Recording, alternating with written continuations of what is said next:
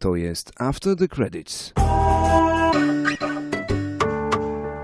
Podcast magazynu filmowego MovieMag.pl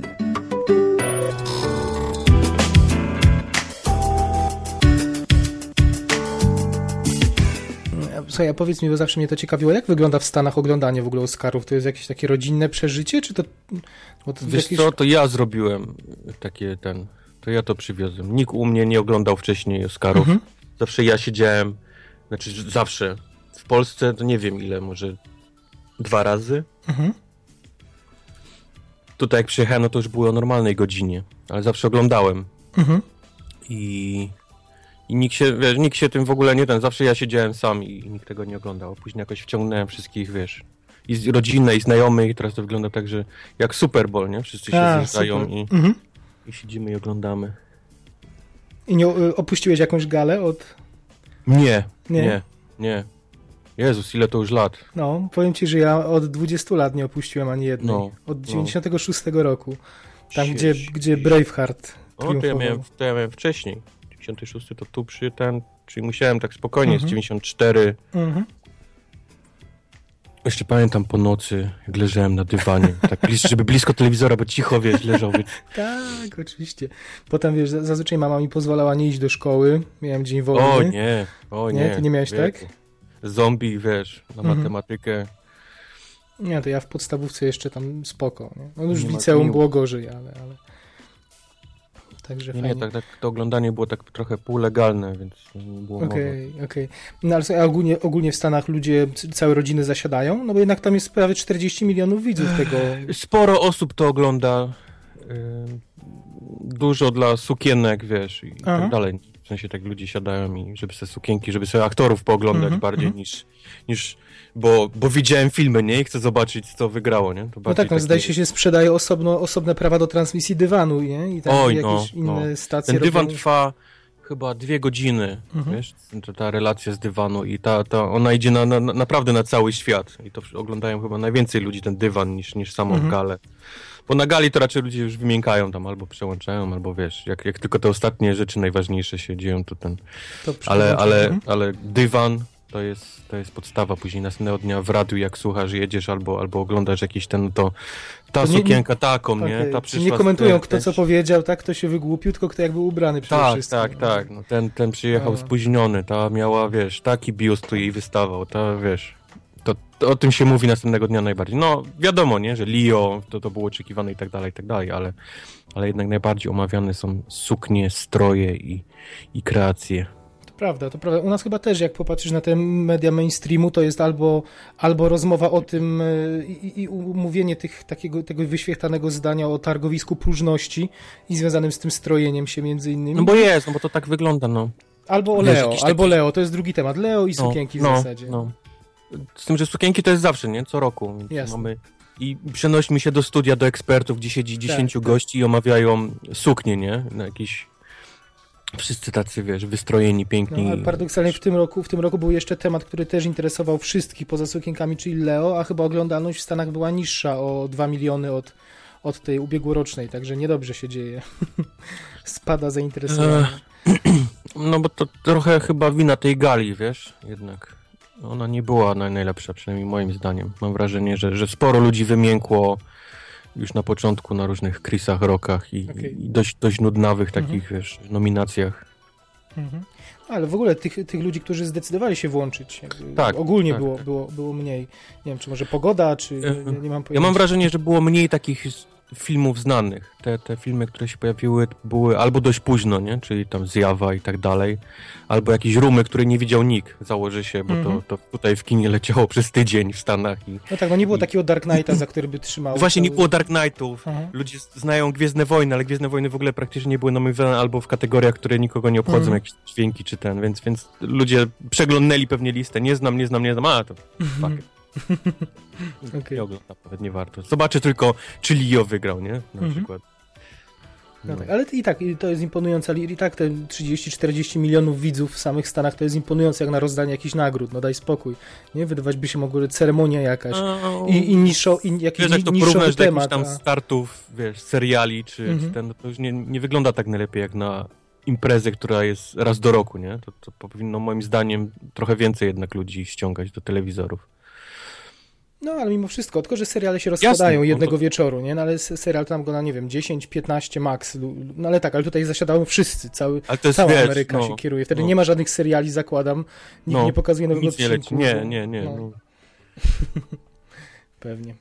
No niestety w Polsce to ma raczej status dziwactwa. Nie? Ja się musiałem przez lata tłumaczyć, że, że Czemu po co ty zarywasz noc? Co roku jest, masz zarywaną noc, tak? Czemu, czemu nie lepiej ci przeczytać wyniki rano? Zresztą masa osób ma takie podejście, a co tam, wstanę rano, po, przeczytam i będę to samo. Tak, no, ale czemu oglądasz mecz, nie? Czemu mm -hmm. wynik nie, no. nie zobaczysz następnego dnia? No pewnie. No, a też się obładowuje, masz jakiś rytuał, obładowywałeś się jakimś żarciem, nie wiem, ja, ja zawsze miałem tak, że... Po, co, no jak ponad... są znajomi, są te, no to, to wiesz, to wiadomo, nie? Mhm. Żarcie jest zwłaszcza w domu kiedyś, gdzie się non-stop gotuje no, jakieś no rzeczy. Tak, to, to, prawda, to prawda. Każdy coś przyniesie, każdy ten, jakieś, albo to jakieś mafinki, albo coś, albo wiesz, to, no tego jest po prostu masa, nie? No tak, ale jak Stajniak oglądałeś za dzieciaka, to rozumiem, nie, nie kitrałeś żadnego jedzenia gdzieś. Nie, no nie, mówię ci, że to było półlegalnie. Cichaczem, no jasne nastawiony budzik, który był jeszcze pod poduszką, żeby przypadkiem mm -hmm. nie obudził, mm -hmm. wiesz, innych tup, tup, tup, wiesz, mieliśmy parkiet w domu, pamiętam. Znałem dobrze miejsca, które skrzypią, a które nie skrzypią, więc wiesz, jak, jak na Mission Impossible się tak, przychodziło, tak. wiesz, do, do, do pokoju, gdzie był telewizor, włączało się, pierwsze się napieprzało po przycisku, wiesz, ściszenia, wiesz, przypadkiem gdyby był, wiesz, mm -hmm. głośniej, nie? -hmm. jak najszybciej ściszyć, zanim dźwięk się jeszcze, wiesz, włączy. Blisko telewizora, prawie przy głośniku, no i, no i tak się siedziało całą noc. Ja jeszcze VHS-a ustawiałem, że jak gdyby, a gdybym przysnął, to żeby mieć zarchiwizowane i mam te VHS-y Nie, nie, już... powiem ci, że nigdy nie przysnąłem, nie, nie było takiej mhm. sytuacji, że, że przysnąłem. No. Już teraz już nie mam gdzie ich od, odtworzyć, ale trzymam jeszcze, także jakby ktoś chciał obejrzeć galę z 96, to, to mogę zgrać na, na wideo. Także fajnie. Mnie się to zawsze, od, ponieważ od, oglądałem zawsze za przyzwoleniem, to tego żarcia miałem ponad miarę, ponad, ponad stan tego, co może małe pamiętam, dziecko zjeść. Pamiętam, E, Taki rytuał był, mój. Nie? To był Oscary, kiedy miał być Matrix. Mhm. Wiem, że mieliśmy ze znajomymi strasznego pierdolca. Dalej mam, ale wtedy ten. Powiedzieliśmy, że będziemy pić za. Myśleliśmy, że on będzie wygrywał wszystko. Będziemy pić za każdym razem. Okay. Kiedy on będzie wygrywał. Niestety coś tam pomału nie zaczął wygrywać. Znaczy, coś tam zgarnął, nie? Już, już nie pamiętam teraz dokładnie za co. Potem, dobra, pijemy, wiesz, bez, bez tego. tak, nagrzmociliśmy się. To pamiętam, że nagrzmociliśmy się strasznie na, na Oscarach z, z Matrixem właśnie. No to tam by ci się VHS przydał. Z, z tam by się przydał, no. no. widzisz, nie pamiętam już. Teraz próbuję, nie, nie pamiętam za co. No tak się tak. mówi, masa osób też mówi, że która oglądała, że za rok już na pewno nie obejrzy, bo takie nudy, nie? I, I, też jest takie jak mantra powtarzane, że te gale się nie zmieniają scenariuszowo od 20 lat, wyglądają identycznie. To prawda. Tam tylko no. kombinują z rozmachem, że są lata, no. kiedy jest więcej muzyki, tańca, numery śpiewane łącznie z prowadzącymi, którzy skaczą po scenie. A teraz mamy jakieś takie wyhamowanie. Nie? I wcześniej Ellen, Ellen DeGeneres i, i w tym roku Chris Rock bardzo skromnie. No tylko w, w zasadzie no, no. gadali sobie do kamery. Ale do tego jeszcze, jeszcze wrócimy. Witajcie, 16 odcinek After the Credits trwa już od no, kilku dobrych minut, pięciu minut. Cześć Wojtek. Witam, witam. Witaj. Y, tym razem jesteśmy, zachowujemy regularność, a nawet jesteśmy szybciej niż, niż y, po dwóch tygodniach y, i przy, przybywamy, by omówić E, razem, we dwójkę, ale, ale również z wami wynik gali Oscarowej. Ale to nie jedyna gala, jaką sobie dzisiaj tutaj skomentujemy. Do tego masa newsów. Myślałem, że mhm. dadzą nam odpocząć, ale nie wrócili z gal i wzięli się do pracy z powrotem. I, i jesteśmy zalewani informacjami castingowymi i tym, co się zaczyna robić. No ale to właśnie chyba ten czas, nie? Przestają chodzić po galach wszelkich gildii, tak. aktorzy i zabierają się do roboty. Nie? Na, na gwiazdkę siedzą na urlopach gdzieś na plażach w, w egzotycznych miejscach, potem mają dwa miesiące od globów do Oscarów, y, kiedy firmują y, różne, tak jak mówisz, sukienki, y, dodatki, biżuterię, mhm. często, za, często za setki tysięcy na sobie. Y, pewnie za równie duże pieniądze jak, jako nosidełka dla tych drogich rzeczy i w końcu mogą zacząć pracować. I o tym też Wam poopowiadamy, a na zakończenie kilka filmów, ale już nie o takim ciężarze gatunkowym na pewno jak te sprzed dwóch tygodni wcześniej, bo będziemy mieć teraz te lżejsze miesiące z lżejszymi, często no, lżejszymi, czyli bardziej krapowatymi filmami. Ale to sobie też odpoczniemy, Wszystkie filmy się. z Gerardem Butlerem. Będziemy Właśnie, przed tym rozmawialiśmy. Przez, przez następne dwa miesiące pewnie wszystko z tak. Gerardem, który nagrywał, bo ja go nie widziałem go już chyba z nie wiadomo ile i to pewnie kulminacja teraz, oni wszystko wypuszczą z Gerardem. Schowali Butlera, żeby nie straszył tak, ludzi, tak. Żeby, żeby czasem ktoś nie poszedł na Butlera albo... albo... Obciachu, żeby nie narobić przed Oscarami Butlerem, tego, tego schowali. Teraz, teraz otworzą wrota i tak jest, ja już z jednym Butlerem zmierzyłem, na drugiego nie wiem, czy mam, czy mam siłę. E, ale to o tym się Mam wrażenie, że z tym gorszym się zmierzyłeś, ale to... to Mówisz? No to, no. to ojej, no to może sprawdzę. Mówimy o Londyn w ogniu, znaczy, że hmm. z Londynem w ogniu może się zmierzę jeszcze. Mam wrażenie, że Londyn w ogniu przynajmniej będzie lepszy niż, e, niż z, większym, z większym dystansem, no. może tak być, to prawda. Więc o tym sobie również, e, o, o filmach, które widzieliśmy, porozmawiamy. Oczywiście z ogłoszeń parafialnych króciutko mm, nie obiecujemy, nie, deklarujemy na 100%, ale obiecane podsumowanie. Nie chcemy w tym tygodniu dublować i podsumować najpierw Oscarów, a potem przyznać jakieś nasze skromne wyróżnienia, więc możecie się spodziewać y, w najbliższym, y, przyszłym odcinku. Ale jaką to będzie miało formę, to jeszcze sami do końca nie wiemy. Rozważane są różne możliwości, będzie niespodzianka. Tego się spodziewajcie, tam też przedstawimy Wasze typy, wasze mm, głosowania. Przyszło kilka, obawialiśmy się, ale dostaliśmy kilka. Mhm. Y, te, które przyszły, są bardzo sensowne, są wyczerpujące, są interesujące, inspirujące momentami, więc już za to bardzo dziękujemy. Ale jeśli ktoś jeszcze może zapomniał, może nie, do, no. może nie dosłyszał, może nie słuchał do końca poprzedniego czterogodzinnego nagrania, to było 3 godziny 58, tam zapowiedzieliśmy ten, ten y, no, powiedzmy konkurs, bo jest też nagroda oczywiście, którą sam samozwańczo wytypujemy mm, ktoś dostanie płytkę z y, Oscarowym filmem, y, płytkę limitowaną, której już nigdzie nie można y, raczej Ulala. zdobyć. Amerykańskie wydanie Birdmana, chyba jedyny mm. film w czerwonym, czerwonym. opakowaniu. Tak. Mm. Ci, więc, co wiedzą, to wiedzą. Więc jest o co grać. Nie no, nabijam się, nie grać. No, słuchajcie, w pierwszej kolejności po prostu chcemy poznać wasze zdanie. No i chcemy, nie chcemy być tylko my, tylko my, ale, ale chcemy też poczytać wasze typy i, i e, poczytać innym słuchaczom. Także śmiejemy się, że słuchaczy liczba jest czterocyfrowa, a głosów jest dosłownie kilka, więc do roboty, słuchajcie. Macie jeszcze co najmniej tydzień. Czekamy na wiadomości, w wiadomościach prywatnych na fanpage'u, e, a jak nie tam, to mail marcinmałpa.moviemac.pl e, Dodajmy, że w wiadomościach prywatnych jest większa szansa, że tam oczywiście z wiadomych względów Wojtek wam odpisze, więc więc jak jeszcze chcecie na przykład y, zapytać Wojtka, to taka y, od razu polecanka w Wojtka drugim podcaście w Forum Ogatce jest cykl y, Nie przyjeżdżajcie do Stanów Zjednoczonych, który bije rekordy popularności. Sam się zaśmiewam go słuchając, więc, więc tam też, tu też w tym miejscu Wojtka możecie spotkać i pewnie jakąś odrobinę prywaty mu przekazać. To taki tip. Tam Wojtek w wiadomościach prywatnych na fanpage'u również grasuje. Wojtek, czy jeszcze jakieś wiadomo, jakieś ogłoszenia parafialne, czy przechodzimy do newsów? Idziemy z newsami. Jedziemy w takim Szkoda razie. czasu. Zaczniemy od jednego z czarnych koni ubiegłego roku. Tak mm -hmm. prawdopodobnie go ogłosimy już za, y, w, w, kolejnym odcinku. Kingsman, e, część druga. Y, Matthew Vaughn powoli zabiera się do pracy i negocjuje e, rolę czarnego charakteru. I powiedz, kto tam jest typowany, kto miałby być tym razem, zastąpić Samuela L. Jacksona i być tym jeszcze bardziej charyzmatycznym przeciwnikiem, jak sam Taron Egerton twierdzi. Nie wiem, czy można być jeszcze bardziej e, złym ale można pewnie bardziej seplenić niż, niż, niż poprzedni zły. A, a wybranką, bo tym razem -hmm. będziemy mieć złą kobietę, jest Julian Moore.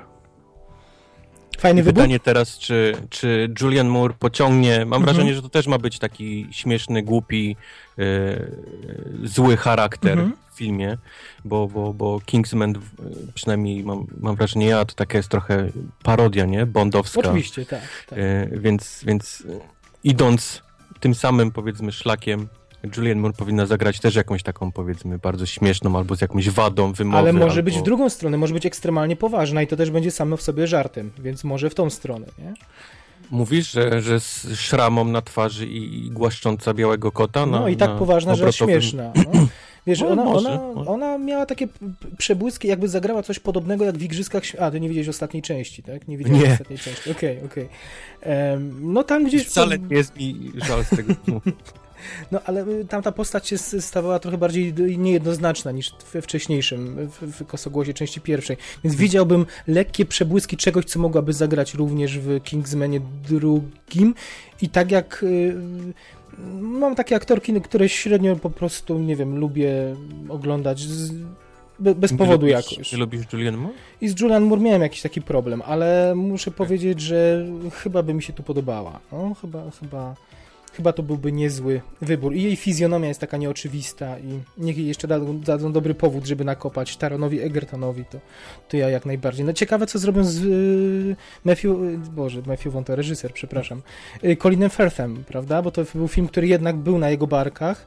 Y, mówi się, że jakieś retrospekcje miałyby być, tak? Co, coś coś no nie takiego. Nie wiem, czy, jest, czy on jest potrzebny Czy w drugiej jest- części tak naprawdę. Mówisz, że Taron Egerton wyrósł już na, na, na tyle na taką postać, która mogłaby udźwignąć film. No, zapytamy cię przy okazji filmu Eddie zwany Orłem. Znaczy, na pewno będzie musiał być ktoś starszy, bardziej Mhm. doświadczony. Może, może dadzą kogoś innego, Mhm. powiedzmy kto, kto jakiś wujka albo, albo nie wiem, Okej. ale, ale wątpię, żeby on ciągnął cały film jeszcze.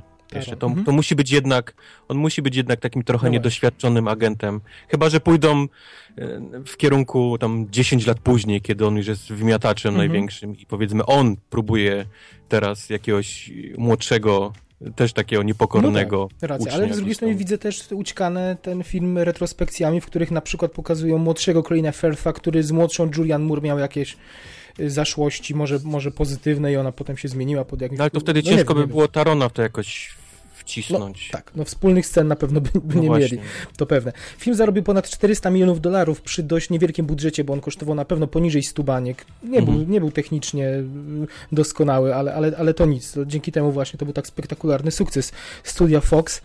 E, Także tutaj finansowo, no nie wiadomo, czy, czy takich pieniędzy mogliby oczekiwać po drugiej części, czy, czy temat się nie, nie wypalił, oby nie. E, Wiemy na pewno, że, na że kategoria wiekowa będzie utrzymana, to dalej będzie ta R-ka. Patrz, I Mówimy, patrz, że Deadpool, że rewolucja, ale to już Kingsman rok temu Mhm. yy, wywrócił box office No, ale- nogami. Nie, nie tak spektakularnie oczywiście No. jak, jak Deadpool, ale ale, bo Deadpool chyba powyżej 300 milionów w samych Stanach ma teraz, a, a tu mamy Mhm. 400 milionów z całego świata, ale to i tak imponujący y, wynik. Zdjęcia rozpoczynają się latem tego roku, premiera w 2017 rok i, i jeszcze z y, tych deklaracji twórców sequel ma być kręcony nie tylko w Wielkiej Brytanii, historia ma być dużo bardziej międzynarodowa, czyli bondujemy się No, jeszcze więcej bardziej. kasy, to stać nas na samoloty, nie? Czekamy. Y, Czekasz również na sequel San Andreas? Eee, Wiem, że potwierdzono e, panią Dadario, więc, więc muszę powiedzieć, że tak. Mhm.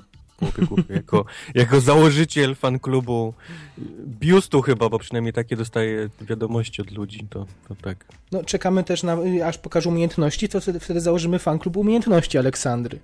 Będzie miała ku temu Tak, okazję tak, zarówno tak. przy Słonecznym Patrolu, jak i przy sequelu San O czym Andreas. mówię, też muszę wrócić do drugiego podcastu, czyli do Formogatki, Mhm. gdzie robimy co roku e, taką galę też powiedzmy Oscarową, rozdajemy e, nagrody Grom i, i ludzie głosują i, i, i to uwielbiam biust. Aleksandry Daddario, to była, to była powiedzmy bardzo częsta odpowiedź we wszystkich kategoriach, gdzie ludzie mogli wpisywać swoje odpowiedzi, więc To gdzieś, ma- gdzieś to idzie. Mam nadzieję, tam. że dołożyliśmy do, dołożyliśmy do tego cegiełkę też parokrotnie paną, panią Aleksandrę tutaj u nas promując, nie? I teraz się nieoderwalnie z tobą kojarzę. Zaraz To jest chyba na miłe. takich szowinistów męskich, Nie. strasznie paskudnych, Myślę, że nie. obleśnych Ten kto, ten, kto sobie tak pomyśli, niech się cofnie do odcinka między innymi o San Andreas. Yy, yy, Myślę, że tam nie tylko. yy, no, Wyłuszczyliśmy całą sprawę. O co chodzi z biustem Okej. Aleksandry Daddario. Także Zgadza po, proszę się cofnąć pół roku wstecz ponad. San Andreas całkiem zabawne, sympatyczne kino. Nie bę- będące kinem katastroficznym, ale równocześnie żartem z takiego kina. I teraz słyszymy, że. Mm, y, sequel miałby być oczywiście dużo bardziej spektakularny, że teraz te pułapki natury. Pół planety chcą, chcą zniszczyć. Zaczynając z tego całego tego pacyficznego pierścienia ognia, o którym była mowa w, w Mhm. pierwszej części, tam wszystko będzie teraz eksplodować, pewnie tylko y, ogień, woda, no wszystkie żywioły. Mój Boże, i, i, i ten, i rok w tym wszystkim. Jak on da radę, powiedz, jak on da radę? No będą go wspierać znowu Paul Giamatti, matko jedyno, Karla Gugino jako jego małżonka, Brad Payton wraca jako reżyser. Także tutaj... Oni powinni zrobić to jakiś jeden świat, ten, gdzie on jest ratownikiem w Baywatchu i, O i, tak, I potem ratuje świat w San Andreas 2 też jako powiedzmy ratownik. Tak, i w San Andreas córka się, pierwsza scena rozmawia przez telefon nad basenem, a potem tata zatrudnia ją w Baywatchu no, jako tu mamy Roka i tu mamy się, Roka. Tu mamy panią Dadario, tu Aha. mamy panią Dadario. No to wszystko można, mogliby jakieś zrobić jeden, jedno uniwersum, gdzie, gdzie co rok planeta wybucha i rok musi ją ratować. To jestem za. To jestem za i, i czekam na oba. czekam na oba filmy. Oj, jak ja czekam. Chociaż y, w takim razie, właśnie jak wspomniałeś o Baywatchu, który ma premierę w przyszłym roku, to, to ten San Andreas nie spodziewałbym się w takim razie. Nie wiem, czy wy stawialiby dwa filmy o roku ratowniku w tym samym okresie blockbusterowym, więc nie zdziwię się, jeśli nie, to będzie jeszcze- 2018. Jeszcze serial na HBO, jeszcze przecież e, Fast szybcy Furious wściekli się, zaraz zaczynają. Oczywiście. Nie, nie, to tak szybko nie potrwa. Mhm. No. Ale robią, niech robią. Niech robią tak samo jak niech robią łowcy Androidów 2. No właśnie, niech robią. Wydaje mi się, że już Cię pytałem, czy jesteś za, a nawet przeciw temu pomysłowi. Na pewno cytowaliśmy tutaj wypowiedzi Harrisona Forda, który mówił, że lepszego scenariusza nigdy w życiu nie czytał. Mo- Mowa o Blade Runnerze mm, drogim i wiemy już, że zdjęcia ruszają w lecie 2016 roku, y, czyli za parę miesięcy. Wiemy oczywiście, przypomnij kto tam, y, kto reżyseruje, może kto gra O, Denis Villeneuve rolę. jest reżyserem, a, a w filmie zobaczymy głównie Ryana ślicznego Goslinga i, i Harrisona Forda. To są jak najbardziej y, dobre informacje. Dobrą informacją jest również Roger Deakins na stanowisku operatora. Mhm. Może tym razem się uda. Nie udało się za Sicario ze zdjęciami. 13 nominacja do Oscara. Człowiek dalej bez ani jednej statuetki, więc może za, może za Blade Runnera. Duże prawdopodobieństwo w związku z tym, że i y, Johan Johansson tutaj pojawi się jako kompozytor nadworny muzyki do filmu Wilnewa, tym bardziej, Oj, że on tak. w elektronikę Johan umi, więc ja nie wiem, jak Umi. tam, jak tam yy, stałaby historia z wykorzystaniem soundtracku Wangelisa, ale, ale jakby sobie kreatywnie pofantazjował na temat pracy Greka, to ja jestem jak najbardziej za. Więc, y, a, a mówimy wam o, o Blade Runnerze dlatego, że data premiery została ustalona na Mhm. 12 stycznia 2018 roku.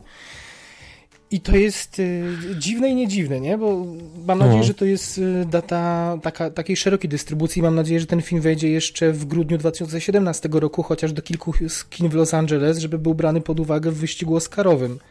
Bo coś, co jest tak będzie, na dwa tyg- co ma datę premiery dwa tygodnie po Sylwestrze, to nie wróży nic dobrego. Znaczy, to jest skazywanie, skazywanie filmu na, na zapomnienie po, po, po chwili po prostu, nie? Więc...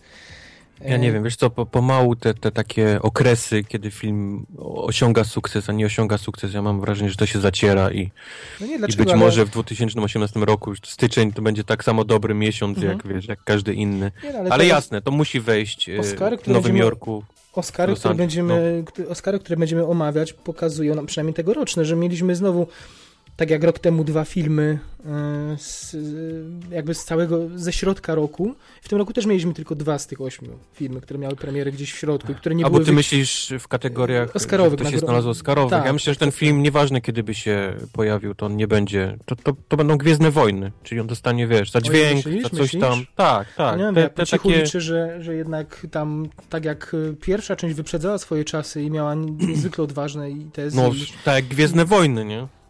I, i, Blade Runner 2 pewnie też będzie świetny i zarobi mnóstwo pieniędzy, a na Oscarach y, nie zdobędzie nic, bo, bo będą bardziej takie Przy całej, miło...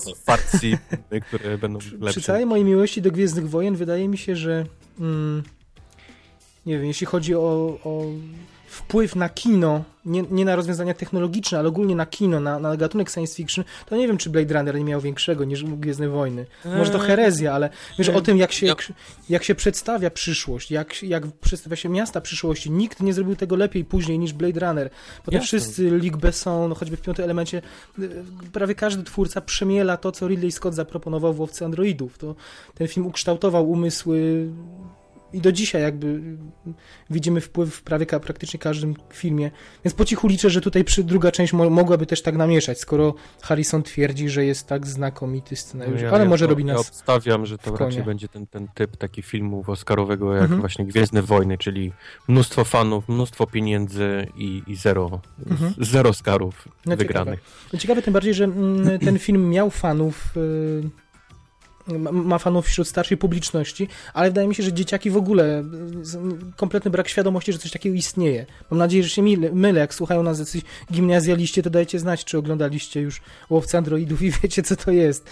Nie? Przypomnij mi ten film w ogóle, jak on wszedł do kin, to był spektakularną klapą, ponieważ mhm. właśnie był zbyt kreatywny, wyprzedzał czasy, ludzie uznali go, nie wiem, czy go nie zrozumieli, czy nie kupili jego warstwy wizualnej, ale, ale on przeszedł niezauważony przez kina i wręcz otarł się o jakieś maliny, znaczy, czy, czy tego typu nagrody klasycznym filmem akcji, mhm. jak wtedy były popularne w tamtych czasach. Mhm. No pewnie. Tylko był bardziej, powiedzmy, artystycznym podejściem do, do, do androidów, do duszy w maszynach i tak dalej, i tak dalej. I to chyba ludzi i połączone z kinem trochę. noir i to, i to odważne tezy i tak dalej. Tak, to prawda, to, to, to nie było, ludzie nie byli chyba na to gotowi. No i ciekaw, jak w tym kontekście zaprezentuje się druga część. Czy to będzie tylko bezpieczny sequel, czy gdzieś poszerzy znowu granice gatunku. Zobaczymy. 12 stycznia 2018 roku premiera. Już, już zaraz. Zapisujemy. E, a zapisujesz, Wojtek, premierę, datę premiery filmu John Wick 2, eee, właściwie John Wick, John Wick, John Wick Sharp 2. O, Chapter 2, przepraszam. Chapter 2, chapter tak, bo taki ma hmm. mieć podtytuł e, nowy John Wick.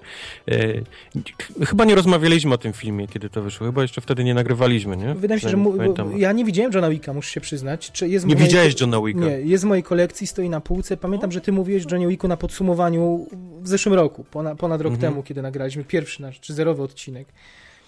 Mm. Ja jak wyszedłem z kina, pamiętam, że, że znaczy dalej mam takie odczucie, że to jest film, który jest złożony z bardzo fajnych e, e, scen akcji, mhm ale to jest taki zlepek fajnych scen akcji. Ja chyba pamiętam, ja chyba pamiętam, co mówiłeś rok temu, że bardzo się nastawiałeś na ten film, liczyłeś, był duży hype y, tak. i, i, chyba nie do końca udźwignął i, i, i byłeś zawiedziony i mówię, że nie obejrzałbyś. Ja ale, ale, ale film zdobył straszną popularność. popularność stał się, stał się mhm. powiedzmy epicki już. To jest ten taki filmy, które potrafią, mimo bycia nie najlepszym, potrafią złapać strasznie dużą ilość y, fanów i, i gdzieś to później się za nimi ciągnie. No i druga część powstaje. Oni się, Pamiętam, się... że oglądałem go dość niedawno, drugi raz, bo, bo szedł na jakimś, w jakiejś telewizji i, i tak już powiedzmy na spokojnie, nie, nie w kinie, nie, nie analizując go jakoś y, tragicznie, to, to, to, to jest fajny film akcji, ale, ale dalej twierdzę, że poza zlepkiem tych, tych scen, mhm. to, to nie ma w tym filmie nic ciekawego tak naprawdę. On kojarzył mi się, powiem ci,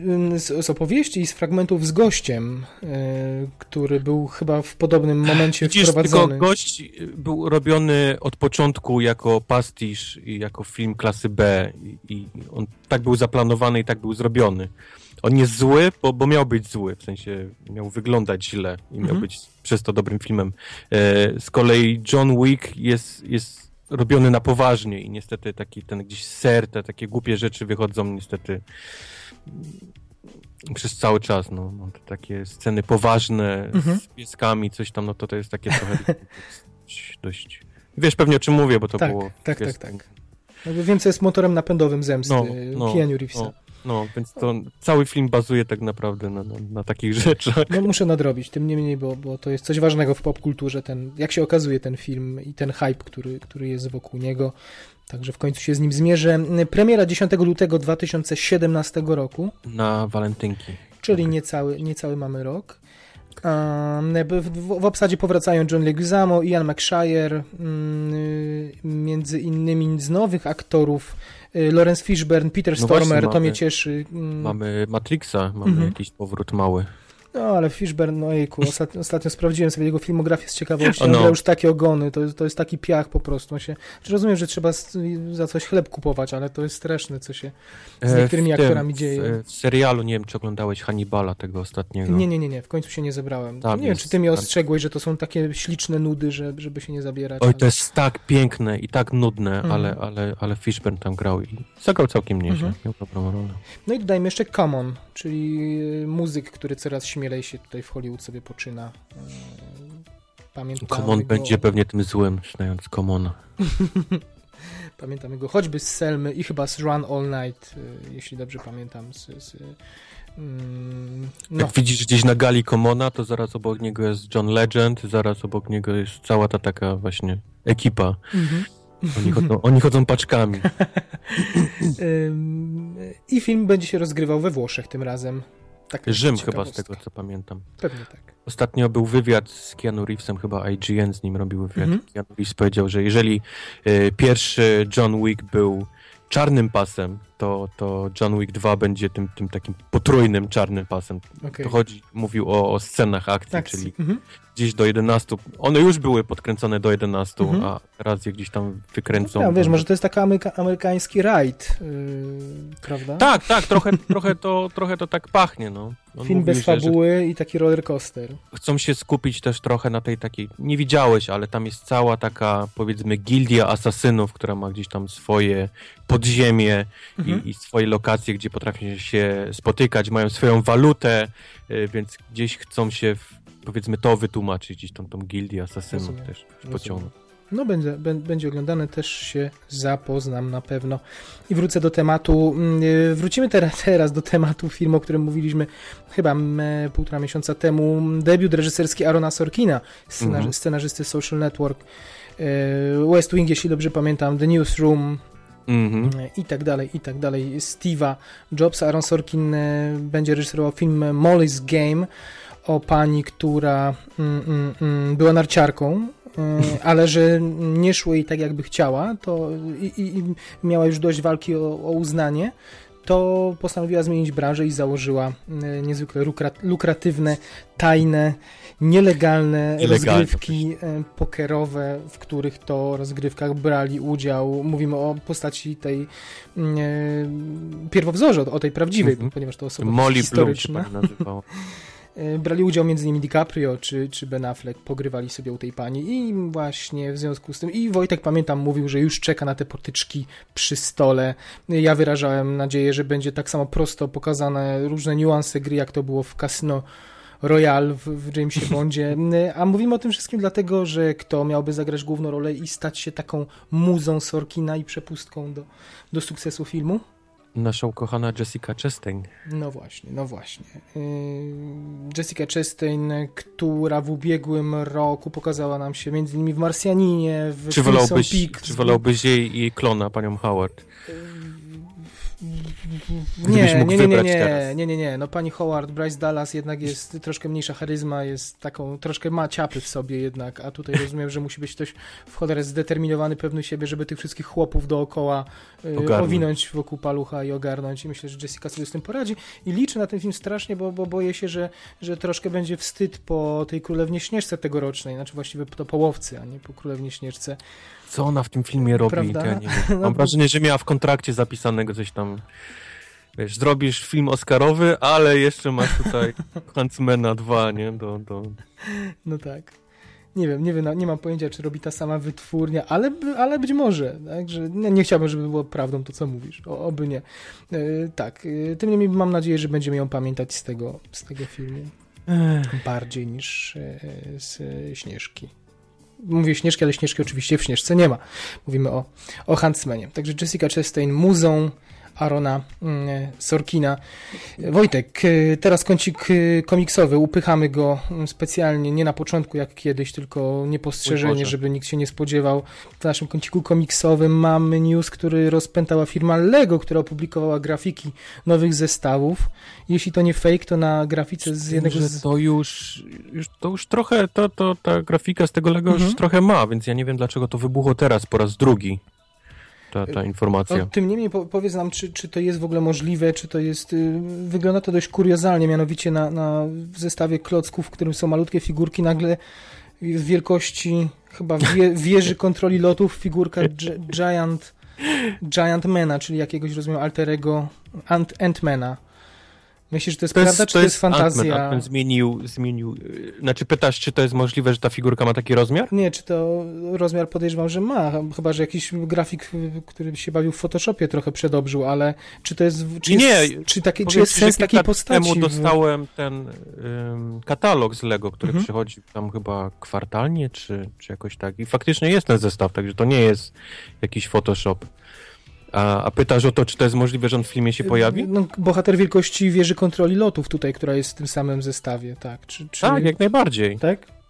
Nie, nie, nie widzę żadnych, wiesz, problemów z tym, żeby go tam w tej takiej walce, powiedzmy, na chwilę e, powiększyć. No wiesz, poważny konflikt, rejestrację mniejszości i tak dalej i nagle człowiek murówka się robi człowiekiem wieżowcem, tak? tak? Mhm. mhm. No dobra.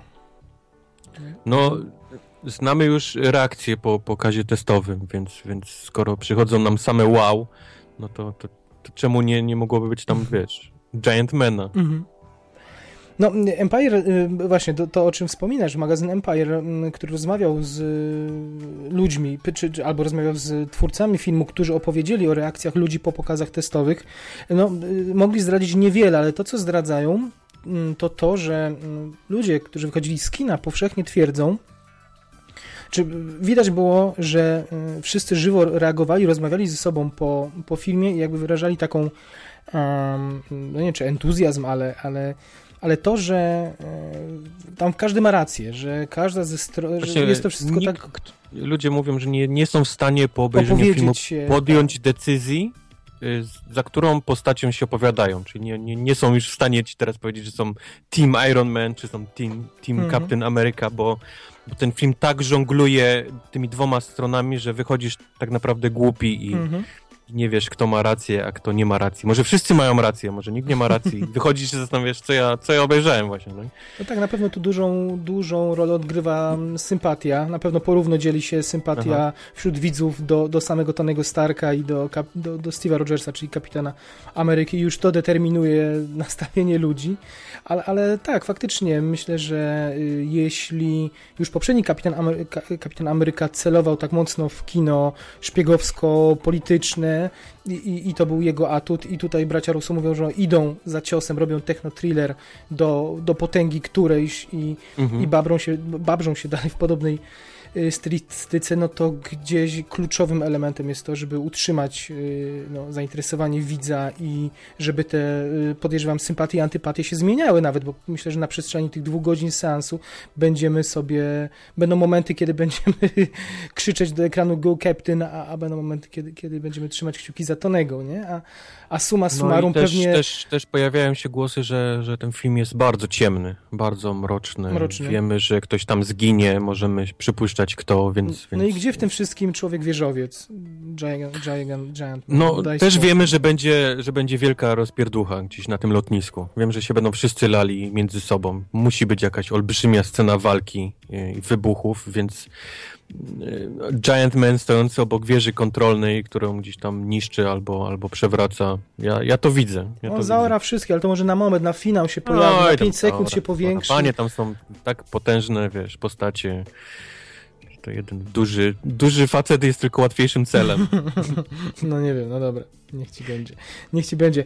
Co jeszcze mm, zdradzono magazynowi Empire? To, że prawdopodobnie Petera Parkera, czyli Spidermana zobaczymy dopiero w dalszej części obrazu, dopiero w momencie, kiedy wszyscy okopią się na obranych pozycjach i podejmą decyzję, po czyjej stronie się opowiadają, dopiero wtedy Parker ma się pojawić. No i jak wiemy, on będzie raczej wspierał e, Tonego Starka, który mm -hmm. między innymi zrobi mu ubranko i i tak dalej. A całą osią konfliktu będzie Bucky, czyli Winter Soldier. To też ciekawe. Muszą to, to jest bohater, nie wiem, może, może mm, tylko ja mam takie wrażenie, ale on chyba dla widza niezaznajomionego z uniwersum Marvela to jest dosyć błaha postać i nieistotna póki co. I y, duża rola w tym, żeby bracia Russo tak ją poprowadzili, żeby no, stała się widzowi temu mniej wprawnemu y, mniej obojętna.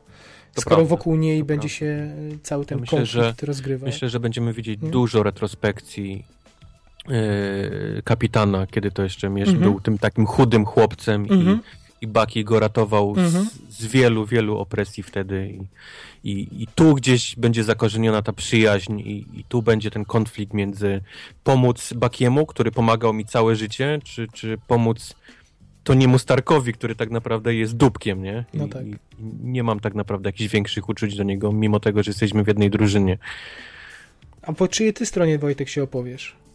Ja, ja jestem po stronie Ironmana. Ja mam okay. wrażenie, że wiesz, goście w rajtuzach nie powinni sobie biegać po mieście bezkarnie i... Mhm. Okay. Jestem, jestem pod, wiesz, jestem pewnie w mniejszości mhm. po stronie Ironmana. Znaczy, y, ja mówię w po tej wersji komiksowej, bo ona mhm. się różni naprawdę dość sporo. Tam, tam w komiksie zginęło mnóstwo ludzi, dzieci przede wszystkim i, i na tym opiera się cały, cały, cała rejestracja. E, tutaj to jest jakiś zamach w Niemczech i, i powiedzmy nie ma już takiego wydźwięku. Jak, Ale jak mówi się, że ofiary też jakieś mają być y, wśród No muszą być ofiary, no, no muszą być na mhm. pewno, nie? Bo, bo to na tym też, ale, ale mówię, że tam ileś 600, 600 dzieci zginęło w tym Jasne. wybuchu w komiksie, więc, to nie, no, więc gdzieś łatwiej mi jest... nie przeprowadzą. Łatwiej mi się gdzieś tam było z tym, z tym Tony Starkiem, chociaż mhm. też nie do końca, bo on jest, on jest dupkiem i, i, i ma fajny pomysł, ale podkrę... lubi go podkręcić do, do takich jakichś wymiarów, kiedy to się robi już mało realne i, i, no zobaczymy. Pewnie też wyjdę tak jak ludzie i powiem, że nie wiem za kim jestem. Jestem no. cały głupi i... Tym bardziej, że ta jego decyzja dyktowana jest też y, bardzo samolubnymi po prostu wyrzutami sumienia z czasów, kiedy sam produkował broń.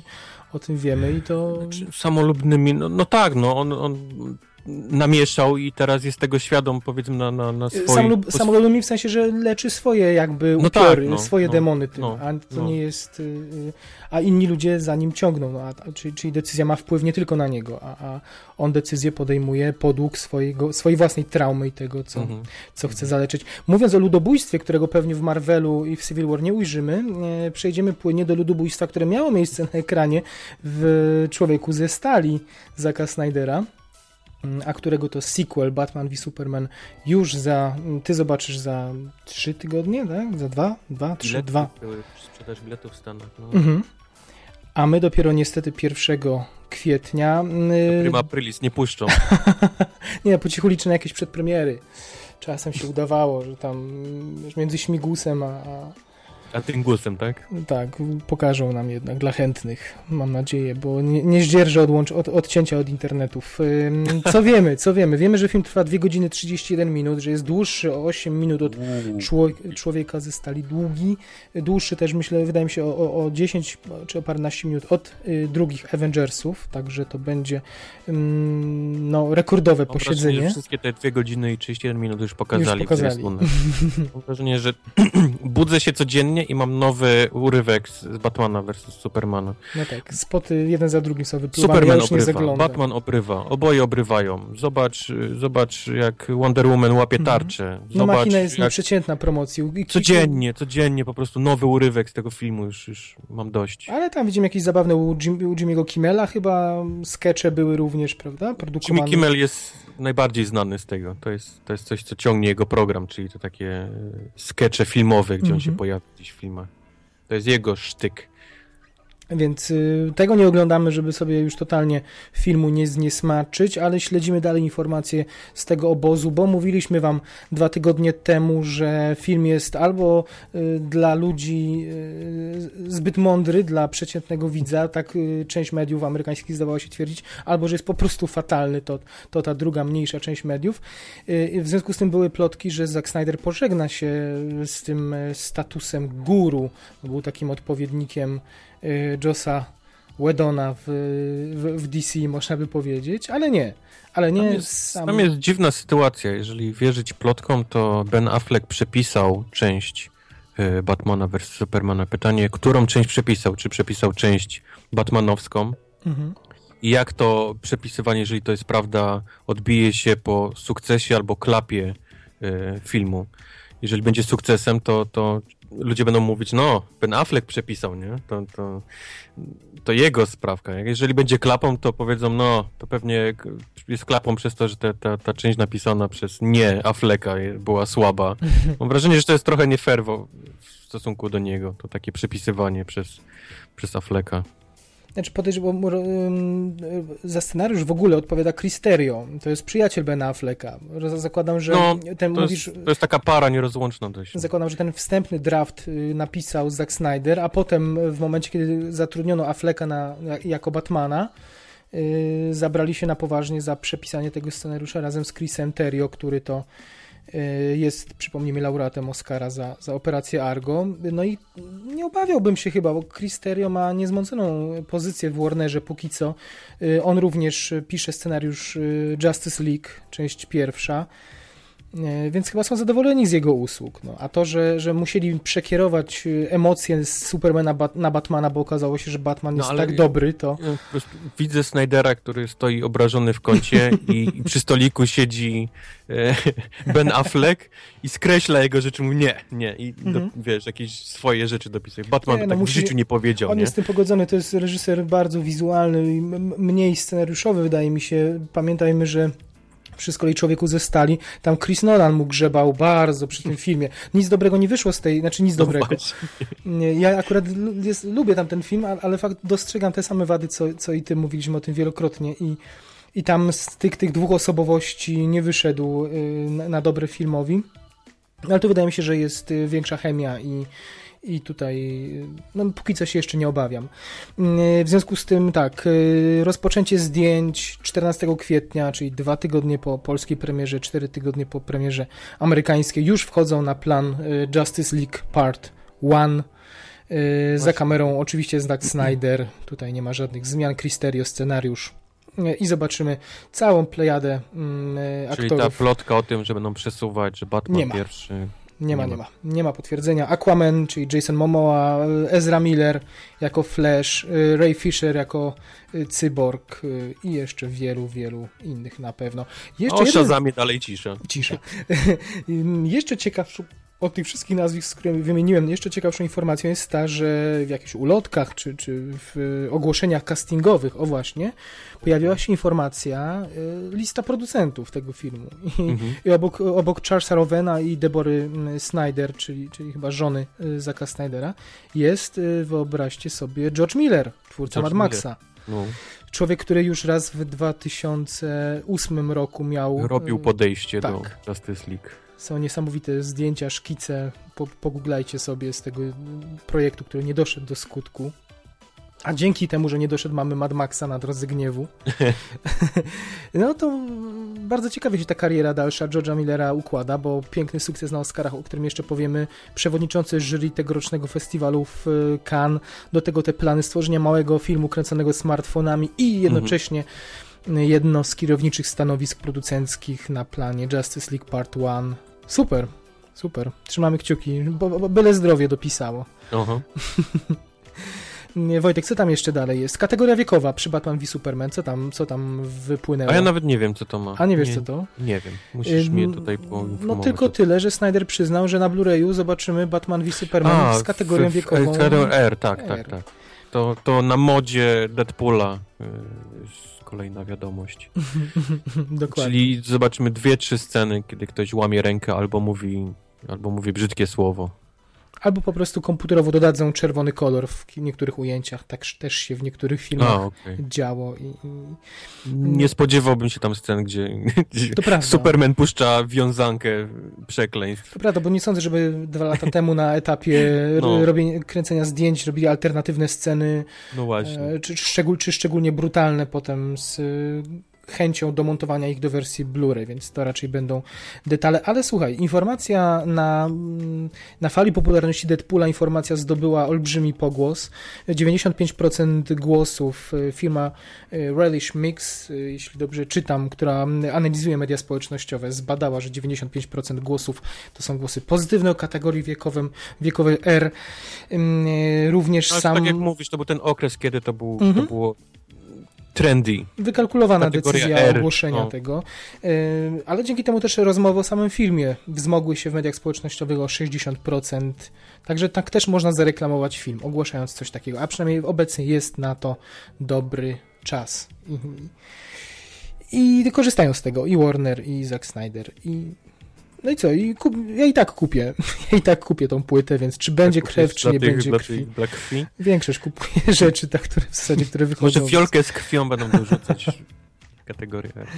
Ciekawe, no jestem bardzo ciekaw, co to z tego wszystkiego mm, powychodzi. Tym bardziej, że za parę miesięcy mamy kolejny film z tego uniwersum, który by się aż prosił o kategorię wiekową R, czyli, czyli tych wszystkich bandziorów Suicide Squad, nie? Który, który film Oj, może tak. być wielką ofiarą i, i, i klęską w y, obliczu Deadpoola. Kategorii wiekowej, no. Tak, przez no. to, że tutaj się jednak przestraszyli i zaproponują, widzą strasznie asekurancką rzecz. No, Oni ale... pewnie teraz, teraz... Plują sobie albo dokręcają, no, nie? No. no, teraz to już za późno, ale... ale... Był telefon do, do ale, ale założę się, że były rozmowy, kurde, fuck, mogliśmy, mm. mogliśmy mm -hmm, to my pójść, nie? Ktoś 200%.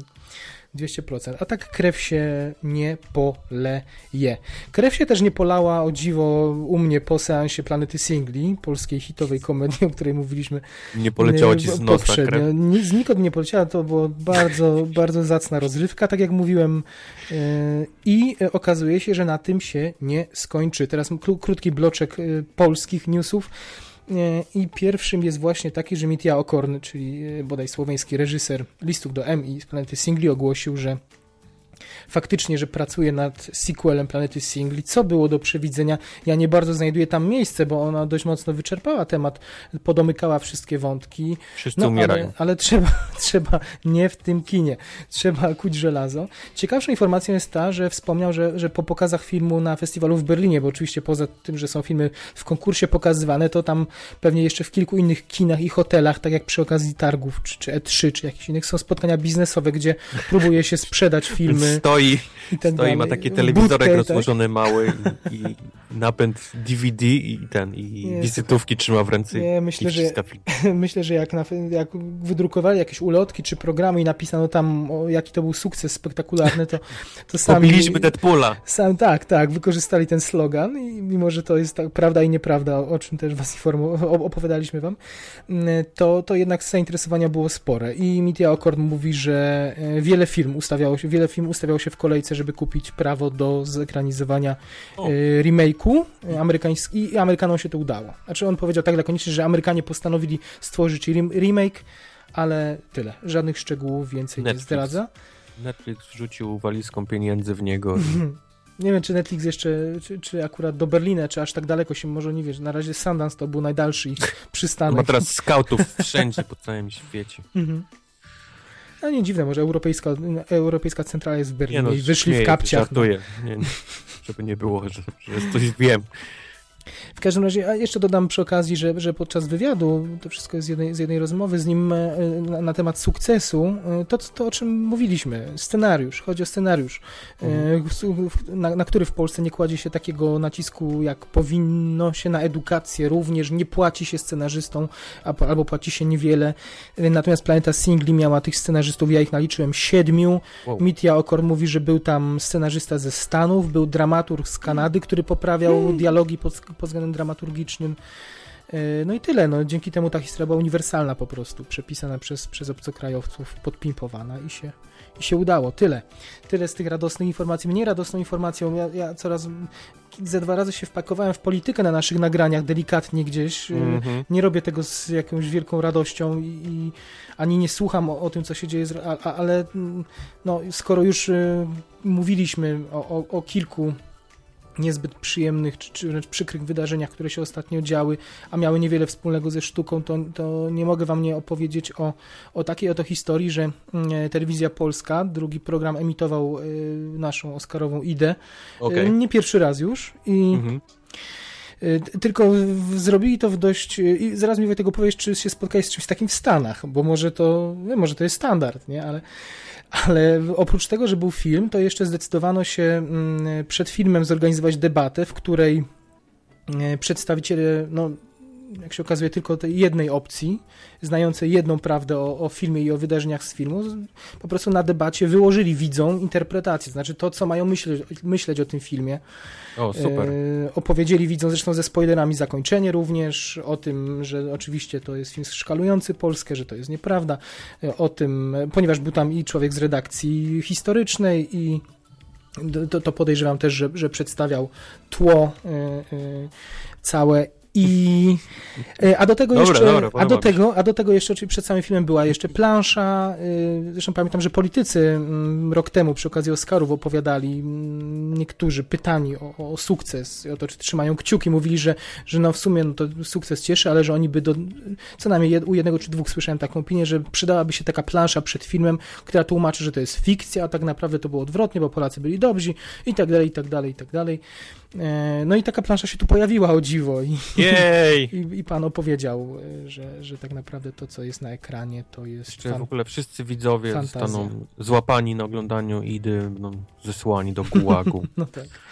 No tak, no, no, i tyle.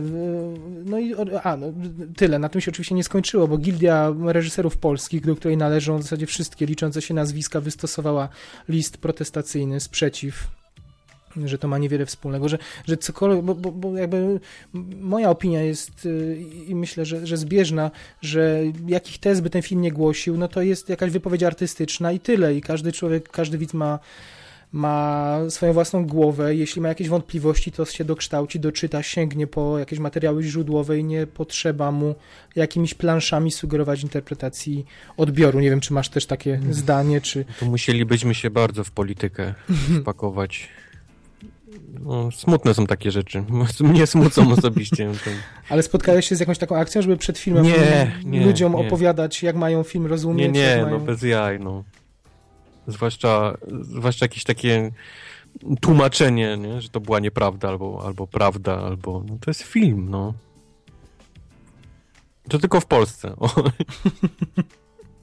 tylko w Polsce takie rzeczy, zwłaszcza teraz. No, oni napisali w tym liście, że... Mm, wszystkie jakby opinie przedstawione w tej debacie to były opinie oskarżające o bycie antypolskim, tak? czyli ten naj, no. najczęściej przypisywany, e, że, że odnosili wrażenie, że słuchają mm, komentarza do kroniki filmowej nie? Albo, albo podręcznika do nauki historii, a nie, a nie jakiejś autorskiej wypowiedzi i dzieła sztuki, którym jest y, y, Y, Ida i jakby piętnują też to, że Ida, która ma, ma kontekst i religijny i, i w jakimś sensie też genderowy, bo to, bo to jest historia przecież y, głównie kobieca i psychologiczny, że to wszystko zostało zignorowane i po prostu skupienie się tylko na jakimś piętnowaniu propagandowego przekazu, jaki ten film rzekomo niesie przez tych państwa, którzy tam w studiu byli. No tyle, nie będę przytaczał całego listu. Do tego nie, też y, szkoda. był też drugi list, na którym dziesiątki również dziennikarzy filmowych z Polski się podpisało.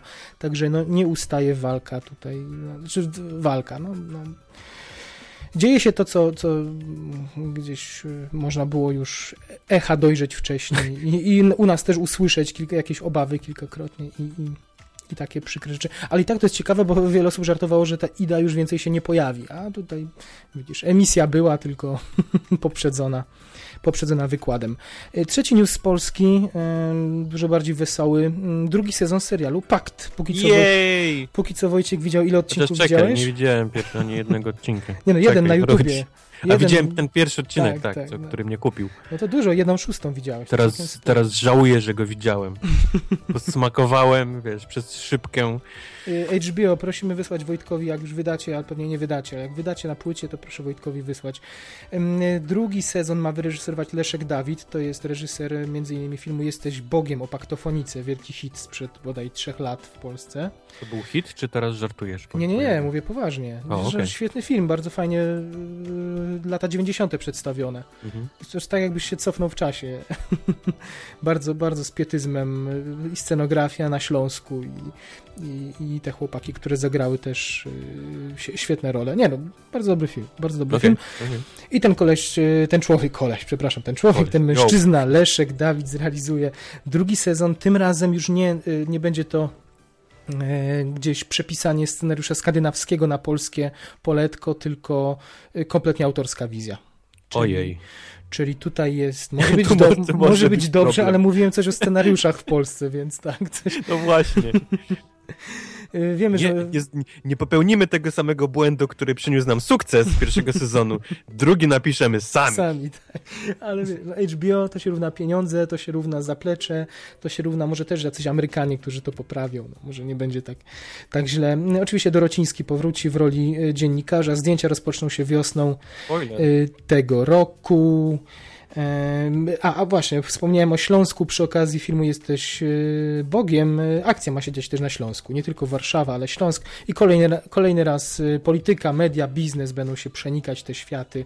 Ale kolejny raz... pierwszy odcinek, który widziałem, ma takie fancy, takie ujęcia na, mm -hmm. na na mhm. szybę z wielkim zoomem jakiegoś wieżowca. No to teraz będziesz miał, tak. No teraz Ale przecież miał... na Śląsku jest jeden, jeden wieżowiec. No to na kopalnię będziesz miał na przykład. Na kopalnię będę miał. Albo mają piękny nowy dworzec y, kolejowy na przykład. No, no nie, tam się też zmienia. Okej, okay, ja żartuję oczywiście, zaraz stanę znowu mail. Pozdrawiamy Sosnowiec, między innymi, tak.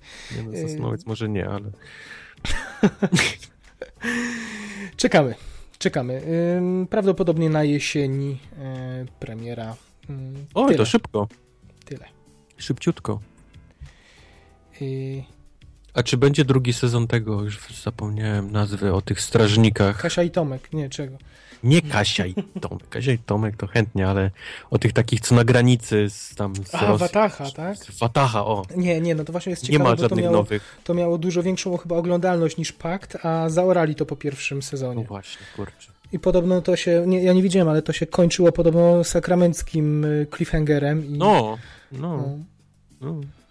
I tyle. Ale wiesz, łatwiej się kręci film w Warszawie niż w Bieszczadach, jak masz wywieźć ekipę do lasu na dwa miesiące na przykład. do Sosnowcy jest łatwiej nakręcić w Sosnowcu. Nie, tam jest jakiś hotel przynajmniej, a w, a w lesie. hotel, no. Sosnowiec w Sosnowcu. Tak, tak. Więc nie, nie sądzę. A ja chyba w ogóle tak sobie teraz myślę, chyba raz imprezowałem w Sosnowcu, bo ja studiowałem na Śląsku w ogóle. Tam miałem chyba zakończenie studiów.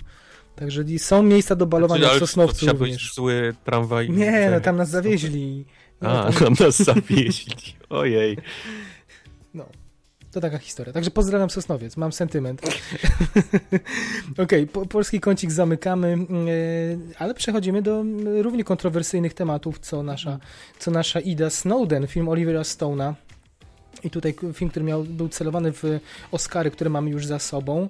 E, potem premiera była przesunięta na 16 maja. Ja po cichu liczyłem, że to będzie pokaz, na przykład, że ten film otworzy Cannes. Była taka możliwość, e, a tutaj nie. Premiera przesunięta na 16 września. Mm, film z Josephem. Przesuwany. Coraz mniej ludzi zaczyna pamiętać, kim jest Snowden. Y, Joseph Gordon-Levitt w obsadzie, Shailene Woodley, wspaniała Melissa Leo, mniej wspaniała, jak, jak dla mnie, nie, nie, nie lubię. Y, Zachary Quinn to Tom Wilkinson i tak dalej. Timothy Olyphant, o Boże, Hitman, Hitman nawet tu jest, Timothy Olyphant w tym filmie. Timothy Olyphant jest, proszę. Y, co ty myślisz, że to jest, że Oliver Stone ma problemy, czy że to będzie takie jego dzieło życia, wiem, on bardzo mocno lewicujący. Ja coś mam wrażenie, że ten film ma straszne problemy i, mhm. i nie zdziwię się, że w ogóle nie zobaczymy nigdy tego, tego filmu. O, myślę, że tak nie, no za dużo nazwisk. Im dalej, im mhm. dalej, no są nazwiska faktycznie, ale im dalej w las, tym coraz mniej ludzi będzie ale myślę, pamiętać, że, tak jak mówię, kim jest Snowden albo... Myślę, że albo... wytwórnia stawia mu, z racji tego, że jest to jest ekstremalnie kontrowersyjny temat, a mówię Snowden jako skrajnie lewicujący koleś, no to Y, y, y, no nie wiem, czy... A może czekają, aż Snowden w końcu się... Znaczy on chce się poddać cały czas i gdzieś tam pertraktuje mhm. powrót i jakiś przyzwoitą, powiedzmy, rozprawę sądową, gdzie, gdzie wątpię, żeby mu taką, wiesz, dali, mhm. bo oni go tam muszą go zlinczować, jeżeli go złapią. Czuję, jakbyś opowiadał most szpiegów. No bo trochę tak jest, no, mhm. trochę tak jest. On siedzi i, i właściwie już nie wiadomo ile w tym takim mm -hmm. małym więzieniu, powiedzmy swoim własnym i w Rosji.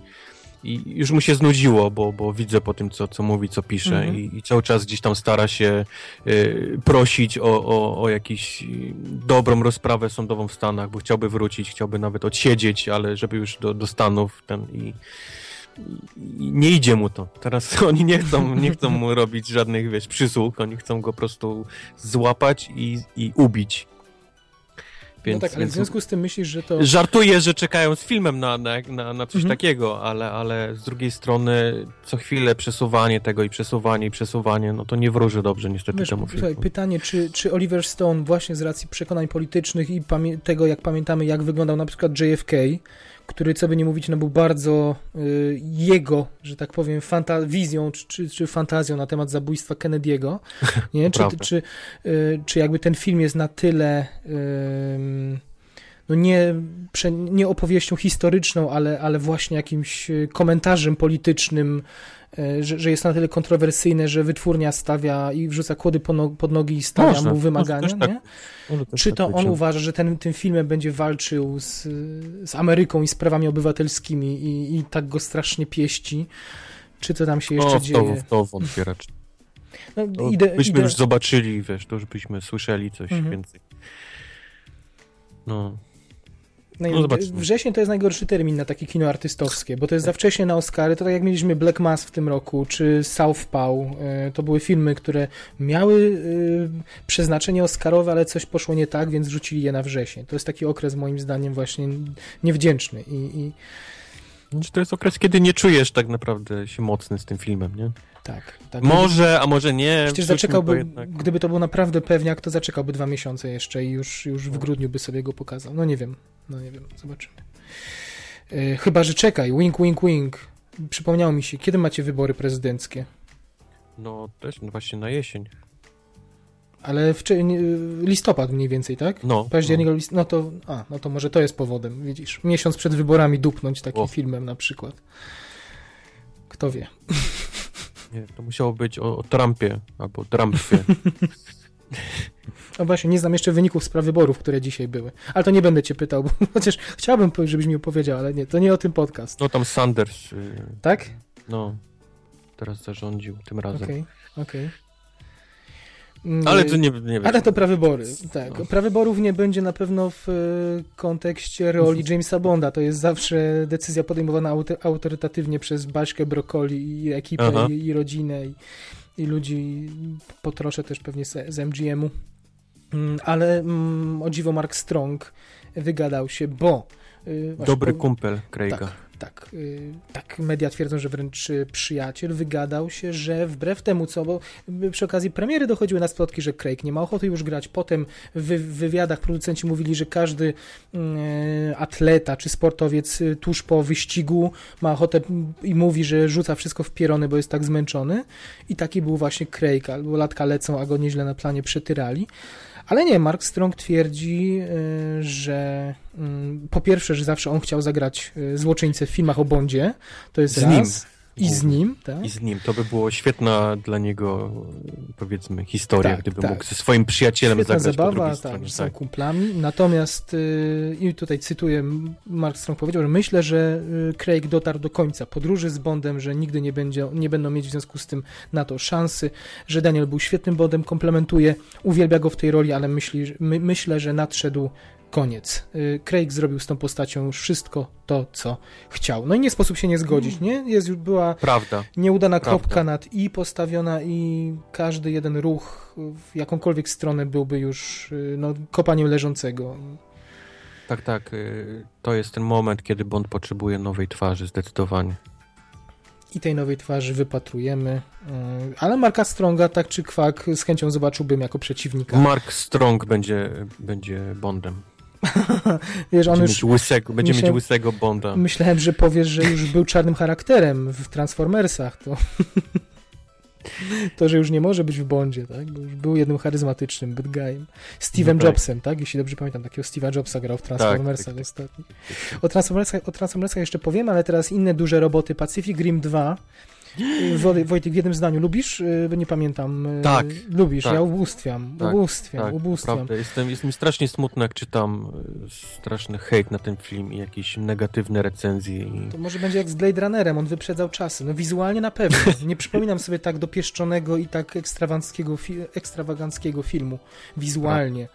Prawda, Był prościut, no. prościutki fabularnie, ale, ale i ten miks kulturowy, taki niewymu, kulturowy, niewymuszony amery, amerykańskiego, amerykańsko-japoński, japoński, tak, no. wybitny, wspaniały. O. No i jak się zapatrujesz na decyzję, że to nie, jednak nie Guillermo del Toro będzie reżyserował Pacific Rim, ale Steven D. Knight. Yy, przyznam się, że wolałbym zobaczyć znowu Del Toro za, za, za sterami, ale, ale, ale wiemy też, jakie problemy miał ten film, żeby w ogóle powstać. Będzie, nie będzie, jednak będzie, jednak nie będzie. Odsuwajmy go na później, bo mam za dużo roboty, więc jeżeli jedyną szansą, żeby zobaczyć kolejną część jest, jest, jest Steven the Knight, no to, no to jestem tak, to jestem, jestem jak najbardziej. Co to, co to się podziało? Steven y, the Knight, który ma na swoim koncie no, seriale Spartacus, Mother Devilla, y, nie sprawdził się póki co w kinie wysokobudżetowym. E, po pierwsze, skąd on, skąd to nazwisko, ale jeszcze większym pytaniem jest to, co przy tym projekcie dalej robi Guillermo del Toro. Bo jeszcze dwa tygodnie temu on mówił, że wtedy, czy nie, troszkę wcześniej, przepraszam, ale wtedy, kiedy mm, wytwórnia Legendary była sprzedawana mm, Chińczykom, on mhm. wtedy mówił spokojnie, spokojnie, e, film powstanie, nie słyszałem nic o tym, żebym nie, nie, nie brał udziału w tym projekcie, ale teraz on dalej przy tym projekcie jest, jest zaangażowany, bo ja mam przed sobą jego tweety, i no on jakby mówi, że się w ogóle spotkał się z Knightem, że się bardzo cieszy z tego wyboru. Widzieliśmy zdjęcie nawet, jak, jak stoją obok siebie. No nie widziałem, czyli było, tak? Było, okay. to było. Czyli nie tak, tylko tak. telefoniczna, kurtuazyjna rozmowa, tylko nie, nie, spotkanie. Nie, gdzieś spotkali się razem, tak. I, i, I wykrzykuje, że w końcu wszystko jest, ma właściwy porządek, że wszystko się rozwija, że będzie wielkie i tak dalej, i tak dalej. No to nie, ja nie zachowałbym się tak entuzjastycznie tydzień po, po tym, jak przestałem być reżyserem tego filmu. To coś dziwnego jest z tym. Mm. Ja nie wiem, czy on, on, chyba sam jest świadom tego, że nie jest w stanie wszystkiego ogarnąć. Ma, ma, ma tyle projektów pewnie różnych i tyle rzeczy. Więcej rzeczy to ostatnio mu się wy, wypada mu z rąk, bo czy to... Yy, no bo ma za dużo, no. A wiesz, Niech jaki... się skupi na jednym i zrobi to dobrze niż, niż wiesz... Del Toro tu, Del Toro tam, wszędzie. Jakiej gry by się nie chwycił, to ją do piachu wysyłają. No. Crimson Może Peak faktycznie niech odda wszystko, wiesz, innym, niech to zrobią, niech się zajmie Mhm. jedną konkretną rzeczą. A, nie wiem, może a... faktycznie, może jest piekielnie utalentowany, ma wyobraźnię, ale może jest zbyt nonszalancki jako menedżer, a reżyser w Stanach no, musi być też menedżerem w jakimś sensie i potrzebuje, po, potrzeba jest po prostu kogoś innego. Może on na stanowisku producenckim będzie mógł odpowiadać dalej za design, ale już po, ludzi poprowadzi ktoś inny, ktoś, kto ma, kto potrafi tupnąć nogą, kto jest bardziej krytyczny, nie? Mam wrażenie, że Guillermo to jest taki gość, który po prostu wszystko przyjmuje z taką zajawką, z taką radochą, próbuje wpakować wszystko, co można do filmu, co go, co go gdzieś zainspiruje, zajara i to naraża ich, a, na, ogromny na ogromne koszty, na, na przekraczanie budżetów. Te jego filmy są gargantuicznie drogie, przynajmniej jeśli, jeśli mówimy o, o pierwszym Pacific Rim, czy o Crimson Peak, mówię, drogi jak na filmy nie będące sequelami i nie będące potencjalnymi jakimiś no, wielkimi hitami. Ech, ale ty rozumiem pozytywnie póki co, tak? Na... Znaczy yy, The Night robi świetne sceny walki i nie wiem, czy oglądałeś Spartakusa. Nie, nie, nie. No widziałem tą scenę z Daredevila, o której mi wielokrotnie opowiadałeś. Tak, tak i, i Daredevil, który też był dość mocno nastawiony na, na sceny walki, czyli on ma gdzieś tam oko do tych takich walczących scen.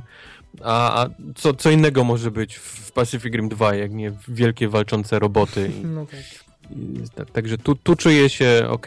Nie pamiętam, kto ma pisać Pacific Rim 2. Nie wiem, no, czy... Podejrzewam, że to już jest napisane. Że Guillermo napisał. To, to... Kto to się... pisał? No nie, nie, Spades. John Spades widzę, to pisze. Mhm. Także tu, tu, tu, jest, tu może być różnie, no. Tu może być różnie. No to, może, to może nie mieć już takiej, takiego wykończenia jak, jak, jak mhm. pierwsza część, powiedzmy. No, przypomnijmy, pierwsza część zrobiła 400 milionów, czyli o 10 baniek mniej niż Kingsman, ale kosztowała, podejrzewam, dwu albo trzykrotnie więcej niż Kingsman, więc mhm. hitem to nie było. Tam w ogóle cud, że to się zwróciło tylko dzięki Azji w ogóle, bo, tutaj Europa i Stany niestety nie poznały się na dziele Guillermo. Hmm. Kolejnym filmem szukam nawiązania, ale ani Michael Fassbender, ani Alicia Vikander póki co z Giermo nie współpracowali, ale, ale grają razem w filmie The Light Between Oceans. Jak Ci się podoba, powiedz mi, trailer tego filmu? Bardzo mi się podobał. To jest adaptacja bestsellerowej powieści, to jest film szykowany znowu pod Oscary, premiera, Oj, tak. premiera Oj, na, na jesieni. Oscarami na odległość, to tak. prawda historia y, pary, historia latarnika, bo Fassbender jest latarnikiem i znajdują pewnego dnia w łódce dziecko, dziecko, którego zawsze pragnęli, biorą sobie to dziecko na wychowanie. Którą na pew którego pewnie nie mogą mieć z jakichś pewnych mm -hmm. względów zdrowotnych. Mm -hmm. Tak strzelam. Tak to, tak to wygląda, ale po powrocie do miasta oczywiście wszystko się komplikuje. Tyle wiemy z trailera. Mówi, że podoba się, tak? Że będziesz oglądał, ale tylko dlatego, Bo, że znaczy, Alicia no, no, i...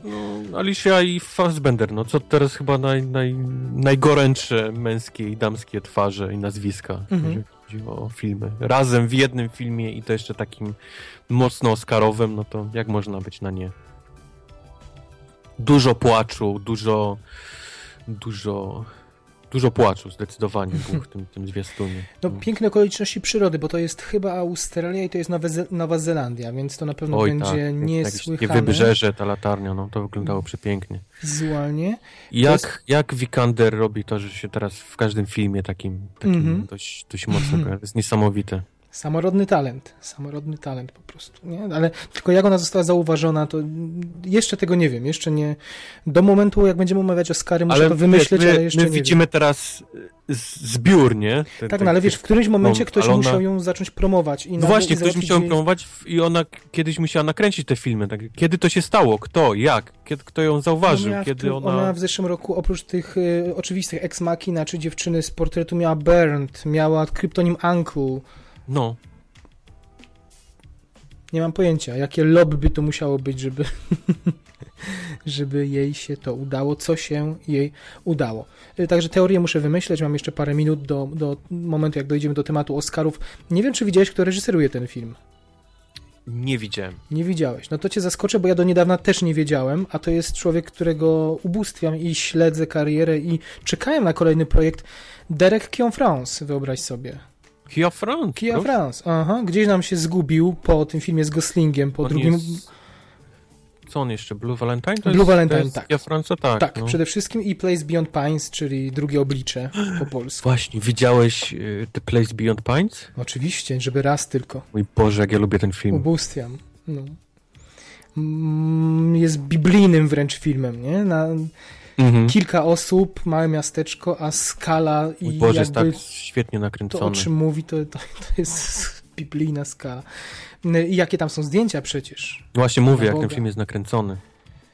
E, kto tam, przypomnij mi, robił zdjęcia, a jak nie przypomnisz, to, to ja spróbuję nie to sprawdzić ci. szybko. To był Sean Bobbitt. To jest Sean Bobbitt, to jest nadworny operator e, z Aleksandra McQueena. Mhm. Czyli, mhm. tak dobrze mówię, Aleksander McQueen? Nie Aleksander McQueen. E, Teraz czy, przekręciłeś. Mm, czy, czy Steve McQueen? Steve McQueen. O, Steve McQueen. Zawsze mylę sobie, tak, Steve McQueen, przepraszam. W każdym razie reżyser Głodu, reżyser Shame, i reżyser przede wszystkim 20 Years a Slave. Tak. Mhm. I Sean Bobbitt sobie fotografuje jego, jego wspaniałe filmy i również y, filmy Deryka Kion-Fransa, znaczy fotografował, bo do czego zmierzam, niestety Light Between Oceans to nie będzie ich wspólne dzieło. A szkoda. I teraz słuchaj, klikam, kto odpowiada za zdjęcia, bo pana Adama Arkpoła nie znam, ale widzę na jego liście, że wybił się na, na serialu Detektyw, True Detective, na którym sezonie? E, wygląda na to, że na pierwszym jednak. No to dobrze, to, to, to dobrze świadczy. Potem... Jest coś w tym zwiastunie. Widać, że, że to nie jest taki, takie romansidło tak. zwykłe, tylko mhm. widać, że, że jest tam kla- jest coś. Mhm. E, I słuchaj, żeby jeszcze zrobić tobie i, i, słuchaczom smaka, Pot i łzy to jest serial HBO, tego nie znam, ale już Macbeth Justina Kurcela jak najbardziej aha. wizualnie był olśniewający. Aha, aha, e, no i Assassin's Creed, ten film również fotografował. O, to dobrze dla asesyna świadczy. Tak. On widzę za Fassbenderem mhm. gdzieś tam, tam się Kroczy ciągnie. sobie, no. to prawda. Także czekamy na, na y, The Light Between Oceans i zobaczcie ten zwiastun, bo to jest jedna z ładniejszych rzeczy, jakie zobaczycie na początku roku, a potem zapiszcie w kalendarzach. Takim, takim malikiem trochę też dla mnie pachniało. Troszkę tak. Znaczy nie było tych takich odjechanych scen, kiedy gdzieś tam no, Chociaż też było gdzieś tam jakieś klęczenie na, na plaży i krzyczenie może do nieba. Być, ale, może być. No, ale, ale miało, takim malikiem pachniało. Słuchaj, jak, jak nie kontemplować widoków i przyrody, jak się w Nowej Zelandii robi film. I jeszcze z piękną Alicją Vikander to. Niech tam hmm. Malika odstawia, ile wlezie, jak chce. No i to na pewno ja Mali... Przeprowadziłbym się dzisiaj do Nowej Zelandii. Jeszcze z Alicją Vikander. Oj, oj. Yy, ba, z Fassbenderem. Z Fassbenderem też. Mieszkać. Adoptujcie, adoptujcie nas. Yy, w ogóle tajemnicą jest, skąd Alicia jako mm, Szwedka jest tak opalona pięknie. To też jest ciekawe, nie? Ło, jest... na tej, zwłaszcza na gali. No, ale w tym ugotowanym, w Bern z Bradley Cooperem też była murzynką prawie. Z tego, co pamiętam. W, te, w tej komedii, którą tak bardzo cenisz. Wink, wink. Tak? Jezus, tam była Alicia Vikander? Była, w dwóch scenach, ale ważną rolę miała dosyć, tak, tak, tak. Były chyba kochanki tego y, Bradley Coopera. Faktycznie, była, no. tak, tak. O, jest dość wiesz, ważna rola nawet. Bardzo. I wiesz, tam biegała Sienna Miller, upodlona, tak, tak, tak, tak, ubrzydzona jak tylko może być, a w, miała Alicję zestawioną, która po prostu była perfekcyjna w każdym ujęciu. To było całkiem Mój Boże, zabawne. film był zły. Był okropny straszny był. Dlatego yy, przejdźmy do, do przejdźmy, może zmienimy temat, bo nie chcę myśleć o, o ugotowanym. Taki był polski tytuł tego Taki filmu. był to polski tytuł? Chyba tak, tak. No, wow. Bernd w oryginale. Wow. Bernd. Ugotowany. No, yy, Deadpool. Wrócimy na sekundę do tematu, żeby powiedzieć wam, ile zarobili na nim reżyser i Ryan Reynolds. Czy Ryan Reynolds zarobił 2 miliony na tym filmie? Czy Ryan Reynolds zarobił. Ryan Reynolds zarobił 2 miliony, a przypomnijmy, film kosztował 58 baniek. Na całym świecie zarobił 500, on zarobił 2. Ma też e, oczywiście zapisane prawo do procentu zysków i mówi się, że miałoby to być nawet 10 milionów. 10 milionów, tak. tak. E, to są tego rzędu, czyli sensowne pieniądze, jak na tak wielki Ja myślę, że on nie jest zły, nawet jakby zarobił tylko dwa i, mhm. i ani centa Oczywiście. więcej. Ja myślę, że to jest takie jego dziecko, które on pielęgnował i, myślę, że jest bardziej szczęśliwy, że udało mu się to dziecko gdzieś tam urodzić. Jasne. Całe zdrowe i bogate, niż, niż to, Oczywiście. że nie, nie, zarobił na tym filmie zbyt Oczywiście. dużo. Oczywiście. Gorzej ma jego kolega Tim Miller. Jako reżyser otrzymał 250 tysięcy dolarów. Czyli no, to jest taka stawka, którą się no, płaci reżyserom, debiutantom no, w zasadzie. No. podejrzewam, że Marvel też tyle płacił swoim debiu debiutantom. Nie? Joss Whedon mówił, że dopłacał Joss w zasadzie Whedon, do, do tak, reżyserii tak. pierwszych Avengersów. Więc takie pieniądze, no można podejrzewać, że druga część przysporzy im e, znacznie większych pieniędzy. to jest oczywiste. E, Michael B. Jordan, chwalony przez nas za rolę w Creedzie, e, mhm. nieobecny na, znaczy obecny na gali Oscarowej, nie w nominacjach, z czego Chris Rock pozwolił sobie za, zażartować nawet. E, Michael B. Jordan okazuje się jego kolejnym wyborem castingowym jest remake afery Thomasa Crowna filmu, który już raz był remakeowany, bo to jest film z 68 68 roku. I to był Steve McQueen w oryginale, potem w 99 tak. roku e, Pierce Brosnan, dobrze pamiętam? Tego już nie widziałem. To był Brosnan i Rosso chyba. E, René Russo, tak, to prawda. No. E, no i mielibyśmy mieć teraz Michaela B. Jordana. Mm, nie mam jakichś ciepłych myśli w stosunku do Też poprzednich filmów. Y, więc y, póki co nie elektryzuje mnie ta wiadomość. Y, nie znamy reżysera, wiemy tylko, że MGM będzie mm, produkował.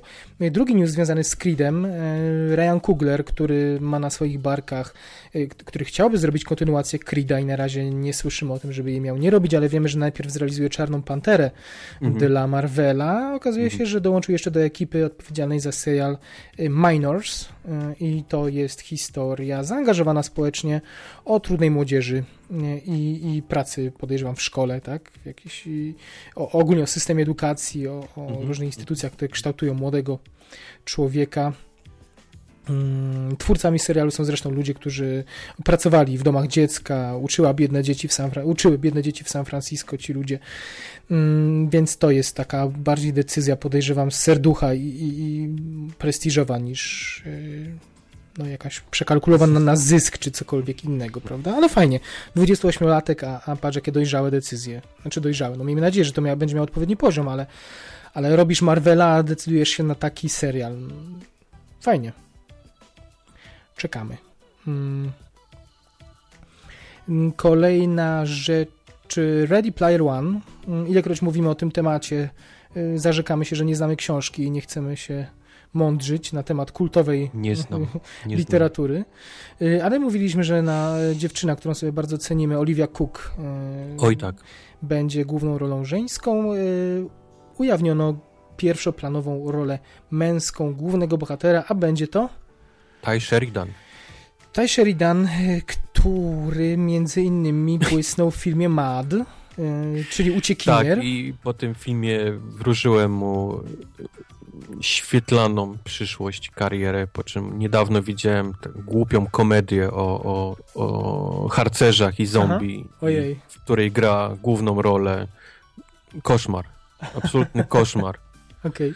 Gdzie jest, gdzie jest mat do takiego, takiego strasznego filmu, to ja nie wiem, jak ten chłopak. Kto, tam, kto go tam zaciągnął, to ja nie wiem. Wiesz, może to tylko na chwilkę, na przeczekanie. Oby Mm, on będzie grał chyba Cyclopsa mm, w nowych X-Menach, prawda? Jest, tak, jest Cyclopsem w nowych X-Menach. Więc mhm. tutaj, tutaj na pewno będzie powrót do pierwszej ligi, przynajmniej tego kina mm, bardziej komercyjnego. No i potem u Stevena Spielberga ostrzę sobie niezwykle ząbki na ten temat i z premedytacją nie mam zamiaru czytać książki. Nie. Skoro wszyscy nie tak bardzo pieją, to, to ja chcę się przekonać od razu yy, i poznać wizję Spielberga Chcę mm -hmm. mieć niespodziankę. 30 marca 2018 roku premiera Ready Player mm, One. E, premiery filmu o kapitanie Nemo, póki co daty premiery nie znamy, ale dowiedzieliśmy się, że mhm. dowiedzieliśmy się, że David Fincher, mm, który był łączony z tym projektem, co zrobił? Już, już nie jest łączony z tym projektem. Wziął i se, po, i se poszedł. Tak. Wziął i se poszedł, no. Wziął i se poszedł, albo słuchaj, albo on jest być może coraz trudniejszym, zamkniętym jakimś w swoim własnym świecie człowiekiem, bo wiemy, że z ja Jobsem sobie nie poradził i... Lubię Finchera, kocham ligę pod ten 20 tysięcy mil podmorskiej żeglugi, ale tych nie łączyłbym tych dwóch rzeczy nie ze sobą. To nie rozumiem. jest dla mnie jakieś mhm. połączenie dobre nie pasuje absolutnie Fincher do, do tego -hmm. filmu i myślę, że to wyjdzie tylko yy, temu filmowi na, na, na dobre. No to no. miał być pre prequel, zastąpi go na krześle reżysera James Mangold, reżyser Wolverina, mm, reżyser mhm. kolejnej części również Wolverina, czyli wiemy, że na pewno na plan szybko nie wejdą, bo na razie staruszka Logana ekranizuje mm, James Mangold. Y, no i wiemy też, że tutaj będzie podobna sytuacja jak z Księgą Dżungli, jak ze Śnieżką. Y, dwa studia jednocześnie pracują nad podobnym projektem, bo jeszcze studio Fox mm, robi własny film o kapitanie Nemo. Podejrzewam, że, że te, te książki, ta literatura jest w jakiejś domenie publicznej, jakby nie ma praw które można bądź nie można mieć do tego tematu, tylko kto chce, to sobie ekranizuje, więc i jedno i drugie studio ma, ma do tego prawo. I, yy, natomiast w Foxie reżyserował będzie Brian Singer. Mhm. Niezbyt go cenię Co ciekawe, reżysera. jeżeli wierzyć plotce, Fincher pokłócił się o, o Czajnika, Czajnika Tatuma. O. Fincher widział jego jako, mhm. jako tą główną postać filmową, a z kolei Disney pchał Hemswortha dość, dość mocno i, i ponoć, ponoć na, tym, na tym sporze się gdzieś wygrzmocili Disney. No, chyba, że Hemsworth Fincher. miał już jeden film o pływaniu po wodzie, no może nie pod wodą. Tym, ale... Jest mi naprawdę ciężko wyobrazić sobie Finchera, który się obraża o, o, o brak Channinga Tatuma, o obecność Hemswortha, jakoś, jakoś nie bardzo to nie bardzo to widzę. Nie, no to tak samo jak było z Jobsem. Powiedział, że wyreżyseruje tylko i wyłącznie, jeśli bodaj DiCaprio zagra Jobsa. No też stawiał warunki, więc... Yy, tak samo stawiał warunki, że chce mieć absolutną kontrolę nad procesem promocyjnym, nad produkcją materiałów reklamowych, tak jak to było przy Czy mówisz, że Fincher jest taki obrażony? Jest, jest. Tak? On miał okay. absolutną kontrolę przy produkcji, przy promocji dziewczyny z tatuażem i widzisz, y, zwykły, w cudzysłowie, kryminał kosztował 140 milionów dolarów, bo wszystko kręcił w Szwecji, w naturalnych planerach. Do tego kazał produkować, nie wiem, jak, miał kontrolę nad promocją, więc to było świetne, bo na przykład, nie wiem, czy pamiętasz, że płyty DVD wyglądały jak y, takie płyty pirackie. Jak kupiłeś płytę, to, to była taka z, z flamastrem popisana. No świetnie to było designersko, tylko że produkcja tego, znaczy to akurat na druk płyty jest nieistotne, ale też to było wszystko w mhm. digipakach, w kartonikowych pudełkach. On, y, plakaty były, na przykład zrobił jakąś olbrzymią ilość plakatów wydrukowanych na metalowych płytach.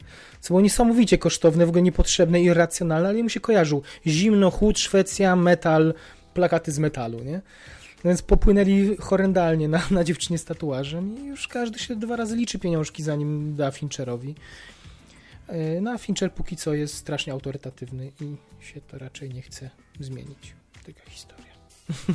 No okay. Ale to nie wiedziałem z tym, z tym Hemsworthem i z Chainigiem. Nie wiem, kogo bym wolał na pokładzie łódki. E, Chyba jednego już widzieliśmy na, na pokładzie no. łódki i, i to wyszło tak, tak, tak średnio. Chyba Czajnika. Chyba sympatyzuję chyba, chyba, chyba Czajnika, no. no z niego będzie, będziemy mieć jeszcze pożytek. Z roku na rok jest coraz fajniejszy, coraz lepszy. Znaczy, fajny coraz był, lepszy czajnik. Fajny był, fajny był zawsze, ale, ale no, po prostu się ogrywa. No. Nie, czajnik się musi tak przepalić, nie? Trochę. Troszkę tak. tak. Albo przepić, bo on jest akurat mówi, że jest alkoholikiem, tylko że dobrze udaje. Dobrze o, okay. maskuje, że nie, że nie jest. Ale... E, okej, okay. o Transformersach wspomnieliśmy już chwilę temu i, i, chcemy jeszcze raz o tym e, powiedzieć. Nie dlatego, żeby znowu pastwić się nad kolejnymi częściami, to już było dwa tygodnie temu. Natomiast e, ciekawą informacją jest ta, że Paramount Pictures, czyli wytwórnia, której to chyba jest największa franczyza mm -hmm. w tym mhm. momencie, jedyna taka mm -hmm. przynosząca miliardowe zyski, łakomi się na Paramount Pictures chińska, chiński koncern.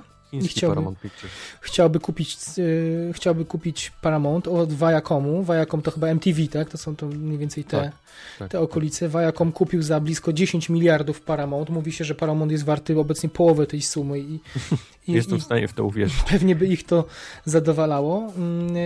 I mm, no, rączki wyciąga kilka firm, między innymi Alibaba, która to już w Hollywood sobie dzielnie poczyna i produkuje masę filmów. I, w zasadzie każdy film, który jakaś, jakieś sceny dzieją się w Chinach, to można się domyślać, że to albo, albo Wanda, albo Alibaba tam dolała pieniążków, mm -hmm, żeby, mm -hmm, żeby mhm. nakręcić część rzeczy w, w Chinach. Alibaba między innymi współpracowała z Paramountem przy Rogue, Rogue Nation, przy Mission tak. Impossible. Tak, tak, tak.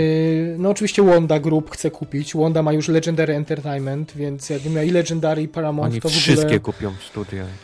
Yy, mają drugą największą sieć, tą AMC Kin w Stanach. Oni niedługo yy, każdy pieniądz, jaki będziesz płacił yy, w kinie Drugą? w Stanach. Nie, są, nie są pierwszą? Czy nawet pierwszą może. Jest pierwszą. Mhm. AMC no jest, jest numer jeden. lepiej wiedział.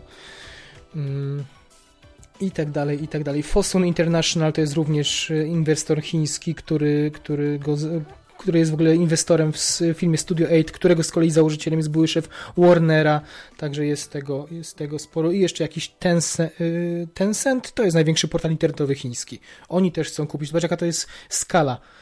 Chiński portal chce kupić za 5 miliardów Paramount. Wyobraźcie sobie, że nie wiem, Onet kupuje Prawda? Paramount Pictures. Nie? Y, ale na Paramount, żeby nie było, mają też chrapkę Lionsgate, które nie miało hitu już od, od bardzo dawna. Wytwórnia Lionsgate ma, ma, ma Apple i Amazon. Amazon.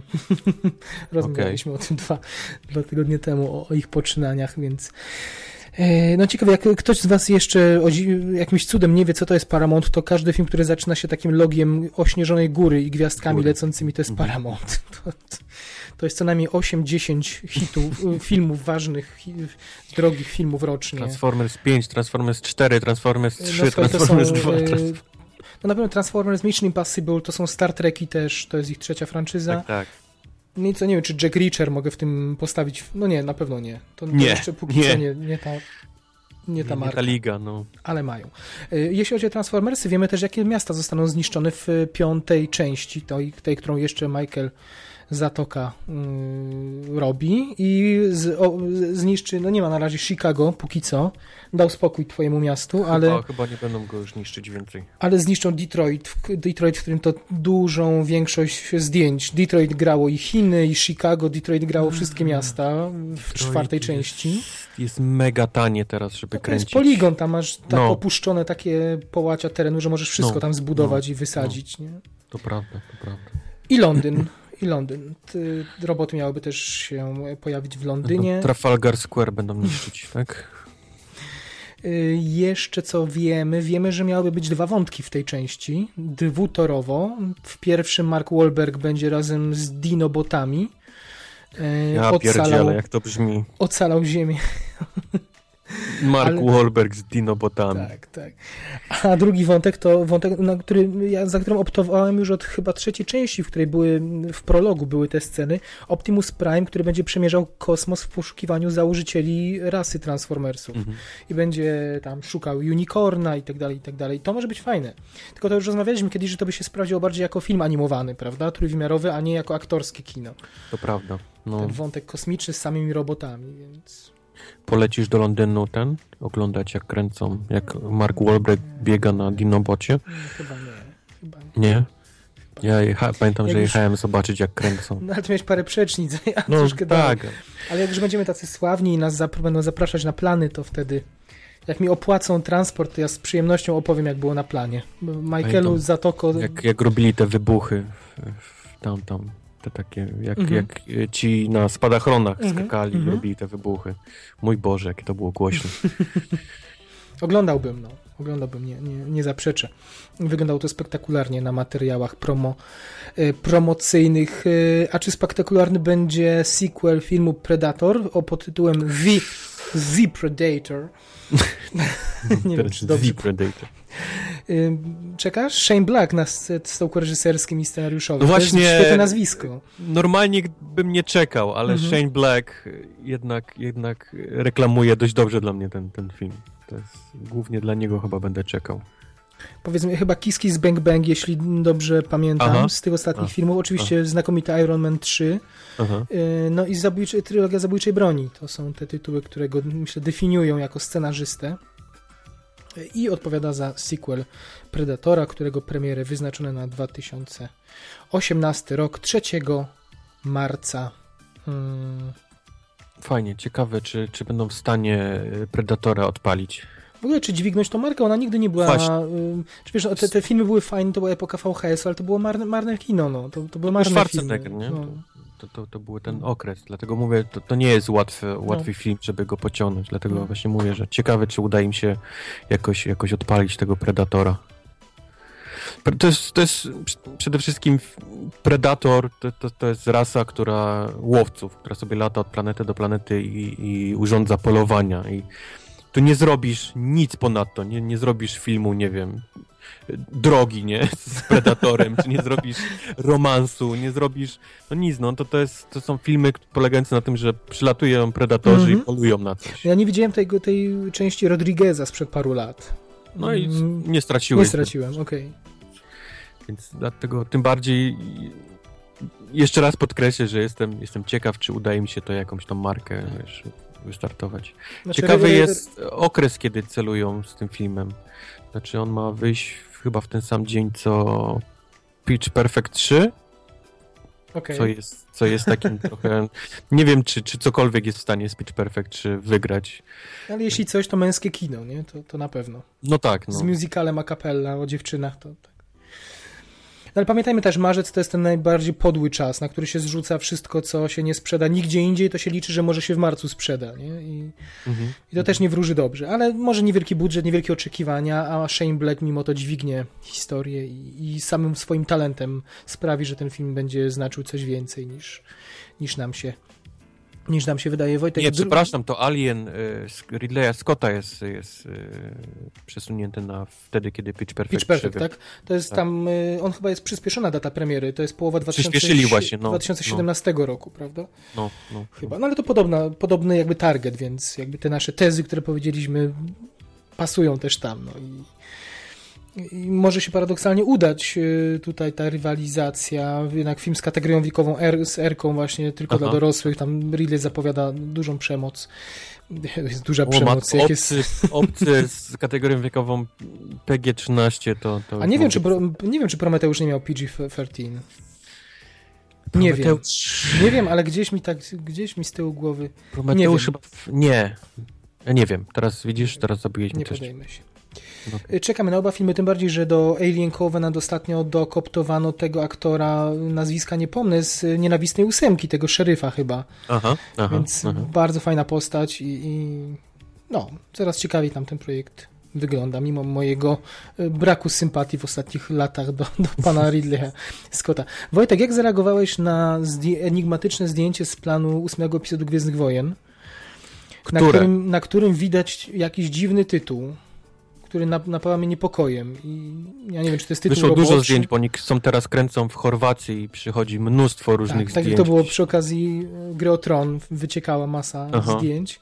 To Aha. są te same uliczki Dubrownika, na które tak, oni kręcą. to jest Dubrownik, te same, ten sam miejsce dokładnie, gdzie kręcili grę Mimo, że zatrudnili 600 ochroniarzy, mimo, że mają... Teraz jest zrobiona jakaś kantyna, znowu przerobili mm -hmm. jeden z budynków na bar, wszystko się tam świeci, światełka, więc tak, przychodzą zdjęcia z Mają zatrudnionych 600 ochroniarzy, mają zatru, zatru, zatrudniony w cudzysłowie, y, uzbrojone drony, które mają strzelać do dronów cywilnych.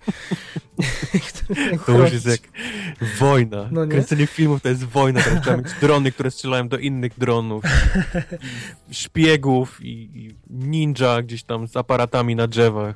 Mówi się też, że w tym w Dobrowniku miałaby być jakaś spektakularna scena pościgu, więc widzę to. Widzę pościg podracer, taki podracerów, tylko ulic, ulicami zabytkowego miasta, mhm. takiego piaskowego, więc to mogłoby, to będzie wspaniałe na pewno wizualnie. Y, szpiedzy widzą też w Pinewood Studios w Londynie, że odtworzono te świątynie z tej Aha. wyspy Skellig, zbudowano je w tak. Pinewood. Widać ten wierzchołek tych, tych, tych kamienistych mm, mm, wieżyczek.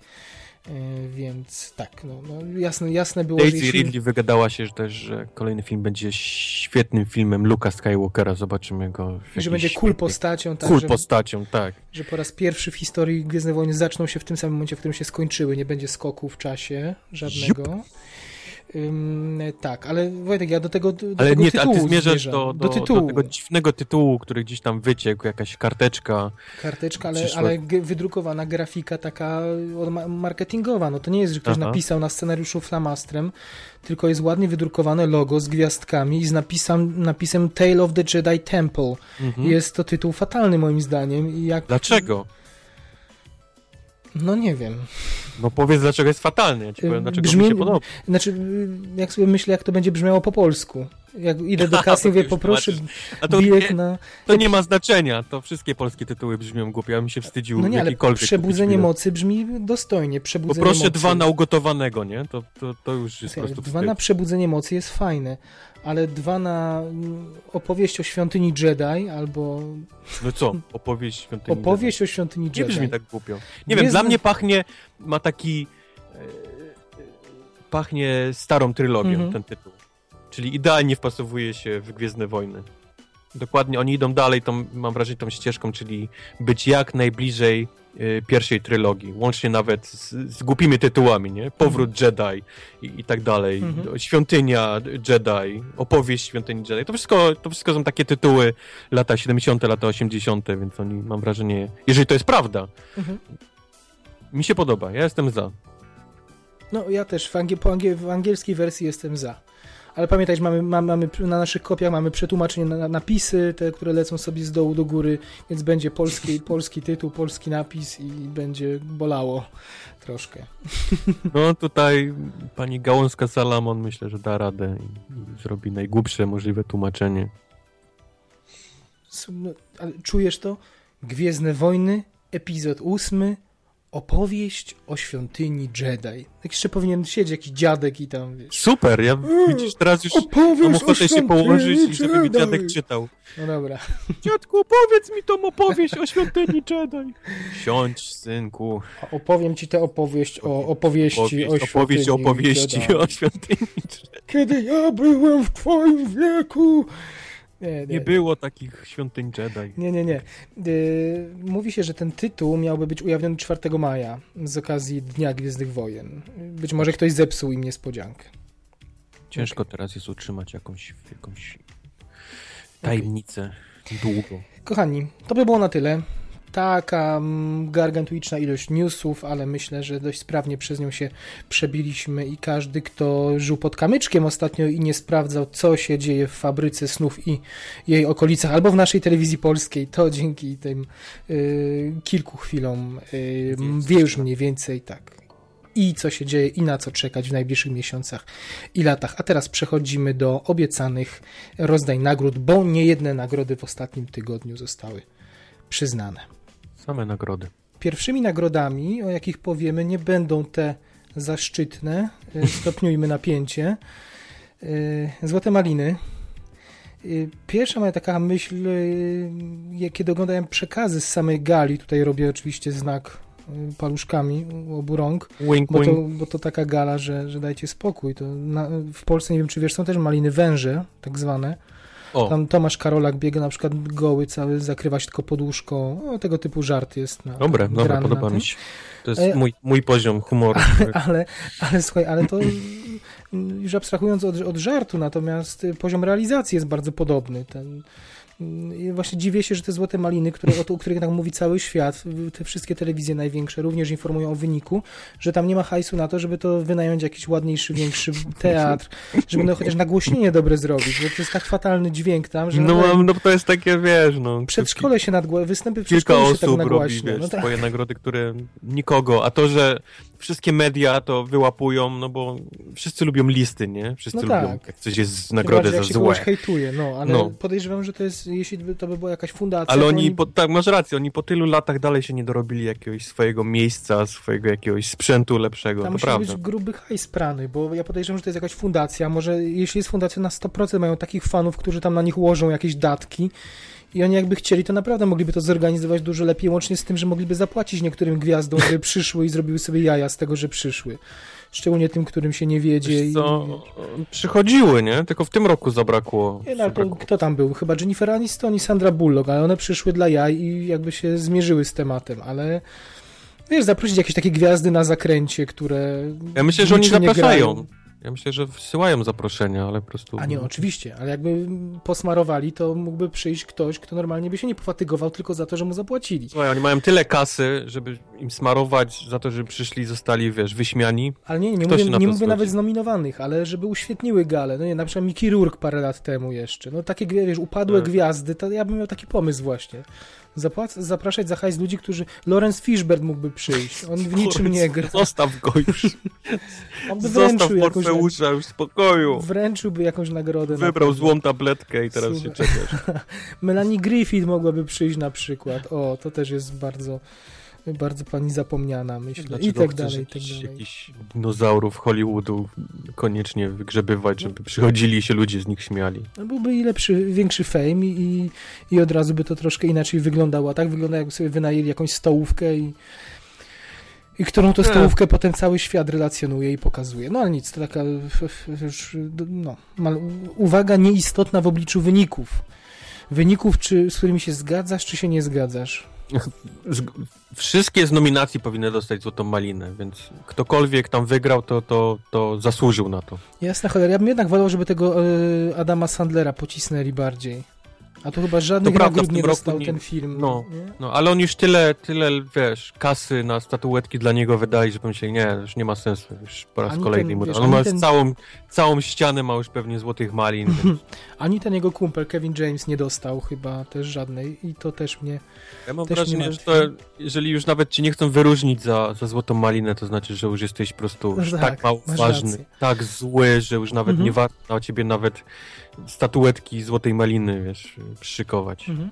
Ale naprawdę, myślę, że jeszcze powiemy przy okazji odcinka podsumowującego nasz ten taki rok tak zwany od Oscarów do Oscarów, nazwijmy to, ale, ale w dwóch zdaniach, nie wiem, czy się zgodzisz, ale nie Fantastyczna Czwórka i Grey bo te filmy wygrały w kategorii najgorszy -hmm. film, one mają elementy, które mogą się podobać. Znaczy, to nie są filmy tak abs absurdalnie złe, jakbym wynalazłbym tonę, tylko rozumiem, że tutaj wiesz chodzi co, też... one, one famę, wiesz, złapały. Właśnie, chodzi o to, że to jest też zgrywa z czegoś, co miało być świetne, prawda? Tak, Albo z tak, czegoś, tak, co tak, miało tak, prasę olbrzymią i... Chyba... Tyle sketchów śmiejących się mm -hmm. z, wiesz, y, z Fifty Shades of Grey. Mm -hmm. Tyle różnych śmiesznych, hejt, hejterowskich tekstów o mm -hmm. Fantastycznej Czwórce, czym miało być, a czym było. Więc one na tej fali chyba takiego właśnie hejtu i śmiechu wygrały te nagrody. Spokojnie bo, mogliby jakieś... No, no. Zdecydowanie Pixels Pixele, to jest Polplat, pierwsze, co pomyślałem. To są, to są dużo, dużo, dużo, dużo gorsze filmy niż tak. Fantastyczna Czwórka czy, czy mm-hmm. Fifty Shades of Grey, ale, mm-hmm. ale no tak jak mówię, one na tej takiej famie mm. poleciały i dostały tą nagrodę. Tak, tylko jak będzie jakiś Paul Blart, o którym mówisz, to nikt w Polsce o tym nie napisze, albo, albo no właśnie, małą no. ale, ale Grey, no, każdy zna. Każdy zna, no. Prawie każdy czytał, podobno. Y, kto tam jeszcze dostał poza filmem? Najgorszy aktor y, Jamie Dornan, no, 50 twarzy Grey, tak, ale aktorka Dakota Johnson miała sympatyczną tą rolę, naprawdę bym jej... Grey. To już jest całokształt to jest, chyba. to jest po prostu miało być też żartem, miało być, że dostają kompo, wiesz? Tak, tak. Wiesz, ale widzisz, no, biedna Dakota, mam nadzieję, że sobie nie weźmie tego do serca, bo bo nie była zła i, i nie chciałbym, żeby... Nie wiem, tak... Ale ona też dla mnie nie jest jakąś fantastyczną aktorką. Tu nie ma się co, wiesz, też jakoś biczować specjalnie, mhm. na, no, bo tak. ona też nie jest jakaś fantastyczna gwiazda. No, ale jakbyśmy mieli merytorycznie rozpatrywać, to jest to krzywdząca nagroda, bo byś znalazł 10 innych, które bardziej no, zasługiwały, myślę. Najgorszy aktor drugoplanowy Eddie Redmayne no śmialiśmy, tak, śmialiśmy się trochę z tych krzyków, ale czy ja wiem... No to, no... Też, jest, to, to, to, też jest nagroda za to, nie? Bo, to bo chcieli... się pisało o tym, bo było mnóstwo mm -hmm. sketchów, którego tam parodiowało to takie ciche, ciche i, i krzyk, nie? no i wiesz, mieli okazję nominować kogoś, kto ma nominację do Oscara, więc po prostu mogli Prawda? To też każdy, myślę, że każde medium mainstreamowe wytykało, że to jest człowiek, który jednocześnie jest nominowany do Oscara i do Maliny. Oni, faktycznie ten, rozdali te, te złote maliny tak jak zasługują te nominacje, to byłby tylko Adam Sandler mhm. i, albo Paul Blart, albo Pixels w tych, w tych filmach. I to by było po prostu, wiesz, ludzie by przeczytali tę listę i powiedzieli, mmm, maliny już zeszły, wiesz, na psy, już mhm. nawet nie warto oglądać. A tak, wiesz, o, Fifty Shades, nie? Czy mhm. tu jakieś coś znowu, coś, wiesz, czy warto, czy nie warto, już jest dyskusja, nie, na no ten tak. temat i ludzie się interesują albo na pewno część społeczeństwa oburza się, że taki świetny film, że taki świetny film i tyle złych nagród, prawda? Dlaczego Pixels ma nominację? Przecież to był taki dobry film. Najgorsza aktorka drugoplanowa Kaylee Cuoco Sweeting za Alvin i Wiewiórki. No, no już nie Sweeting, już tylko już Kaylee nie, tak. no, nie miałem tak. okazji się zapoznać z tą produkcją, ale, ale wierzę im na, na Kaylee słowo. Jest, jest, jest, jest koszmarną aktorką. Jak lubię albo lubiałem y, teorię Wielkiego mhm. Wybuchu, tak ona po prostu jest takie drewno. Najgorszy... Ma ładną twarz i została, mhm. wiesz, jakoś na famie nagród, które ten serial zegrał. Ona no tak. gdzieś dostała rolę w, w, innych filmach, ale wow. Co tam jeszcze? Najgorszy remake z Rzynka lub sequel Fantastyczna Czwórka. Hmm. No okej, okay, no tu też jest, tu jest żart z drugim dnem, bo te poprzednie filmy były też okropne, nie? I tu była próba zrobienia czegoś ambitniejszego i się zesrało, no więc samo w sobie jest to, że to jest właśnie sequel czegoś, to to jest żartem. Najgorsze ekranowe połączenie właśnie Dakota i James to... Greya standard. Najgorszy reżyser Josh Trank, mam nadzieję, że sobie nie zrobi krzywdy po tej nagrodzie. Ojej. E, najgorszy scenariusz Kelly Marcel za Greya, no też się nie zgodzę, bo, bo podejrzewam, że ta osoba wycisnęła co się dało z tej książki. No, to... no tak, ale tu masz znowu, masz masz, Paul Blood, no. Mall 2 i Pixels, nie? W mhm. tym... No tak, tak, tak. tak, tak. No. Y, natomiast Malina Odkupienia, Sylvester Stallone, no to było to zdecydowanie, to domyślaliśmy się. Świetna kategoria w ogóle. Night Shyamalan jeszcze, jeszcze się nie odkupił. Ale mam. zasługiwał również, równie podobnie. No, tak, tak, tak, ale to jeszcze nie jest to, wiesz, to nie jest mhm. powrót do, do znaków, czy do... Mhm. Nie, oczywiście. oczywiście. Elizabeth Banks, y, y, nie wiem za co ona nawet miała się odkupić dalej jest dla mnie niewidoczna. No ale, ale bardziej chodzi chyba chodzi o to, że wyreżyserowała, bo ona wyreżyserowała ten, no, co dzisiaj mówiłeś, sequel, ten, ten musical. Mm, no, a kapella o dziewczynach, co śpiewają. A, ten... Yy, Pitch Perfect. Właśnie. No to był bardzo dobrze oceniany, ja nie widziałem, to był bardzo dobrze oceniany film z tego, co pamiętam, w swojej kategorii. Jedynka tak, dwójka już trochę gorzej. Gorzej, no, no ale tym niemniej z blondynki, która gra w głupawych komediach na panią reżyser dużego projektu, dosyć udanego i, i całkiem dobrą rolę w Igrzyskach Śmierci, no to jest gdzieś ewolucja, nie? No okej, okay. no niech będzie. Ale nie tak spektakularna. To były... Na pewno nie Will Smith za Concussion. No tak. Szczególnie, że Jada teraz mu dowaliła do pieca i no. nie mógł bojkotem, iść na, na, na Oscary tak, przed tak, żonę. Tak. Teraz już nie wiem, czy ktoś go po, tej, po tym jej łzawym wideo, czy w ogóle będą chcieli go zatrudniać, bo potem się narażą, że też znowu Jada nagra o nim jakiś filmik, że żeby no. się należało, a, a tutaj no, nieważne. Wrócimy do tego. E, Independent Spirit Awards, nagrody przyznawane niemal w przeddzień Oscarów, nagrody kina niezależnego, a w Stanach to oznacza, że firmy zrealizowane poza dużymi wytwórniami, ale jest do tego klucz po prostu firmy, duże wytwórnie tworzą swoje małe spółki córki i mhm. od razu można mówić, że to jest kino niezależne, czyli Fox, 20th Century Fox ma Fox Searchlight, które sobie z powodzeniem produkuje tam Spotlighty, Birdmany, mhm. y, nie wiem, y, Brooklyny i to jest dalej pieniądze ogromnej wytwórni, tylko że gdzieś przepompowywane bokiem i i, i, udajemy, że to jest kino niszowe, no ale fakty, również właśnie budżet nie może być większy niż 20 milionów dolarów, żeby się znaleźć na, na liście nominowanych do Independent Spirit. Spirit Dodajmy, że żaden polski film tyle nie kosztował w historii. Wiedźmin ma tyle kosztować, nie? Ale, ale tak to żaden nasz film nie miał prawie takie. Może Quo Vadis miało podobny, ale, ale Także to właśnie to jest skala kina niezależnego, taka, takie budżety mm, i tyle Polskę dzieli od, od świata. Mm, ale żeby nie przedłużać, najlepszy film Spotlight, mm, mhm. było, to było mocno do, do przewidzenia. Najlepszy reżyser to McCarthy Spotlight, najlepszy scenariusz Spotlight, Najlepszy, najlepszy pierwszy film to ciekawe. Marielle Heller za The Diary of a Teenage Girl. Film, który jestem strasznie szczęśliwy, że mi poleciłeś. bardzo fajna komedia inicjacyjna, bardzo odważna. Mm -hmm. Dzieci Kwiaty, lata 70. Mm -hmm. i i ta młoda aktorka, która ma 20 parę lat, a wygląda jakby miała lat 13. Miała 13 niesłychaną tak, ma tą no. fizjonomię. I bardzo odważny, odważny film ze, ze Skarzgodem, tak? Tam jest tak nie pamiętam, który już z tych braci z Kaszgodów, ale no jest Kristen Wiig wspaniała i w ogóle taki duszny, ciepły klimat. Wszystko oplecione takimi rysowanymi ornamentami, mhm. rozdziały oddzielone kartkami.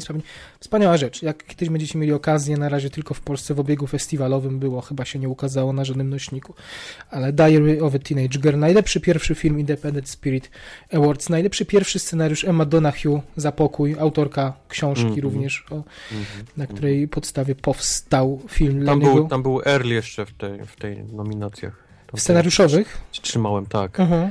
Bez first screenplay był, był R. No. Ale popatrz, nie? Jeszcze parę miesięcy temu, jak czytaliśmy wyniki, czy rok temu, jak czytaliśmy wyniki Sundance, wydawało się, że murowany kandydat do wszelkich nagród R i zupełnie mm -hmm. pominiętny wszędzie. Zapomniany. No.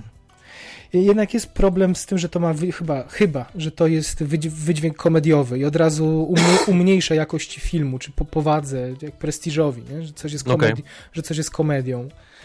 No, komedią, na której się ryczy jak. Ryczy, no, ale, ale jednak. Takie miało głównie zabarwienie i takie, takie rzeczy raczej na Oscarach przejścia nie mają, ale myślałem, że chociaż na Independent Spirit się uda. Nie udało się. Najlepsza męska rola pierwszoplanowa Abraham Attach za Beast of No Nation, no to ty możesz mm -hmm. ocenić. Mm -hmm. To jest też jaki, to jest, to jest jakiś dzieciak? Nie. To jest ten młody chłopaczek taki, który... Znaczy ja nie widziałem, ja widziałem na Oscarach, że wyszedł z Widziałeś tym... go nawet. Mm -hmm. To jest ten, który wyszedł z tym Czytał, tak. spokoju, tak? Okay. Tak, tak, tak, tak, okay. tak, tak. No to tak, tak. super, że dostał nagrodę. Świetnie. No, no. No, mm. film jest super, jest, jest zagrany, wiesz, mega i oczywiście zapomniany, nie? Przez... Muszę obejrzeć, bo tego Netflixa płacę jak głupi za tego Netflixa, tam nic nowego się nie pojawia, muszę, muszę obejrzeć te, to Beast of No Nation w takim no. razie. Najlepsza żeńska rola pierwszoplanowa Brie Larson, yy, no, to, no to wiadomo. Ona zgarnęła wszystko w tym roku. Najlepsza rola drugoplanowa męska Idris Elba w końcu Beast of no Też No Nation. Beast of No Nation, przynajmniej tu go to ten zauważyli. Tutaj Y, na szczęście. Y, Cieszę się za, za, za supporting female y, żeńską. Aha, tak. Maya Taylor, mówiliśmy o, Taylor. Tych, o tej nominacji no. za mandarynkę. Świetne. Tak, tak, tak. Genialnie, genialnie, że się. Ale właśnie, to tutaj widać, że jest absolutnie zerowa kalkulacja przy tych nagrodach i, i wydaje się, że to są przemy, naprawdę przemyślane wybory. I to raz, a dwa, że to są wybory ludzi, którym na pewno te nagroda, po, nagrody pomogą. Obecność Aha. tych nagród w portfolio, nie? To nie Aha. jest za, za uśmiech, za nazwisko, za to, że Leonardo nie dostał 5-6 razy, to dostał za siódmym, tylko... Oho. Nie? Zbliżać się. Nadciąga Leo. Najlepszy film dokumentalny Scena ciszy, czyli y, w jakimś sensie rewers y, dokumentu, scena zbrodni, jeśli dobrze pamiętam, mm -hmm. tego filmu o, o Majku. Opowiadaliśmy o nim o, ostatnio przy okazji omawiania nominacji um, Oppenheimera, to Joshua Oppenheimera. Tak. To był, to był o, o tych y, bojówkach, tak, które, które mordowały y, komunistów gdzieś tam. Mm -hmm, mm -hmm, zapomniałem już, który, jaki to kraj był, ale no, nieważne, w każdym razie był jeden film, który on rob, robił mhm. przez 7 lat, Oscarowy, masa nagród i okazuje się, że i on był o oprawcach, a okazuje się, że zrobił jeszcze dużo mniejszy, skromniejszy film o ofiarach przy okazji po prostu, bo naprawdę po prostu miał dużo materiału i zmontował drugi dokument, mhm. tylko, tylko od drugiej strony. I to jest właśnie ta scena ciszy. Ona była również nominowana do Oscara. Mm, y, Oscara nie dostała, ale tutaj jest nagroda za film dokumentalny. Na szczęście nie ma triumfu Amy. Y, Na szczęście? Na szczęście, tak, tak, tak. Y, najlepszy film zagraniczny Syn Szawła, no to wiadomo. Najlepsze zdjęcia Ed Lachman, Karol. No nie wiem, kto by miał inny dostać. No ale pamiętaj, to jest kino niezależne, w tych do 20 okay. baniek, więc... Okay więc tutaj chyba, chyba nie było konkurencji mimo wszystko. Mimo, chyba Sicario kosztowało więcej. tak mi się wydaje. Najlepszy montaż Spotlight, tutaj jest ciekawe. To nie rozumiem, bo poza paroma sekwencjami tymi no właśnie, teledyskowymi prawda, no. nie, nie, widzę tam pola, ale no ale, ale nie wiem. E, ciekawa jest nagroda Johna Cassavetes. To było It Follows w tej kategorii. No widzisz. Może, Matko może Bosko. jedną chociaż Matko coś. Bosko. Nie. Spotlight. Ech, już czekam na ten odcinek za, na, najbliższy z naszym podsumowaniem, bo bo po prostu It Follows jest tak bardzo pominięte, że, że aż no. boli i szczypie wszystko. Nagroda Johna Cassavetesa to jest interesująca nagroda, to jest nagroda dla, dla filmu, który kosztował poniżej 500 tysięcy dolarów, wygrywa Krisha i pewnie już nie pamiętasz, ale opowiadałem ci o tym filmie. Opowiadałeś mi. Pamiętasz? Pamiętam. To był, przypomnę słuchaczom, to, to był film o kobiecie, która po latach przyjeżdża na święto dziękczynienia do swojej rodziny, która, która to rodzina widać ma jakiś problem e, z tym, że ona tam się znajduje i w przeciągu całego popołudnia i wieczoru, kiedy są przygotowania, a potem spożywanie tej wieczerzy, e, no oczywiście wszystkie brudy wyjdą, zdążą wyjść na wierzch, a całość zaczynała się parominutową sekwencją a la Birdman, mastershotem, kiedy matka chodzi od domu, od drzwi do drzwi, bo nawet nie pamięta, gdzie jej dzieci mieszkają. Także świetne mm, takie, takie mięsiste, surowe kino obyczajowe i polecamy, ale pewnie też nikt nie będzie miał okazji tego zobaczyć, bo, bo, bo nie wiem, czy to w ogóle gdziekolwiek jest do, do, zobaczenia poza festiwalami. Nie? No i oczywiście nagroda Roberta Altmana dla zespołu aktorskiego Spotlight. To każdy możliwy mm. konkurs, gdzie jest kategoria zespół. Mm. Całkiem zasłużenie Spotlight wygrywa w tej Prawda. kategorii również. I tutaj. To są te mniej, y, mniej istotne w kontekście Oscarów nagrody, ale, y, ale ciekawe i te rozstrzygnięcia myślę w dużej mierze sprawiedliwe tych Independent Spirit Awards. Mieliśmy też, y, przyznawały w ostatnich dniach gildie, wszystkie gildie. Nawet nie wiedziałem, że jest gildia, gildia ludzi, którzy szukają lokacji do filmu. To nawet ta gildia przyznała. Ciekawe, czy ktoś przyszedł. Rozumiem, że taką galę organizuje, że nikt nie przychodzi w ogóle. Oni mieli w takim hotelowym tym barze. tak.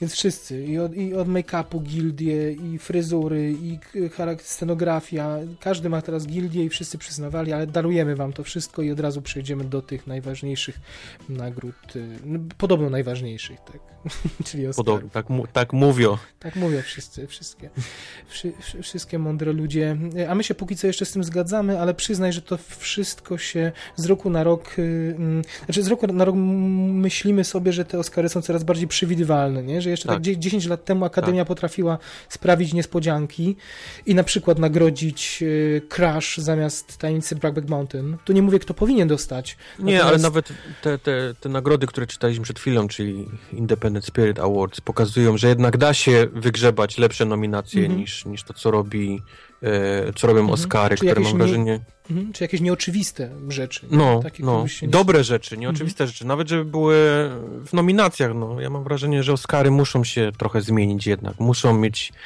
albo więcej nominacji w danej kategorii, a nie tylko pięć, bo, bo to nigdy się nie zmieszczą te filmy małe, ale mhm. tak samo dobre.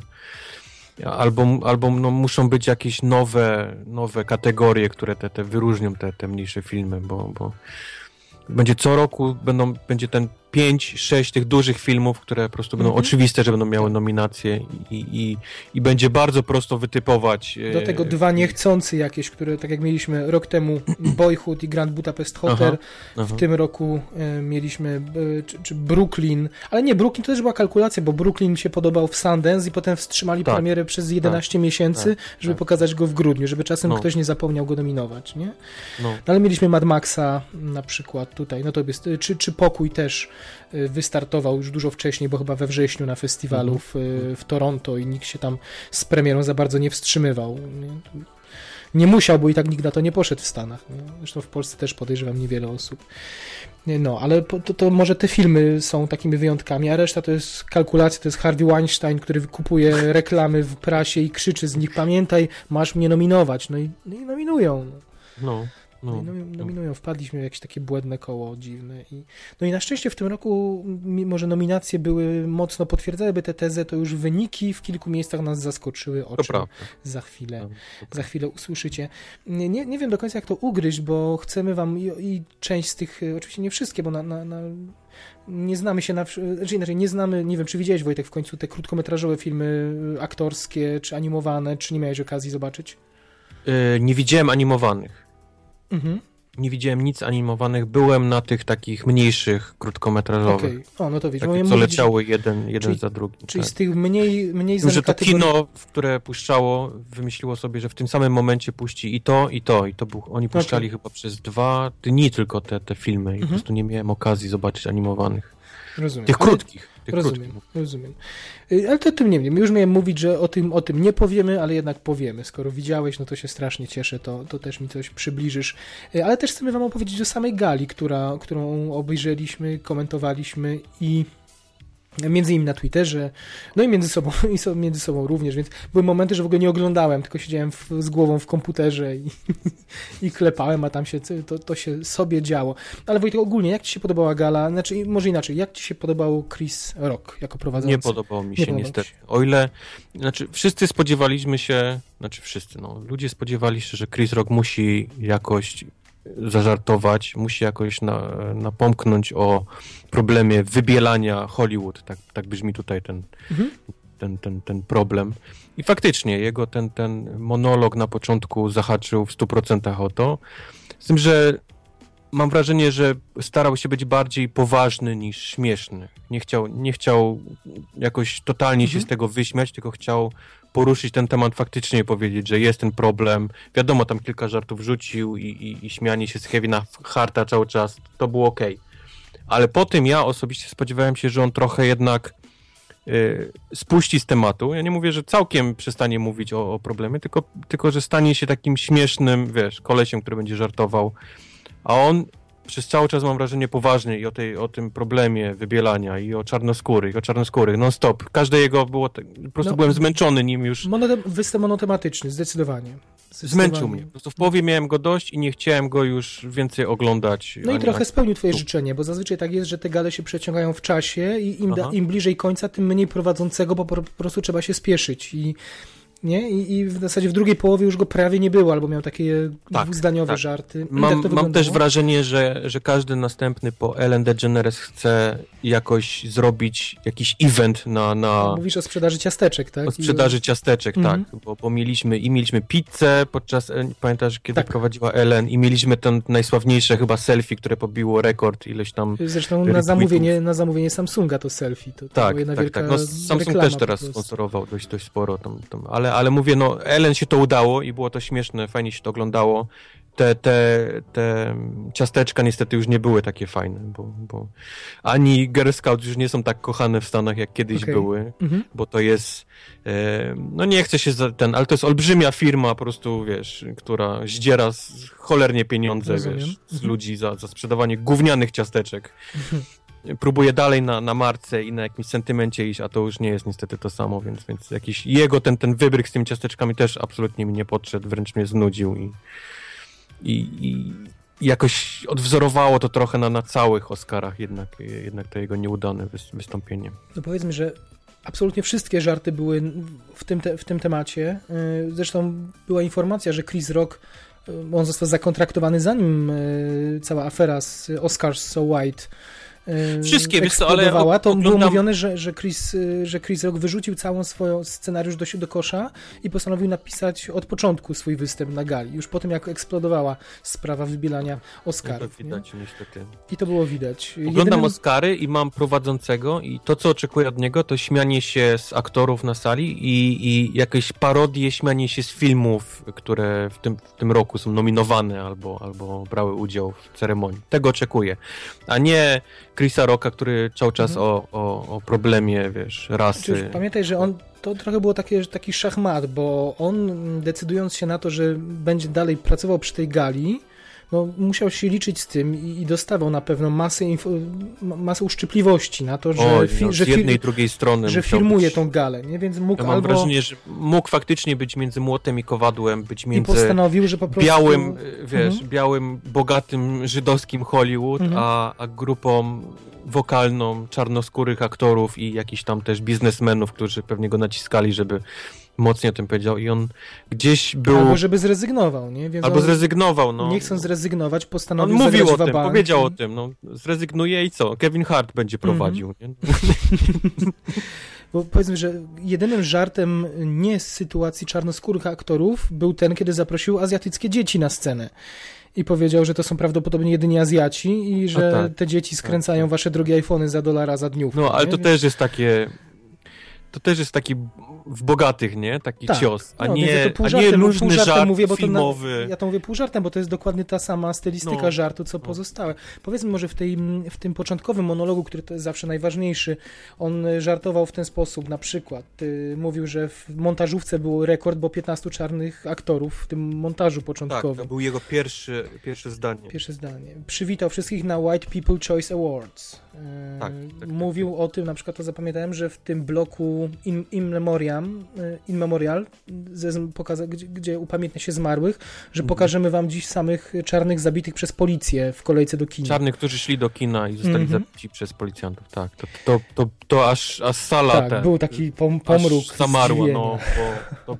to no. mocne mówił o tym, że różni ludzie odradzali mu e, prowadzenie gali, ale on pomyślał sobie, czemu bezrobotni mają mu rozkazywać, czemu, czemu bezrobotni mu sugerują mu podjęcie decyzji.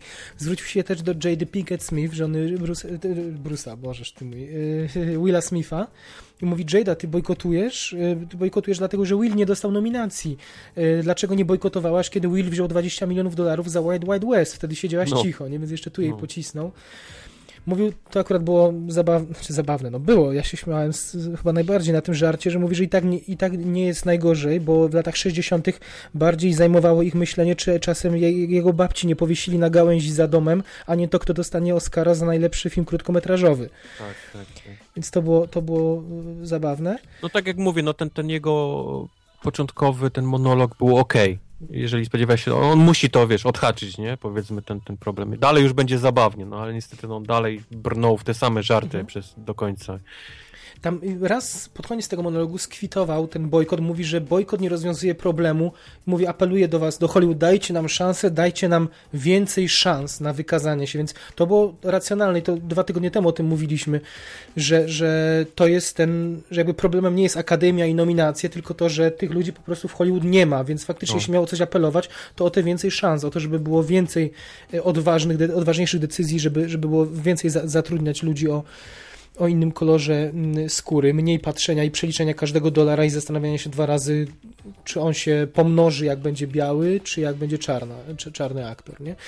No i tylko, że ja mam wrażenie, że w związku z tym to, co przed chwilą, to, i ten apel, i wcześniej ta uwaga do Jady Pinkett Smith o tym bojkocie, że bojkot nic nie daje. I, i miałem wrażenie, że, że on nawet momentami się usprawiedliwiał. Znaczy inaczej, że on, on negował ten bojkot, rozumiesz, że on nawet. No mówię ci, on był między, między dwoma grupami, które jedna, która mu płaciła, a druga, która go namawiała do, wiesz, do, do ostrzejszych pewnie komentarzy na, na ten temat. I on, on gdzieś był po środku, mhm. czyli nigdzie.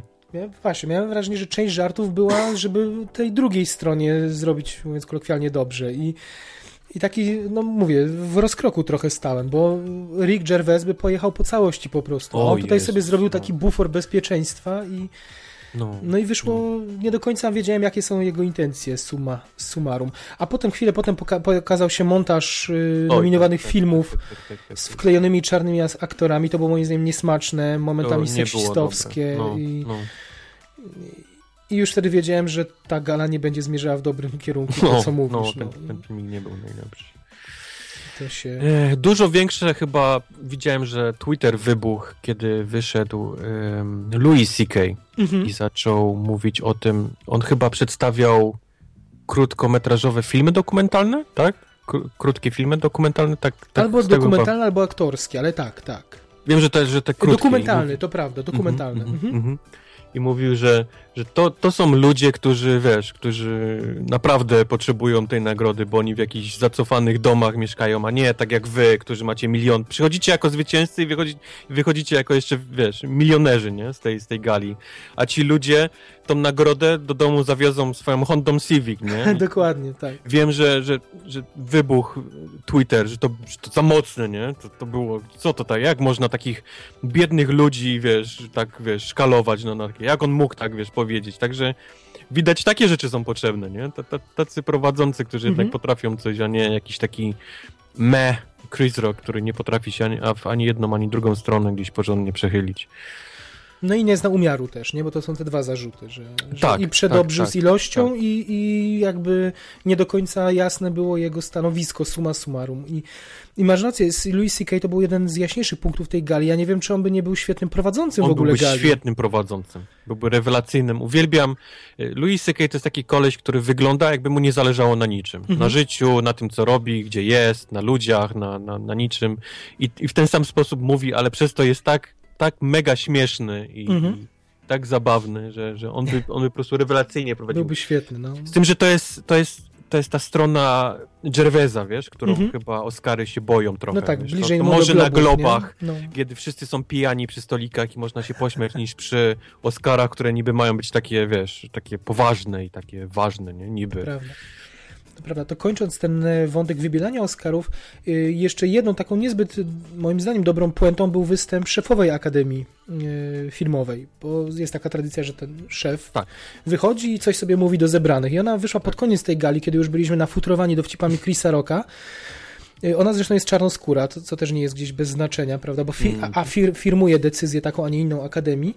No i ona wyszła i nagle zaczęła cytować Martina Luthera Kinga, yy, że razem możemy zmienić przyszłość i tak dalej. No wyglądało to straszne biczowanie no, się to no, było. No. I to mi tak nie... Za... Znaczy, mówię, Akademii nie Ja ma... myślę, że, że Akademia zrobiła już dobry ruch, szybko reagując na, na wybielanie Oscarów i mówiąc, że będą się od tej pory starali, żeby było więcej szans i tak dalej. To, i, i to I by to wystarczyło. Wszystko, I to wszystko, no. bo problem nie leży w Akademii, a, a to wyszło, że ona się naprawdę biczowała, że wzięła tą winę na Akademię. Yy, no, no, ona się chlastała dość, dość konkretnie tam przy tym mikrofonie, to prawda. Fatalnie no. to wyszło. I, i, doklejając do tego te żarty Chrisa Rocka, które, moment, które momentami wyglądały jakby przechodziły przez kolaudację czyjąś, znaczy, że były po prostu akceptowane bądź też nie i że no nie wiem, nie wiem, bo mówię, nie, miałem wrażenie, że momentami też te jego żarty to nie były żartami, nie były jego, jego żarty. No. To, tak jak mówię, miotał się straszliwie i no i nie zdziwiłbym się, że jakby, jakby, jakby cały wydźwięk jego wystąpienia był gdzieś, no może nie perfidnie ustawiany, nie? Ale, ale w którąś stronę, mm, no też może nie inspirowany, ale, ale nie bez porozumienia z panią z Akademii Filmowej. O, może tak. Mhm. Albo może ona delikatnie chciała wiedzieć, w jaką stronę pójdzie cała, cała gala. No nie wiem. Chociaż z drugiej strony jej wystąpienie było dużo bardziej ym, przechylone w jedną konkretną stronę nie? niż Chrisa Rocka, tylko akurat ona nie miała za co przepraszać i, i moim zdaniem ten ruch nie był w ogóle. No jestem ciekaw, potrzebny. kto za rok. Yy za rok będzie prowadził, bo na, bo pewno, na, pewno, nie... na pewno problem wybielania Oscarów wróci, bo to nie jest takie hop że nagle w jeden rok Yy, zwłaszcza filmy, które są praktycznie nakręcone albo kończy się kręcić, nagle się pojawią sami czarnoskóry, yy, aktorzy w nich i, i, będzie tyle nominacji, więc problem wróci i zobaczymy, kto poprowadzi za rok, nie? Oscary. Ale pamiętaj, że mamy zwycięzcę Sundance, który będzie nominowany we wszystkich kategoriach, więc już będzie dużo yy, no, no problem będzie trochę załatwiony, bo te czarne, nazwiska y, czarne się pojawią na pewno. No, no w, wiadomo. W kategoriach nie? wszystkich, dzięki... Teraz będą same, sami czarnoskórzy aktorzy będą za rok i będzie prowadził jakiś, nie wiem, Steve Martin będzie znowu prowadził Oscary. nie, po prostu po prostu będziemy mieć, y, akurat mówiliśmy, że w Sundance był trend czarnego kina, akurat tak się złożyło, że w tym roku tych filmów było więcej. Wygrał film o problemie Y, rasowym, więc mhm. możemy być spokojni, że w końcu będzie doreprezentowana ta kategoria. No i, no i tyle właśnie. Będzie, będzie, będzie tego... Znowu będzie albo Tina Fey wróci, albo coś pewnie wrócą do takiego klasycznego, wiesz, komediowego. A jakby Rick Gervais dostał Oscary teraz? Nie, no nie dostanie, by zbyt Nie dostanie, ale... nie ma. On jest, on jest zbyt hardkorowy. Nie, to on nie pasuje do Oscarów, nie? Oni próbują mieć jakiś taki swój styl. Dobrze, tyle ogólnie o, mm, o gali, chociaż jeszcze myślę, że przy konkretnych nominacjach przyjdzie nam do głowy, przyjdą nam jakieś e, wspomnienia. Przejdźmy do nagród. Mm, a nagrody, może spróbuję zrobić to w taki sposób chronologiczny, jak tak były jak przyznawane, było? tak okay. jak było. Mm, scenariusze, na pewno zaczęło się od scenariuszy, tutaj bez zaskoczeń, prawda? Obie nagrody, Spotlight i The Big Short. Mm -hmm. Oba filmy przy okazji tego odcinka, w którym e, szczęśliwie oba recenzowaliśmy obok siebie, mimo znacznych różnic uznaliśmy, że mają gdzieś konotacje do bycia filmami dokumentalnymi, oba. Prawda? Tak. Mimo, że bardzo różne w narracji, to, to jednak dokumentują jakiś proces i no i chyba za to, za to te nagrody y, głównie. Y, na pewno The Big Short to było większe osiągnięcie w y, tym sensie, jak przedstawić taką historię, żeby to było atrakcyjne dla widza i ona faktycznie atrakcyjna to była. To prawda, Więc, no. Y, więc tutaj, ale pamiętajmy też, możemy się mądrzyć, ale, ale ci ludzie, którzy przyznają nagrody za scenariusz, na pewno widzą tam tysiąc razy więcej no, takich rzeczy, za które dana, dana, dana praca zasługuje. W scenariuszu jest taka masa szczegółów, y, które mają i w obrazie być, i w grze aktorskiej, nie? że tak naprawdę trzeba by ten scenariusz przeczytać, żeby wiedzieć za, za co się go... A oni, no. no. te scenariusze są zresztą, zresztą dostępne w internecie za darmo, mm -hmm, wszystkie mm -hmm. chyba nominowane są, więc można sobie to sprawdzić, yy, więc, więc tak, yy, jak najbardziej zasłużone te te nagrody. Tutaj Marsjanin był nominowany za scenariusz adaptowany i mówiło się, że to była bardzo wierna adaptacja, więc w tym sensie... Tylko się modliłem, żeby nie Marsjanin. No, wiesz, przy, przy adaptowanym scenariuszu to jest na, największa pochwała, że, że ktoś oddał ducha książki, nie? czy zawarł wszystko, co ważne, myślę. Nie? Więc, y, no a nie, no, mówię, mówię to pół żartem, tak? Mówię, nie, nie do końca, ja się nie czuję na siłach, żeby, żeby mm, tutaj się wymądrzać, bo, bo, bo mówię, y, w scenariuszu jest taka ilość informacji, nie wiem, które mhm. są kluczowe dla przyznania?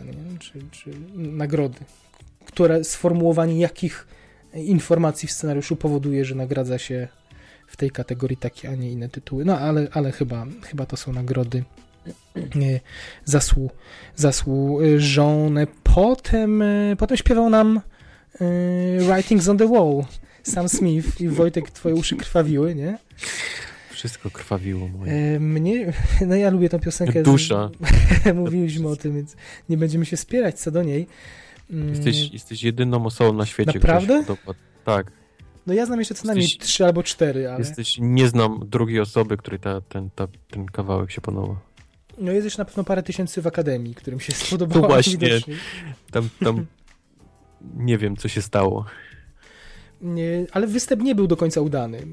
Poza wszystkim on się gibał no, strasznie jak jakaś no. kukiełka i no i sam e, przy, podczas komponowania piosenki powiedział, że to jest najtrudniejsza piosenka, jaką napisał, znaczy chodzi o te góry nieszczęsne, tak, no które trzeba tak wyciągać.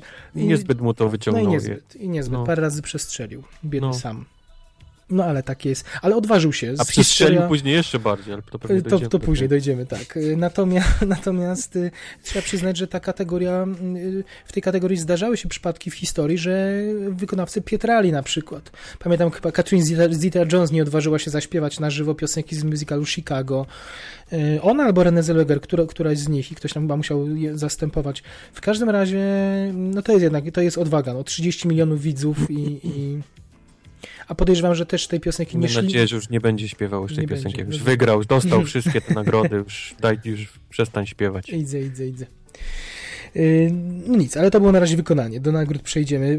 Potem drugi plan. Y, żeński, aktorski drugi plan i triumf Alicia Vikander, który mnie Y, ucieszył bezdyskusyjnie, a chciałem się ciebie zapytać, czy, czy ty trzymałeś również za nią kciuki, czy absolutnie chciałeś, żeby dostała Kate i jesteś nie, zły na to? Trzymałem wszystkie cztery kciuki, trzymałem za, za Kate Winslet. Rozumiem. Czy nie, nie podzieliłeś sympatii na jedną nie, i drugą, tak? Nie, nie. Jak, jak lubię Alicia Vikander, tak, tak trzymałem kciuki za Kate Winslet, bo, bo była, dla mnie bardziej się podobała rola, jak zagrała. Trochę tam jeszcze polskiego było elementu, za które też, też trzymałem kciuki. Poza tym wyobraź sobie zdjęcie Leo, później właśnie Skate trzymający, no oboje tak. trzymający Oscary. Mój mhm. Boże.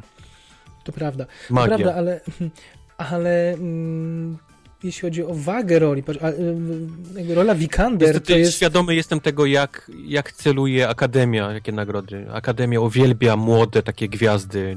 Jennifer Lawrence, który, który wiesz, młodych takich właśnie e, Alicia Vikander, e, Redmayna, którego gdzieś tam wyciągali. Ale pamiętaj, że Winslet to też jest ulubienica Akademii. To, to nie da się tak No tak, ale on to już wiesz, no to już było, minęło dla nich. Oni, oni lubią nowych, coś nowego, coś ale... się dzieje, ludzie mówią. Ale popatrz na wagę tych ról. Winslet to była jednak dziewczyna, która gdzieś siedziała z boku i puentowała momentami wyczyny Fassbendera, a na Alicia Vikander spoczywał cały ciężar tego filmu. Mówiliśmy o tym na poprzednim nagraniu, że tak naprawdę ona paradoksalnie ten film troszkę... Ale ja nie chcę, wiesz, jakoś negować jej ten, mhm. oczywiście, tylko no mówię, za co ja, wiesz, osobiście mhm. No rozumiem, rozumiem. Nie mówię, że, że nie zasłużyła, to nie mhm, jest absolutnie, okay. nie mówię, że, że osobiste że, sympatie, tak? Zasłużyła na ten, mhm. absolutnie zasłużyła jak najbardziej, ale, ale moje gdzieś tam serducho gdzieś no, tam rozumiem. Było, no jasne, no jasne. Przy czym, tak jak mówiliśmy, Vikander zepsuła dziewczynę z portretu The Danish Girl, bo przy przyćmiła tak Redmayna, że to się stał film o niej zamiast no. o, Redmaynie, nie? I to, I to za to ta nagroda. To jest paradoksalnie y, zmora tego filmu, ale dla niej rzecz wybitna, że potrafiła samym swoim aktorstwem wywrócić do, do góry nogami ten, ten film. Więc triumf Alice niezaprzeczalny i potem co? Potem się zaczął triumfalny pochód Mad Maxa. Oj I, tak. I dostał nagrodę za kostiumy, potem za scenografię i co, krzyczeliśmy do siebie, że to już chyba koniec, nie? że to już limit mm -hmm. szczęścia wyczerpany. Potem kolejna nagroda za make-up za ha i charakteryzację i myślimy, ej, co się dzieje? Znaczy... To jest grane, no. którą stronę to zmierza? Czy, czy jest nam przykro, że nie wygrasz nagrody za film i chcemy cię obładować wszystkim innym, czy jesteśmy tak zachwyceni tym mm -hmm. filmem, że po prostu wygrasz absolutnie, Właśnie, jak no pociąg przelecisz przez Oscary. Zaczęliśmy, zaczęliśmy sobie wysyłać takie informacje, że a co by było gdyby, nie? Zaczęliśmy dopuszczać, że może ten, tak, ten Mad Max tak, na tak. tych trzech nagrodach się nie skończy i tak też, tak też było.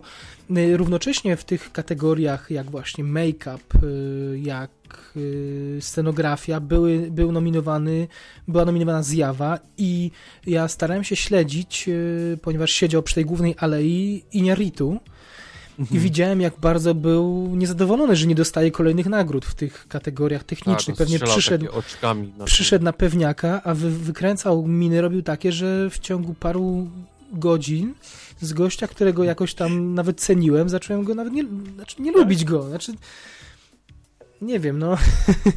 nie lubię, jak ktoś jest takim. Nie, nie. Powinien nie przynajmniej udawać, że się cieszy z czyjegoś sukcesu. A on po prostu jak taki wykalkulowany gość, który przyszedł po swoje i nagle mu zabierają zabawki. I... No może mu powiedzieli, że wygra to wszystko i nagle, wiesz, nagle bum, zmienili. Wiesz, na takiej zasadzie, że napracowałem się tyle miesięcy w błocie, siedziałem i teraz mi nie dajecie za scenografię, za charakteryzację. Ale dostał, później przeszło mu już. Okay. No, potem mu przeszło, a potem w finale dostał kopa w dupę, więc tak nie do końca z tym jego... Tą... No, ale to chyba wiedział. Ja Myślisz? Wszyscy o. wiedzieli, wszyscy wiedzieli. No to poza mną. Tak? No to ja nie, ja nie zakładałem przegranej. To no, no nie no, chwilę wcześniej ba zdobyta BAFTA, Złoty Glob, no. Nie, jakoś czułem naprawdę i to, to, to, to takie przeczucie mhm. ograniczające o, o pewność, że, że wygra Spotlight. To byłem, to byłem, to byłem pewien. To prawda, tak, tak mi napisałeś, to prawda, tak, tak było. Mm. I to nie był koniec. Kostiumy, scenografia, make-up, y, potem doszedł dźwięk, montaż dźwięku, mhm. również absolutna dominacja w tych kategoriach. No i montaż, to jest, to jest dla mnie najważniejsze. Tu byliśmy też dla... przekonani, że, że musi wygrać. Jeżeli znaczy, że powinien, że powinien. Powinien, tak. tak. Z którąkolwiek z tych kategorii, wiesz, y, mógł, mógł przegrać, tak, tak tam powinien na pewno. Wiesz, tak ale, przed, ale, przed, galą zakładałbym, że to, na, że to będzie zjawa, bo zakładałem mi absolutny triumf, albo The Big Short, bo to jest był film y, znakomicie posklejany. Z czegoś niesklejowalnego zrobiono coś, co się dało oglądać z powodzeniem, więc The Big Short był dużym, y, byłby dużym też y, ukłonem. Nie, dla... nie Gwiezdne Wojny? No nie, no nie, jednak nie. Hmm. Tam panie miały trudność, musiały 7 scen wyciąć, bo za długie było. Ostatnio mówiły w wywiadach, że te 7 scen to one będą na Blu-rayu i tak dalej. Bo nie chciały, żeby był za długi. No to tak a propos trudności mm -hmm, z filmem. Mm -hmm. Więc, a Mad Max, żona Millera montowała 400 godzin materiału miała, więc to, że ona mówi w wywiadach, że to była przygoda, to taka przygoda była, że była w budzie zamknięta przez pewnie rok czy ileś yep. czasu i, i biedna się mordowała z 50 ujęć tej samej sceny i sklej tu kobieto coś sensownego z tego. Tym bardziej, że akcja prowadziła narrację, więc w tym filmie w całości nie akcja była fabułą, więc to na jej barkach. Tak naprawdę ta nagroda za montaż to jest nagroda za scenariusz dla Mad Maxa. To tak się nawet tak, bym, może. bym powiedział, że, to, no. że montaż no. był scenariusz. Tak możemy się pocieszyć. Nie? Możemy się tak pocieszyć. Między tymi nagrodami dla Mad Maxa, tymi sześcioma nagrodami, absolutnym triumfem e, filmu Millera była nagroda za zdjęcia, którą przyznawał Michael B. Jordan między innymi i, i właśnie tak go Chris Rock przywitał. Nie? Powitajmy Michaela B. Jordana, który powinien być nominowany, a nie jest. To był mm. jego, jego zapowiedź. No i co? I zdjęcia niestety, znaczy niestety, niestety, Emanuel Lubecki ustrzelił... To, było, to był chyba też yy, pewniak. pewniak. To był pewniak, no, ustrzelił no. hat-tricka, trzy Oscary z rzędu trzymali za niego kciuki, czy za kogoś innego? Pum, pum, e, pum, nie trzymałem kciuków, byłem, byłem absolutnie przekonany, że on wygra. Ale serduszko, tak jak ci za Kate było serduszko, to nie było za jakimś serduszko tym razem? Wiesz co, chyba nie, bo, bo śledziłem go przez, przez cały czas na Instagramie, tą, tą jak, jak kręcili mhm. zjawę i gdzieś byłem z nim chyba, wiesz, w teamie, więc... No jasne. No absolutnie. Poza tym, poza tym jest zasłużony. To nie, nie możemy się, wiesz, oburzać, ale, ale zasłużył. Znaczy, będzie duża grupa osób, która będzie mówić, że to śmierdziało Terensem Malikiem i że to jest B, ale my jako Team Malik mówimy, że to nie jest B, tylko jest super, nie? No. Y, no nie, ja muszę przyznać, że trzymałem kciuki za Dekinsa, za Sicario. Jednak. O tak? Jednak. Jas, jasne, nie. To, nie, to nie jest tak... nie, nie, ta kategoria. Nie no. były aż tak spektakularne, ale ale biednym, tak jak mówię, 13 nominacji, żadnego Oscara. Y, a do Sicario wracałem już kilka razy w tym roku i ten film mnie nieodmiennie zachwyca, z każdym seansem go lubię coraz bardziej. No i to właśnie to serduszko, tak? Że ponad y, faktyczne osiągnięcie, bo, bo co by nie mówić, zjawa jest szczytowym osiągnięciem operatorskim, ale jednak serduszko za Sicario. Przykro mi, że u ciebie nie, tak nie było, no ale to... No, tak by. Trudno. Trudno, nagroda za efekty specjalne. Tutaj niespodzianka, z którą ty się nie zgadzałeś, ja nie zgadzałem się bardzo, ale zanim to, powiedzmy, nagrodę wręczał Andy Serkis, i mhm. to było wspaniałe, znaczy wspaniałe. Ja, wspaniałe ja było to, że musieli puścić filmik, kim jest Andy Serkis, a przynajmniej tak to od, odczytujesz? Co odgrywał. No ja odczytuję tak. to jako oddanie mu hołdu, że to skoro był, nie, nie... to był filmik, który, który idiotom, Amerykanom pokazuje ten kość, który grał te rzeczy, które lubicie, to jest ten, to jest ten koleś. Nie, nie, musieli tego robić, dla mnie to był hołd jednak. My się znamy, ale nikt nie ma zielonego pojęcia, wiesz, kim jest Andy Serkis. Ale masa osób nie ma pojęcia o części z ludzi, którzy przyznają te nagrody, którzy wychodzą na scenę, bo są jedni z Ale Andy Serkis to jest taki wyjątkowy przypadek, mhm. kiedy gość jest tak utalentowany, ma, ma tak, wiesz, taki talent i grał mhm. takie role ważne i, i tak dobrze to zrobił, a nikt nie ma pojęcia, kim jest. Pokażesz, mm. wyjdziesz na ulicę w Stanach, mm. pokażesz jego zdjęcie, nikt nie będzie miał absolutnie zielonego pojęcia, kim jest ten koleś. No dobrze, no to niezależnie, nawet jeśli byłoby tak, jak mówisz, że to było po to, żeby tych niewyedukowanych nauczyć, kim jest Andy Serkis, to suma summarum i tak oddano mu hołd tym filmikiem, bo żaden inny wychodzący na scenę nie miał puszczonego filmu o jego robocie, o tym, co wykonuje. No jasne, no Więc... no wiem, tylko jak, jak siedzisz w temacie i widzisz taką rzecz, to myślisz, ja pierdzielę, jeszcze muszą pokazywać idiotom. No to też. nie, no a ja się ucieszyłem, że w końcu, że ten gość jeszcze przez dekady nie będzie kategorii dla najlepszych ról performance capture, to chociaż dostał 20 sekund pokazanej roboty jego przy kilku filmach. Jasne, nie, to, to się zgadza, tylko mówię, sam ten, ten filmik pokazał, dla mnie przynajmniej mhm. był taki, myślę żeby jeszcze musieć pokazywać, wiesz, ludziom... No dobra, no to mnie, mnie nie ubodło, ja się ucieszyłem i... Yy, i Andy przyznał nagrodę w tym, w czym się specjalizuje, czyli w efektach, w efektach wizualnych. I co, stawiałeś na Gwiezdne Wojny pewnie? wiesz to każdy z tych filmów, na pewno nie stawiałem na Mad Maxa, bo, mhm. bo o ile tam wiadomo było CGI i, i zacierali ślady opon na, na piasku, to nie było wystarczające. Był Marsjanin, który był jest, to jest green screen, jeden wielki green screen mhm. z Marsjanin, więc, więc na pewno dużo więcej efektów specjalnych niż w Ex Machinie. E, trochę po cichu może w Gwiezdnych Wojnach, ale to tak, wiesz, serce, nie? Bardziej mhm. niż, niż rozum. Nie wiem, dla mnie na pewno nie Ex Machina. Jak miał strzelać, to chyba w Marsjanina, jeżeli chodzi o efekty specjalne. No widzisz, tu też no nie mamy aż takiej wiedzy, żeby wyrokować, dlaczego tak się stało, te nagrody specjalistyczne przyznają akademicy, którzy się na tym znają. Znaczy przyznają... Jasne, wyglądało efekciarsko, nie? To takie ludzie, którzy sobie tam części od siebie, wiesz, skórę ściągają i tak dalej, mhm. ale, ale to, to, to, to już nie jest, wiesz, 2000 rok, czy tam 99, no żebyśmy no tak, no wiesz, do tego, do tego zmierzam, że no, Oscary za efekty przyznają specjaliści od efektów i no i coś musiało być w tych efektach, że oni uznali je za y, przełomowe, bo rozumiem, że to się nagradza w tej kategorii, że, że nie to ilość pracy włożonej, tylko to albo to, to trudność, skomplikowanie, bo y, wykluczuj Alicia Vikander, która jest przez większość filmu na ekranie i gra sobie w tych tam, nie wiem, zielonych ciuszkach czy w jakichś, mhm. a potem musisz na praktycznie 100% filmu nałożyć jej obce ciało, obłożyć innymi teksturami, y, to ciało musiało się zachować inaczej, bo jednak było sztuczną inteligencją i te gesty, ruchy były troszeczkę inne. E, do tego to zdejmowanie skóry, o którym mówisz, to było bardzo kreatywne. No i najważniejsza rzecz, że jednak ten film opierał się na tych efektach. Znaczy, gdyby ten nie, ten, nie ten efekt, to ten film by nie powstał. No tak, ale nie masz Marcelina, gdzie sposób. masz Mata Damona w, e, w kostiumie, też częściowo jest y, zielonym kostiumikiem. Do tego masz namiot z Polski, a reszta to jest, to jest zielone tło. Przez cały film. Ale to jest zielone tło, na którym nakleili y, zdjęcia nakręcone w Jordanii, tej pustyni, no i doklej, dorobili jakieś y, skałki. Ale znaczy... przez cały film masz, wiesz, ile, ile tam musiało efektów, nie? Pójść też na to, żeby to wszystko poskalejać. Mówię, nie no mam, nie, poję... nie, nie ja się też czy... może, może, wiesz, herezję mówię, bo może faktycznie, wiesz, Nie mam pojęcia, czy jest, y, czy jakby mm, kryterium jest ta ilość, nie? Ta żmudność. No okay. Na pewno waga efektów dla końcowego obrazu w Ex Machina jest dla mnie największa spośród wszystkich filmów, które tu są, no bo umówmy się, DiCaprio w, w zjawie, efekty no to były sceny no, spadania, niedźwiedź. Spada, niedźwiedź, spadanie na koniu na drzewo, mhm. Nie wiem, bizony, bizony w miejscu, gdzie tych bizonów nie było. To był detal, to były ozdoby, tak, ozdobniki, tak, bez których ten film by się... Tak samo Mad Max, tak jak mówiłem, no też, też mimo, mimo fajnie wyglądających tam nie było zbyt dużo efektów mhm. specjalnych.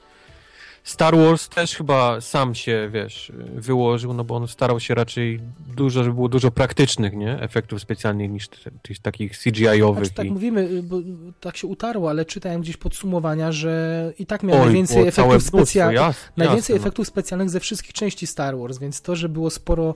Yy, a z kolei epizod pierwszy, czyli Mroczne Widmo, miało najwięcej praktycznych efektów w całej serii. Mm. Wyobraź sobie. Tylko one były w innym celu użyte, w inny sposób i, i, no, i już może, inny odbiór może był, nie? Faktycznie metodą eliminacji zostaje nam może faktycznie jak z machina. Ale Wojtek, co by nie mówić, cieszymy się, że, tak, że to kolejny niestandardowy wybór. Malutki brytyjski film jasne, wygrywa jasne. I nie, z tymi też nie mam tuzami, przeciwko, nie? nie jestem, wiesz, nie, nie hejtuję jak z machiny, bo uwielbiam ten film, żeby nie mhm. było. No. Ale chyba bym, ja przynajmniej z mojej niewiedzy o efektach specjalnych chyba bym dał Marsjaninowi, bo, bo, mhm. bo chyba ilość, nie wiem, może ilość, a nie jakość, a może mhm. jakość właśnie powinno się wybierać. No nie wiem, no nie jestem specjalistą od efektów specjalnych. No, to obaj... razie był taki filmik, y, który pokazuje ilość, jak, jak robili Marsjanina, mhm. ile tam było nakładania tych, tych warstw i tych kamieni, tego wszystkiego, mój Boże, to też ktoś się tam narobił przy tym. to zatrudniasz odpowiednią ilość osób i, i mucisz, a taka ex machina robiona przez malutkie studio za parę złotych, pewnie pięć osób na krzyż siedział nad tymi efektami, no to też jest y, kwestia skali. No ale polskie Fox... namioty. A to nie są efekty specjalne, akurat namioty ale... to jest scenografia. Też była nominacja za namioty do scenografii. A tak? To było inne? Tak, to, to nie liczy się w... Nie, nie, bo to jest scenografia, to są autentyczne namioty, okay. które wywieźli no tak, do Jordanii, postawili i potem wysadzili w powietrze. No, więc to nie był efekt komputer, komputer, komputerowy. No, więc wiesz, no, Fox, Foxa było stać, potrzeba dużo, du, dużo warstw, to zatrudnijcie jeszcze 100 grafików i niech robią tego Marsjanina tam, niech tłuką, nie? No, a tu pewnie trzech Brytyjczyków robiło tą Alicję przez rok, rzeźbiło. No, ale nie, no, mówimy pół żartem oczywiście, bo tak jak słyszycie, to są kategorie, y, w których specjaliści na pewno wiedzą lepiej od nas, komu się należy za dany rok przypomnijmy też, że Transformers było rokrocznie nominowane. Ilekroć była premiera, to, to była nominacja. Także Transformers, Transformers też jest jakimś szczytowym osiągnięciem w swoich latach, kiedy miały premierę efektów Co tam jeszcze ostatnio było z ten... Grawitacja, pamiętam, chyba wygrała za efekty specjalne. Jest taka hmm. możliwość, ale nie, nie, nie pamiętam. Pewności nie, nie będę miał. Y, ale mam takie, takie przeświadczenie, że jednak częściej wygrywają efekty te. Czy inaczej, że jeszcze dekadę temu wygrywały efekty po, po, prostu efekciarskie, tak, bo no. było ich dużo. Mam wrażenie, no. że teraz się troszkę to zmieniło i rzadziej blockbustery dostają, co jeszcze było trendem dekady dekadę temu. Potem Chris Rock sprzedawał ciasteczka po tej kategorii. Jeszcze chwilę wcześniej BB-8 wyjechał na scenę, nie wiadomo po co. Z, nie wiem po co z pozostałymi droidami. Nie? A, mamy Gwiezdne Wojny, nic nie wygra i nie ten, ale chociaż przynajmniej sobie tak. poglądajcie ten. Więc pokręcili się po scenie i uciekli.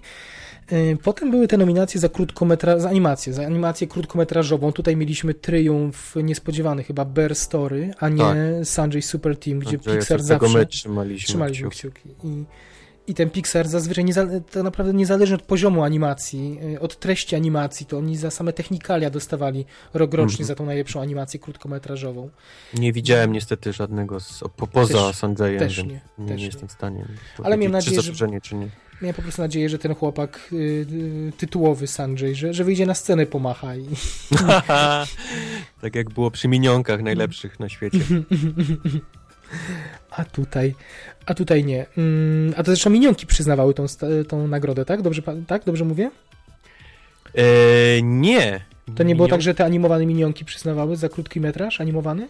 Nie, minionki przecież dawały chyba za, za film animowany, nie? Nie, to z Toy Story, bo dwudziestolecie Toy Story. A, Toy Story dawało, so, sobie przyznali ten. A tak, to możliwe, możliwe, że, że minionki dawały wtedy. A to było całkiem sympatyczne, dawno nie widziałem czegoś takiego na Oscarach. Nie? To były jeszcze, za czasów Shreka były takie historie, że tam osioł chyba wychodził na Oscarach i przyznawał. Nie wiem, czy tam był, całkiem po lewej stronie był minionek, który trzymał szczura takiego tak. pod ręką. Ten szczur był tak wkurzony, miał taką minę.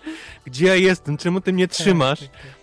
Ale później jak go puścił, to ten, ten szczur też klaskał, jak, jak wygrał ten. Świetny był ten szczurek. A powiedz, w tej kategorii właśnie za krótki, krótkometrażowy film, ty aktorski rozumiem, widziałeś, czy dokumentalny? Te live action. Live short action, short. Live mhm. action. No, mhm. I co to, co zasłużone zwycięstwo? Kto tam był nominowany? Kto tam... Ave Maria, y, Day One, później ten niemiecki chyba, ale z Wirt Gut. Mhm. Ten stater i coś jeszcze, czego nie pamiętam. Przyznam się, że byłem na tych wszystkich filmach. One leciały jeden za drugim, był taki event. I wszystkie były nudne, niestety. Okay. Nie, nie znalazłem nic, ani jednego, który by mi się jakoś specjalnie wyróżnił. Um, ten stater chyba faktycznie był, był taki najmniej nudny o z tych wszystkich. Były lata poprzednie, miały dużo lepsze te, te krótkie filmy. Mhm w tym roku było, było średnio i, i żałuję, że nie poszedłem, później żałowałem, że nie poszedłem na animację. No, mm -hmm. no. no tak. Byłem zły, byłem zły. Okej, okay. mm, następnie mieliśmy nagrodę. Następnie mm, e, Chris Rock pojechał do kina w Campton. To też. Tak, tak, to był, to był. On robił już ten, ten sketch w 2005 roku. Dokładnie mm -hmm. to samo. Też podszedł chyba w kinie w Campton i pytał ludzi o jakieś tam czarnoskóre filmy. Najpierw Dokładnie pytał, to samo. Pytał o nominację do Oscarów, a oni go pytali skąd ty wziąłeś te tytuły. Nie? I to tak niepoważnie pytali, czy tak. ty wymyślasz te tytuły teraz dla jaj, czy takie filmy są naprawdę. I na finał zapytał, czy widzieli Straight Outta Compton i wszyscy tak, świetny film, świetny no, film. No, no bo to, na tym, to do tego zmierzał, mm -hmm. nie? Ten żart. Mm -hmm że, że czarni mają w dupie, wiesz, białe kino, ale za to jak zrobisz im film o, wiesz, o, o, o, o czarnych, no to oni wszyscy tam biegną. No. A, no, potem, też... a potem się dziwią, że jest właśnie taka, takie sprofilowanie, nie? Według no. adresatów, według koloru skóry nie? filmów, skoro taki sketch tylko to, to potwierdza. E, nagroda potem za drugi plan, ale tym razem męski, e, Mark Rylance i chyba ja hmm. płakałem bardziej niż ty. Ty mnie chyba później chyba okrzyczałeś mi strasznie. Bardzo cię okrzyczałem, to prawda. Że się cieszę, że wygrał, bo mi się podobało. Napisałeś mi, że nie możesz uwierzyć, że tak pisze. I mi się mi, złamałeś mi ten. Znaczy, zrobiło mi się głupio, bo, bo, bo faktycznie chyba powinienem też trzymać za za, Sylwestra? za Sylwestra Stallone, no. I teraz już tam nie wiem. Nie wiem, czy mam się cieszyć, czy, czy mam się smucić. Ale chyba, chyba faktycznie, jak, jak, jak, jak przemyślę, to, to Sly powinien wygrać to. To taki to trochę całokształt y, kariery, trochę Zarokiego, którego dał nam wszystkim, którego wszyscy, wszyscy kochamy, uwielbiamy te filmy i, i, i, a z drugiej strony Mark jest tak zajebiście zagrał w tym. W tym. No jasne, też moglibyśmy mówić, że to mamy, nie, mamy że... gościa, który, który ma pięć scen, wszystkie w więzieniu przy stole, ale kradnie cały film. Mm -hmm. Cały film. Tom Hanks po prostu w cieniu, wiesz, gościa, który ma pięć scen, więc... Też możemy, też my możemy mówić, że on gdyby nie dostał, inaczej, że ta nagroda też coś dla niego znaczy, też jest wyróżnieniem aktora już y, nie najmłodszego, tak, tak. nie? I talentu, który prawie by przeszedł niezauważony. Znaczy nawet występ w tym filmie, bo... Z drugiej wcale... strony też wyobrażam sobie Stalona, który wygrywa za to i wszyscy, wiesz, piszą właśnie to samo, co mówiłem, nie? że całokształt, że Rocky, że zasłużenie, że dobrze, zagrał przede wszystkim świetnie w tym filmie, nie? To też mhm. warto powiedzieć, to też nie jest takie gdzieś tam ni z gruchy, ni pietruchy. Nie, piękna, Ale później szczer, wyobrażam... prosta, szczera, wzruszająca rola, nie? Tylko mamy w, w kontrze mamy naprawdę wysmakowaną, zniuansowaną rolę opartą na geście, na spojrzeniu, tak. na mlaskaniu, na goleniu się, na zakładaniu protezy Marka Rylensa. Tym, że później widzę e, Krida 2, już nie kręconego przez Kuglera, tylko przez kogoś innego, bo, bo nie mógł albo nie chciał. I też gdzieś tam Stallone się przy tym kręci, bo to też jest jego gdzieś tam produkcja. I już nie jest tak dobry, nie? Jak, jak, jak, jak pierwszy Creed. Albo inaczej, albo się zagrywa na śmierć, żeby być jeszcze się... lepszym, bo w końcu tak, Oscara. Tak, tak, no, no. I, i gdzieś ten, och, och, to ten gość tego Oscara wygrał i teraz taką manianę tu odstawia. Masz rację, masz rację. I tak przeszedł taką długą drogę, że ta, ta nominacja jest wspaniałym osiągnięciem no, i no. wypada się wypada się cieszyć. Gdyby wygrał każdy inny aktor, a nie Mark Rylance, to bym był ekstremalnie zły, a tak było mi tylko troszkę. to prawda. Troszkę mi było żal po prostu, nie? Ale, ale wybitna rola, znakomita, to prawda. Potem były te y, krótkometrażowy film dokumentalny, nagrody, y, ten żart z Hondą Civic, który wspominałeś. Tak. Tam przy tej okazji, y, po, nie wiem, chyba w tej kategorii wygrał film o prawach dotyczących honorowych zabójstw w Pakistanie. Mhm. I tam jedna z pań, która odbiera Oscara, powiedziała, że prezydent Pakistanu, Pakistanu właśnie w tych dniach zadeklarował, że zmieni prawo w kraju dotyczące honorowych zabójstw i mówi, że to jest właśnie moc kina, że to ten film pobudził ogólnonarodową dyskusję. E, więc to, no to taki... też było, i stąd też ten hejt na, na Louisa C.K., nie? Bo tak ważny, wiesz, film i, i tak ważne przemówienie, a gość na początku wyszedł i powiedział, że to są, wiesz, to ludzie, którzy mają brudne mieszkanie. To prawda, zestawił ich tak, dość nie? nieszczęśliwie, to prawda, no. ale nie, myślę, no. że oni rozumieją, jakby intencja, intencja była szczytna w tym, w tym żarcie jakby, nie? To mm. nie, nie robił pośmiewiska z nich, tylko powiedział, jak jest naprawdę, no, a że użył mocnych, mocnego porównania. Nie, myślę, że to są inteligentni ludzie, nie obrazili się za to, ale faktycznie Twitter mógł wybuchnąć. Twitter mógł, wybuchnął, no. Mógł płonąć, tak. Potem co, dokument y, Amy i tutaj ty jesteś y, zły, ja się no, cieszę. No ja jestem zły, bo właśnie nie mieliśmy okazji o tym porozmawiać. Nie wiem, czy porozmawiamy o tym przy okazji podsumowania roku, bo nie wiem, czy Amy na to zasługuje jako film, żeby się znaleźć na podsumowanie roku. Nie, nie wiem, ale może gdzieś umieścisz go, więc może jeszcze do niego wrócimy. Ale to może ja jednym zdaniem powiem, bo chyba nigdy ci mówiłem, dlaczego ten film mnie tak denerwuje, bo, mhm. bo posklejanie fragmentów yy, nagrań archiwalnych, z których ten film się w całości składa, nie wystarczy dla mnie do zrobienia filmu. I okay. kina, który jest sztuką. Znaczy to jest... Po, yy, czy inaczej, można posklejać to tak, żeby to była sztuka, dodać jakiś komentarz albo zrobić to podług jakiejś konkretnej, nie wiem, tezy, yy, która by wyznaczyła kierunek, w jakim to idzie. A to tak naprawdę była godzina zagubionej dziewczyny i godzina ćpunki z jedną tezą taką, żeby pogrążyć ojca, nie? być może no, słuszną. No, tak... źle to od, trochę mam wrażenie odbierasz. Mam tak wrażenie, to... że y, Amy Winehouse ludzie znają, poza muzyką oczywiście świetną, znają z żartów, przynajmniej tutaj w Stanach. Był, był straszny żarty z niej. Jeżeli tylko był jakiś, jakiś żart o kokainie to i prawda, był, na jest nawalonym. W filmie, jest w filmie to pokazane to i jest, pokazane... To jest Amy Winehouse. Gdzie jest Amy Winehouse? Pewnie mhm. jest, wiesz, pewnie tak przyćpała, że wiesz, nie może wyjść mhm. z kina, nie? Albo z ten. Wieczne żarty z tego, że jest e, narąbana, że jest naćpana, że jest pijana. Kolejne zdjęcie, jak wygląda jak śmierć. Śmiechy, chichy, TMZ, po mhm. prostu, wiesz, polewka. A okazuje się, że to jest tragiczna historia dziewczyny, utalentowanej, inteligentnej, świetnej dziewczyny, potrafiącej świetnie śpiewać, która po prostu przez decyzję w życiu, przez rodzinę, przez ojca zjeżdża na, na, na takich, wiesz, dragach, po prostu na samo dno i, i, i ginie. Wszystko się zgadzam, ale i to, co mówisz też jest, faktycznie jest to piętno. I nikt by nie wiedział o tym, znaczy nikt by nie wiedział o tym, wiadomo, że ktoś tam się hmm. interesował tym, ale, ale jednak y, ja przynajmniej też miałem takie, wiesz, śmiechy, chichy z Amy Winehouse, a potem mi było głupio. To prawda, bo... Wojtek, ale to jest jedna, jeden moment w tym filmie. To jest ten moment, kiedy pokazują sketch właśnie, jak nie wiem, czy Kimmel, czy któryś, czy Jay Leno sobie z niej dworuje. No dlaczego jest... jeden? To jest cały, to jest pokazać, nie, wiesz, nie, nie, jak zaczyna się. śpiewać, jest, jak, jest jak ten... zaczyna się jej kariera, jak, jak nie wiesz, ktoś się. musiał, ktoś, ktoś wziął te filmy i posklejał, nawet jeżeli to było ściągnięte z YouTube, większość, wiesz, jakiś tam kamer VHS, to ktoś to zrobił, nie?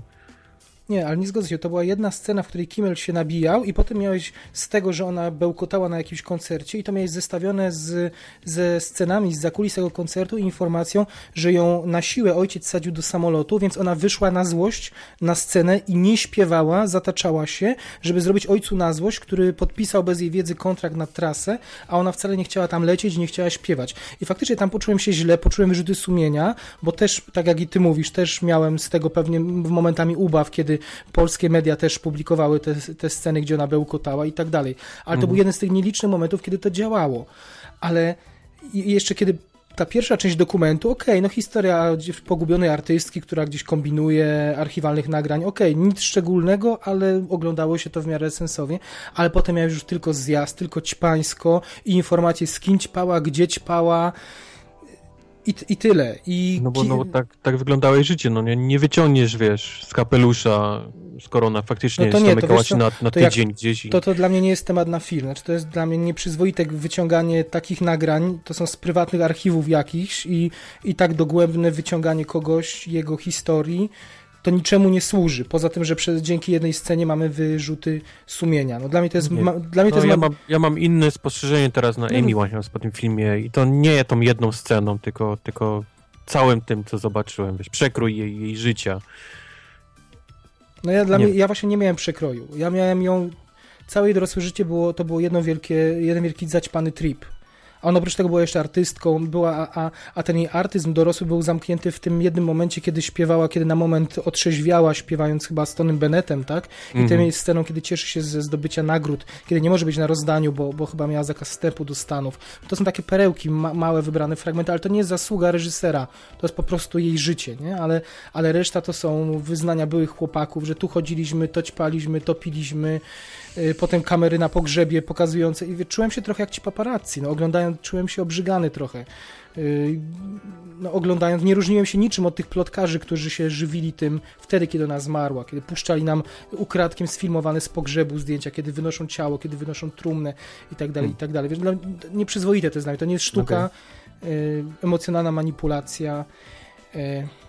Ale, ale jakby dopuszczam, że to się może też podobać i, i można mieć zupełnie inne zdanie, bo, bo przecież film jest nagradzany. No nie, tym bardziej, że Senna, film zbudowany w podobny sposób, a, a mhm. cenię go sobie dużo, dużo, dużo bardziej też trzeba, trzeba popatrzeć na konkurencję, która nie była też niestety, no y, The Look of Silence, okej, okay, to, był, to był mhm. świetny, ale ile takich można dokumentów, nie, to co prawda, roku. No. Ten, ten, ten Winter of Fire, to, to jest dokładnie to samo, nie, bicie ludzi na ulicy pałkami Ale y, Ukraina, na Ukrainie. ważny temat. Nie? No, też byłby jakiś sygnał dla, dla świata, nagrodzenie. Cartelland, świetny dokument, naprawdę rewelacyjny, mhm. polecam, polecam wszystkim, ale to jest takie HBO, nie, takie mhm. właściwie przepis HBO na, na, ma już na, na dobry dokument i, i to jest od, od A do Z wypełniony ten, ten Cartelland. E, nie widziałem What Happened Miss Simone, ale, ale strzelam, że jest podobny, w podobnym guście trochę do Amy, nie? Czyli taką jakiś przekrój życia e, Niny Simon i dlaczego zniknęła i co się z nim działo i tak dalej, i tak dalej. I Amy jest pewnie dużo lepsze od tego, bo, bo jest pewnie jakieś takie bardziej szokujące niż, niż, niż mhm. ten, ten, dokument. I pewnie przez to jakoś też wygrało drogą eliminacji, ale mi się podobał. No, no nie, trochę nie, nie wiem, dlaczego aż tak ci się nie podobał z kolei Amy. Tego, tego nie rozumiem.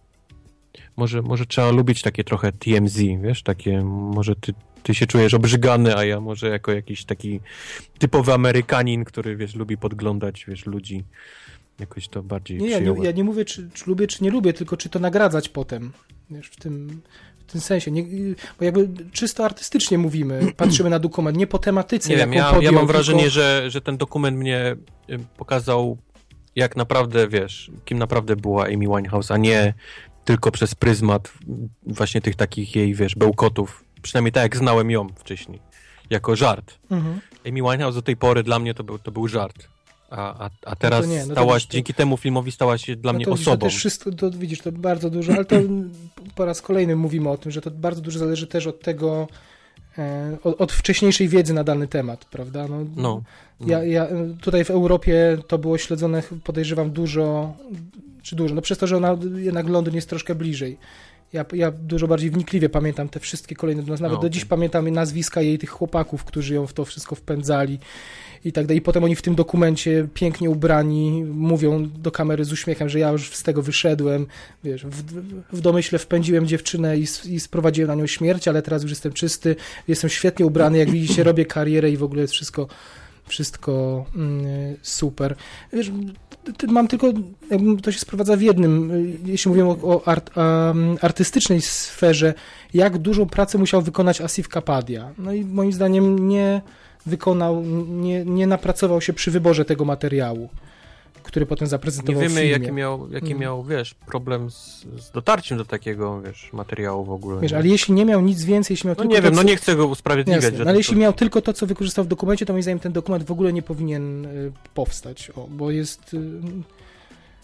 No, obraża nawet gdzieś tą, tą O nie, nie, zdecydowanie nie. Ja myślę, że mam większy szacunek do niej niż miałem wcześniej dzięki mhm. temu dokumentowi. Gdyby nie powstał, to, to Amy Winehouse dla mnie dalej byłaby by tylko żartem, więc jeżeli, mam wrażenie, że no jeżeli no jest chociaż jedna taka co... osoba jak ja, to już warto było zrobić ten, ten dokument. No nie, ale dla mnie sprowadził ją do, do ćpunki, a podejrzewam, że była kimś On dużo, dużo więcej. sprowadził do ćpunki? Druga godzina sprowadziła jej całe dorosłe życie do, do narkoty... Ale ja tylko tyle wiedziałem niekończącego narkotycznego tripu. To była, to była jedyna Przerwanego, przerwanego jednym momentem trzeźwości, kiedy nagrywała płytę z Tonym Bennettem. No i... Nie znałem absolutnie jej żadnej historii. Uwielbiam płytę, słuchałem, a całą resztę, o którym znam, to był, to był właśnie, że jest, że jest ćpunką. Tyle, nic więcej, absolutnie. Żadnej historii, znajomych, rodziny, nie wiedziałem nic, oprócz tego, co widziałem, wiesz, z żartów i TMZ, gdzieś tam kolesia, który biegł za kamerą, ona się zataczała. Amen. Amen.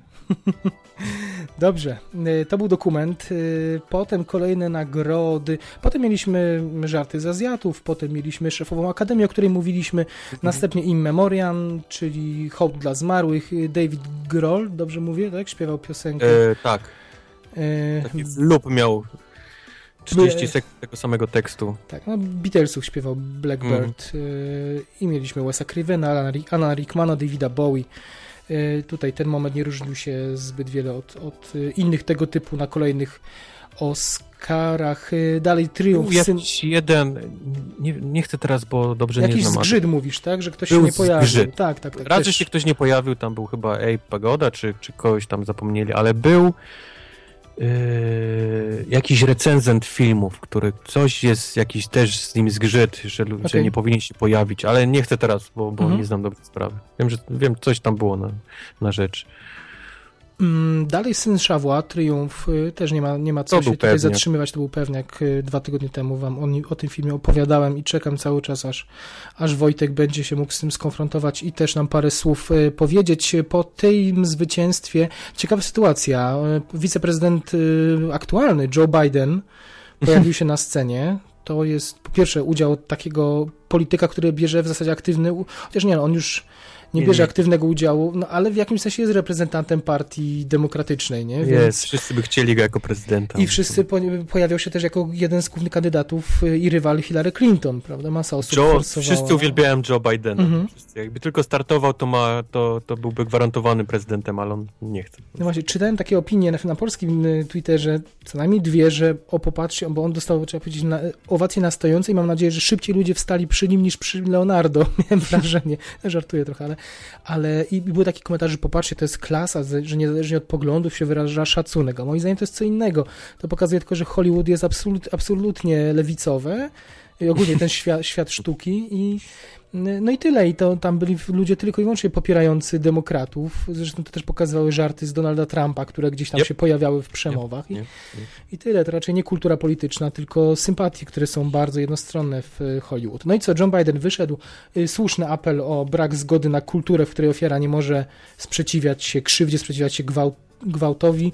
E, zareklamował jakąś fundację. Rozumiem, że to też jakaś rządowa albo wspierana przez rząd, która właśnie walczy z, z, z, gwałtami, a wszystko to związane z występem Lady Gagi i piosenką z filmu The Hunting Ground, dokumentu, który o dziwo nie znalazł się na liście tych, tych pięciu filmów nominowanych, był w dziesiątce, w piątce się nie znalazł.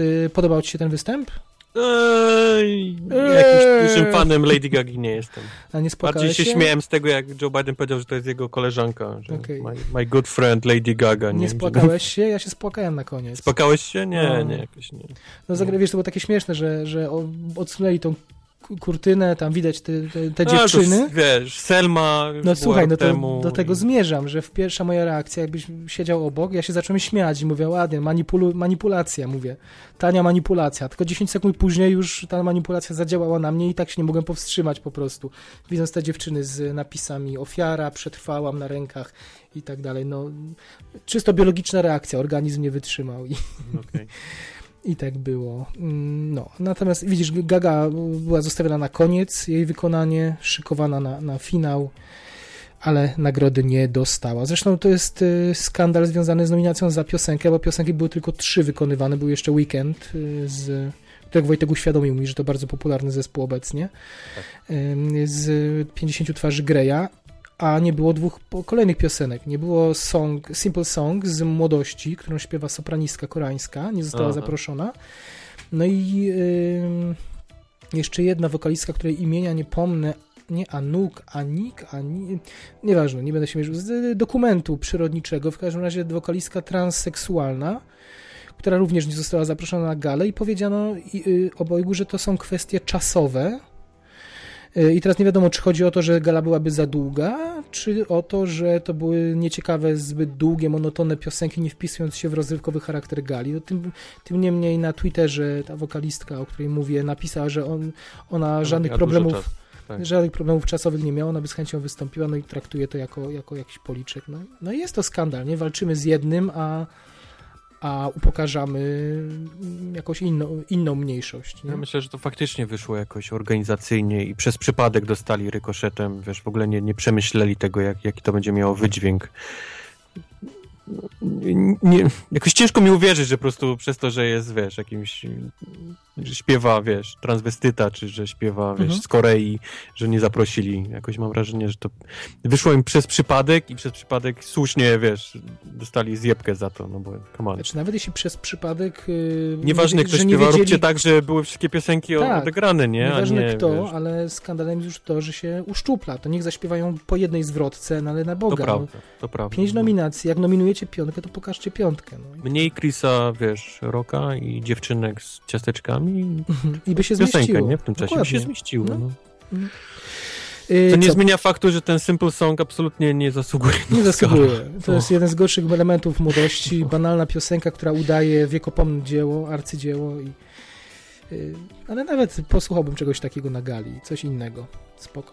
Potem mieliśmy płaczącego Ennio Morricone. My płakaliśmy, że dostał, on płakał, że dostał. Och. Ja, to jest dla mnie dalej tak samo nie rozumiem, co ludzie widzą w tym w tym soundtracku. No to jest kolejny Oscar za całokształt, tylko nie dało się przy Sylwestrze, a przy Enio się dało. Ale, y, ale urocze było, jak mówił po włosku, płacząc, łukając, tłumacz tak samo, starał tak się samo mówić. jak nie rozumiem tej piosenki bondowskiej, która wygrywa wszystkie nagrody, tak nie rozumiem, dlaczego mm. Morricone wygrywa za, ten, za tą ścieżkę dźwiękową. Tyle. Zostawmy, musiliśmy ten temat tyle, że nie ma co już gri grillować. No, strasznie dużo wylaliśmy na Enio, biednego, wiekopomnego, yy, wiekowego, przepraszam. Nie zasłużyłeś, drań. Enio, Enio nie, skomponował... geniusz, geniusz, ale ten, ten, ten, ten jego soundtrack nie zasługuje na Do Oscar. 500 filmów skomponował muzykę. John no. Williams miał też yy, swoją drogą 50. nominację w tym roku. Tytani, nie? Też pokazuje, jakie to jest hermetyczne środowisko. Okej, okay, potem Sam Smith i to, co przestrzelenie, o którym mówiłeś, że powiedział, że jest chyba pierwszym gejem, że, że, tak. czyta, znaczy, że przeczytał, że Ian McKillen powiedział, że gej nigdy nie dostanie Oscara, ale było paru homoseksualistów wcześniej. Był. Choćby Mógł scenar... spokojnie wygooglować, zanim tak, pisał tak. swoje przemówienie. Choćby scenarzysta Milka parę lat temu, ale, ale, ale było ich tam sporo, więc tu niestety mm, przestrzelił. Co potem mieliśmy? Iñárritu za reżyserię. Nie, nie no. mam pojęcia, co on tam powiedział, bo byłem... Nie bez... wiem, bo byłem zły. Też byłem zły, tweetowałem chyba i nie pamiętam, nie słyszałem. Ale podejrzewam, że tam chwalił tych... Strutu, tu, tu, ciężkie warunki, Indianie. Tak, że cieszył się Indianami właśnie, A, że zachował dziedzictwo i tak dalej. Podejrzewam.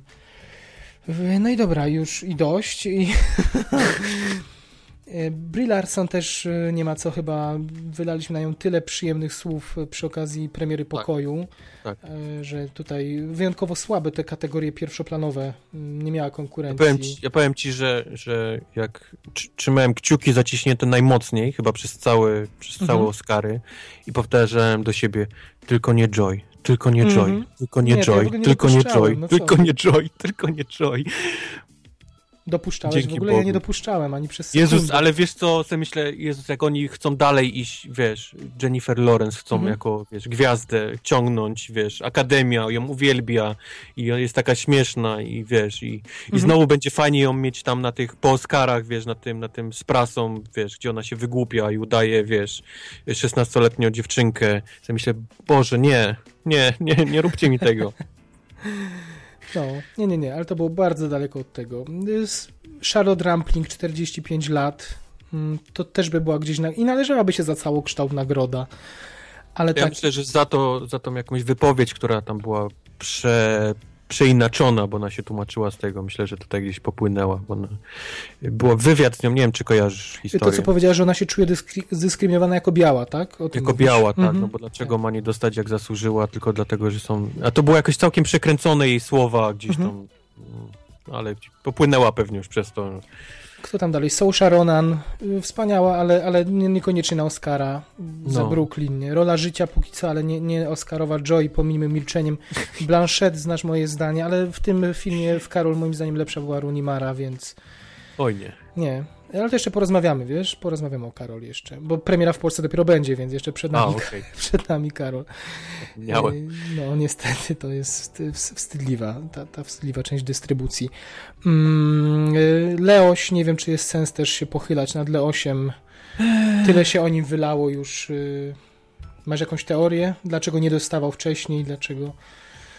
Y, nie wiem, dlaczego nie dostawał wcześniej, ale, ale wiem, że na pewno Zjawa to nie jest jego najlepsza mhm. rola, zagrał. Na pewno zasłużył bardziej na, na te poprzednie, które miał. Ale też niestety yy, konkurencja była na tyle słaba, że, że był najlepszą z tych wszystkich. To prawda. Nacją. To prawda. I za to no, no wygrał. No, no, Fassbender mógłby ewentualnie pukać gdzieś tam w no. podłogę od dołu, ale, ale nie, nie, nie. No.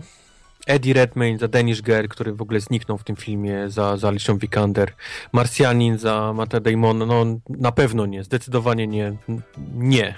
E, Brian Cranston, jak bardzo go lubię i jak, faj, jak dobrze odegrał mhm. Trambo w Trambo, to, to nie był tak dobry jak... Znaczy, jak akurat jak... Trambo, Trambo nie widziałem, ale wierzyłem tobie na słowo, że nie, nie, nie jest aż tak.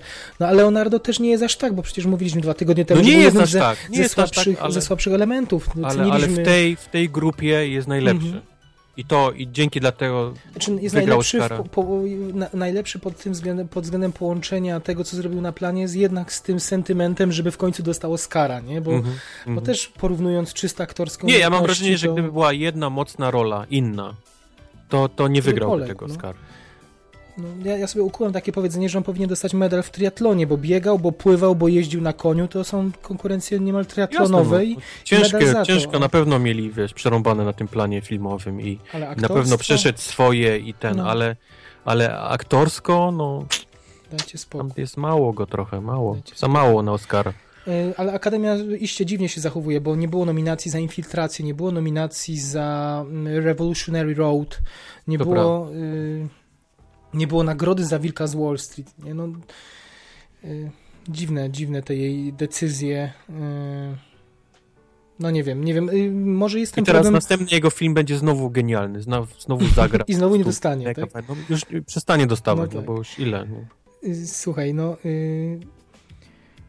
Ja się Za tak zastanawiam. No. Fajne, szybkie przemówienie po, po wygraniu. Takie, no, widać, że trenował miesiącami po prostu. Było... Wytrenowane to no. tak, to prawda, ale takie nawet, nawet z gustem to napomnienie o planecie, nie? Żeby, mhm. żeby nie, po prostu nie, nie przeginajcie na tej planecie, bo planeta długo tego nie wytrzyma i wiesz, ja, ja na pewno też nie, nie, nie, nie przeginam. No takie wszystko, wiesz, z gustem takie eleganckie, nie? No takie jak Leo jest no. DiCaprio. No pewnie. No wiesz, on ma ten problem, on jest, ma ten taki syndrom cool guy'a, że jak Brad Pitt, że wszyscy widzą DiCaprio odtwarzającego rolę, a nie postać, w którą się wcielił. Że ma bardzo trudny, trudność dużą przez to, jak wygląda między innymi, żeby się wcielić w całości w jakiegoś bohatera. Nie? Tak jak Tom Hanks na przykład staje się bohaterem rolę w typie Toma, Toma Hanksa. I teraz ci aktorzy, właśnie tacy fajni, fajni goście, nie wiem, czy Matthew McConaughey na przykład, to był też ten przykład. Oni muszą się skrajnie upodlić w roli, żeby przestać być widocznym i paradoksalnie zasłużyć na, na rolę, nie? I Matthew to zrobił i teraz DiCaprio też wy, wypaćkał się w błocie, zapuścił brodę i ukrył się pod tym wszystkim, tego cool guy'a i w końcu Akademia mogła bez żalu dostrzec w nim aktora. No to nie tak powinno Spał w koniu, działać. No. Nie cię. No. Spałbyś w koniu? Dla Oscara? dla Oscara. Nawet dla Oscara, czy byś w koniu spał? bo tak, jakbym był aktorem, to, to tak. No nie wiem, czy chyba nie miałbym, w koniu. Chyba nie miałbym problemu. Wojtek, najlepszy film. Film roku. Mm, może na początku powiedzmy... Mad Max Fury Road. Byłoby dobrze, ale nie. Ty stawiałeś na Spotlight, rozumiem, tak? tak, dwa tygodnie dla temu mnie jakoś, mhm. jakoś był dla mnie pewniak w, tej, mhm. w, tej, w tym. Może, może cień jakiś tam, wiesz, ale, ale gdy widziałem, że, że y, zjawa nie, nie wygrywa, nie idzie mhm. jak pociąg przez, przez ten, to, to, byłem, to byłem absolutnie przekonany, że wygra. Spotlight. rozumiem, ale przekonanie to jedno, ale to, co ci serce podpowiadało, to jak ty chciałeś, żeby to, to się też chyba mówiliśmy ostatnio na nagraniu, że, że to był yy, chyba jeden, rzadko wystawiam 10 na 10 filmowi, mhm. jak, jak je oglądam. To nie jest takie, że strzelam, wiesz, jak, jak, za, jak się ocenia gry, nie? Że wszystko jest 8 na 10 albo 10 na 10, jak jest lepsze niż, mhm. niż przeciętne. Bardzo, bardzo rzadko daję 10 na 10, nawet Gwiezdne Wojny czy jakieś rzeczy nie mają ode mnie dychy, a Spotlight był dychą. Spotlight dla mnie był dychą i podobało mi się wszystko, i podobała mi się historia, i podobało mi się aktorstwo, i, i, i, i, i, problem, i to jak nakręcili, jak, jak się zachowali. No, podobało mi się wszystko. No. Mhm. I uważasz, że to był najlepszy film roku, tak? No bo za to przynajmniej Oscara. E, tak, tak, tak. Dla mnie to że nie było lepszego film. filmu. Mhm, okay. Okay. Jasne, wiesz, Mad Max, nie? Też mi się super podobał, ale, ale to nie było dla mnie dycha, nie? Tam mhm. znalazłem więcej zastrzeżeń niż, niż, w Spotlightie. Mhm. Okej, okay. okej. Okay. Nie był, nie był Room, to, mogę, to już też mówiłem ci o tym. To ze, Room zepsuł mi e, zwiastun, który mi praktycznie no tak, cały ale, ale to nie powinno być kryterium w ocenie jakości filmu. Znaczy to jest ocena twojego podejścia ale, do, do ale, niego, ale ale jakby jakość... Ale też mam inne zastrzeżenia do tego filmu, no. mhm. no, no, to też chyba mówiliśmy już, opowiadaliśmy o tym, że, że może ta, ta, ta druga część nie podobała mi się tak bardzo jak ta w tym pokoju, nie? Mimo tego, że rozumiem jej sens, rozumiem po co jest i, mhm. i, i dlaczego jest, to, to nie była dla mnie już tak tak fajna, jak, jak, jak to, wiesz, uciekanie, mieszkanie w tym, tym, wiesz, w tym małym pokoiku i opowiadanie dziecku o świecie, które on zna tylko ze świetlika na, na dachu. To, to, to, to, to też, wiesz, gdzieś tam rzutuje na moją ocenę. Zjawa, no to mówiliśmy o tym, no, no nudy, nudy, nudy, przepiękne, absolutnie piękne nudy. Yy, Marsjanin, nie wiem dlaczego jest nominowany, to jest dla mnie taki, wiesz, filmik, wiesz, o kosmosie, nie, który, który nie, był fajny, ale bez przesady, nie? nie. Mhm. Yy, Mad Max, tu, tu, może gdybym miał, musiał wybrać drugą, nie? Którą gdzieś kibicowałbym, to, to, to na pewno byłby Mad Max. Yy, bo Brooklyn, mimo, mimo tego, że był przepiękny i mi się podobał, to, to też nie jest dla mnie taki film jakiś, wiesz, żeby musiał wygrać mhm. Oscar koniecznie. Bridge of Spies, pół filmu fajne, na drugi można spokojnie się przespać do, do końca, bo, bo, bo nie ma nic ciekawego. Ty chyba widziałeś drugi raz, więc mhm. nie wiem, czy potwierdzisz, czy zaprzeczysz troszkę bardziej mi się podobało za drugim razem, ale faktycznie, tak jak y, mówiłem, w, kiedy to było w październiku, w listopadzie, mhm. gdyby rozciągnąć na dwie godziny pierwszą część filmu tak, i opowiedzieć tak, mi y, tak, bardziej tak, z tak. większą ilością niuansów o procesie później w Stanach. Taki, to... druga połowa filmu to jest chodzenie między ludźmi i rozmawianie o tym, że muszą iść do innego, wiesz, człowieka mhm. i z nim porozmawiać. Tak. Oni tak chodzą i rozmawiają o tym, że będą rozmawiać z kimś innym. Takie... Eh. No i The Big Short, który, który mi się bardzo podobał, ale to tak ze względu powiedzmy jakoś tak osobiście, nie? Bo ta cała, to jakiś taki krach mhm. gospodarczy też mnie jakoś tam dotknął i, i fajnie było zobaczyć to, wiesz, pokazane mhm. w taki, taki fajny sposób, taki filmowy, nie? Czyli śmieszny nawet wręcz, pośmiać się z tego, co, co powoduje łzy u ludzi dalej tutaj w Stanach. No tak, no zrobili ale... wszystko, żeby ten temat sprzedać No, ale z tych filmowo. wszystkich rzeczy taki, tak filmowo, filmowo najbardziej podobał mi się Spotlight, to był dla mnie film roku. A ty się nie zgodzisz. Dla ciebie to nie jest. Ale to już mamy omówione chyba. Czy chcesz jeszcze coś dorzucić do tego? Nie wiem. Nie wiem. No, y... za, za kogo ty trzymałeś kciuki? Ja za, najbardziej, za ja, ja, za Mad Maxa i za pokój no. jednak. E, w trzeciej kolejności za The Big Short. E, I to są moim zdaniem jedyne filmy, które, które zasługiwały z tej, e, z tej ósemki.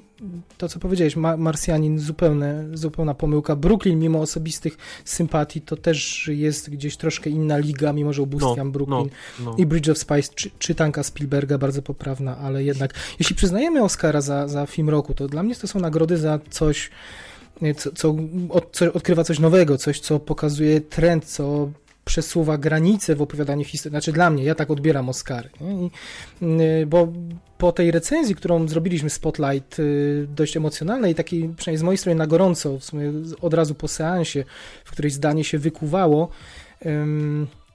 ja próbowałem tam próbowałem tam powiedzieć, że właśnie tego nie powiedzieli, znaczy nie podkreśliliśmy tak mocno, jak powinniśmy, że, że Spotlight to jest dobry film. To, jest, to są świetne role, to są, to są dobrzy, równorzędni aktorzy i samo to, że żaden z nich się nie wybijał z tej, z tej grupy, e, że stanowili taki monolit, to jest duże osiągnięcie. Znaczy to jest przede wszystkim absolutnie świetny film taki dziennikarski o pracy dziennikarskiej. Już dawno nie było takiego filmu, który pokazuje to nudno, bo, bo nudną pracę to jest, wiesz, ślęczenie w książkach i wykreślanie rzeczy linijka za linijką, ale, ale jednak już dawno nie było takiego filmu, a ja lubię oglądać takie jakieś takie głupie, żmudne roboty, wiesz, dziennikarskie. Mhm. Lubię Natomiast... dokumenty, więc, więc to też gdzieś tam trochę dokumentem pachniało. Mhm. No wszystko to uderzyło moje gdzieś tam, wiesz, mhm. ulubione tematy i, i, i tony. No tak. Twoje nie trafiło. Natomiast w tych, no, kryteriach, no, no, w tych kryteriach, o których, o które wymieniłem wcześniej, Spotlight był dla mnie bardzo staroświeckim filmem, właśnie odwoływał się do tego kina tak. Y, dziennikarskich z lat 70. i tak dalej. Dla mnie to jest zaleta.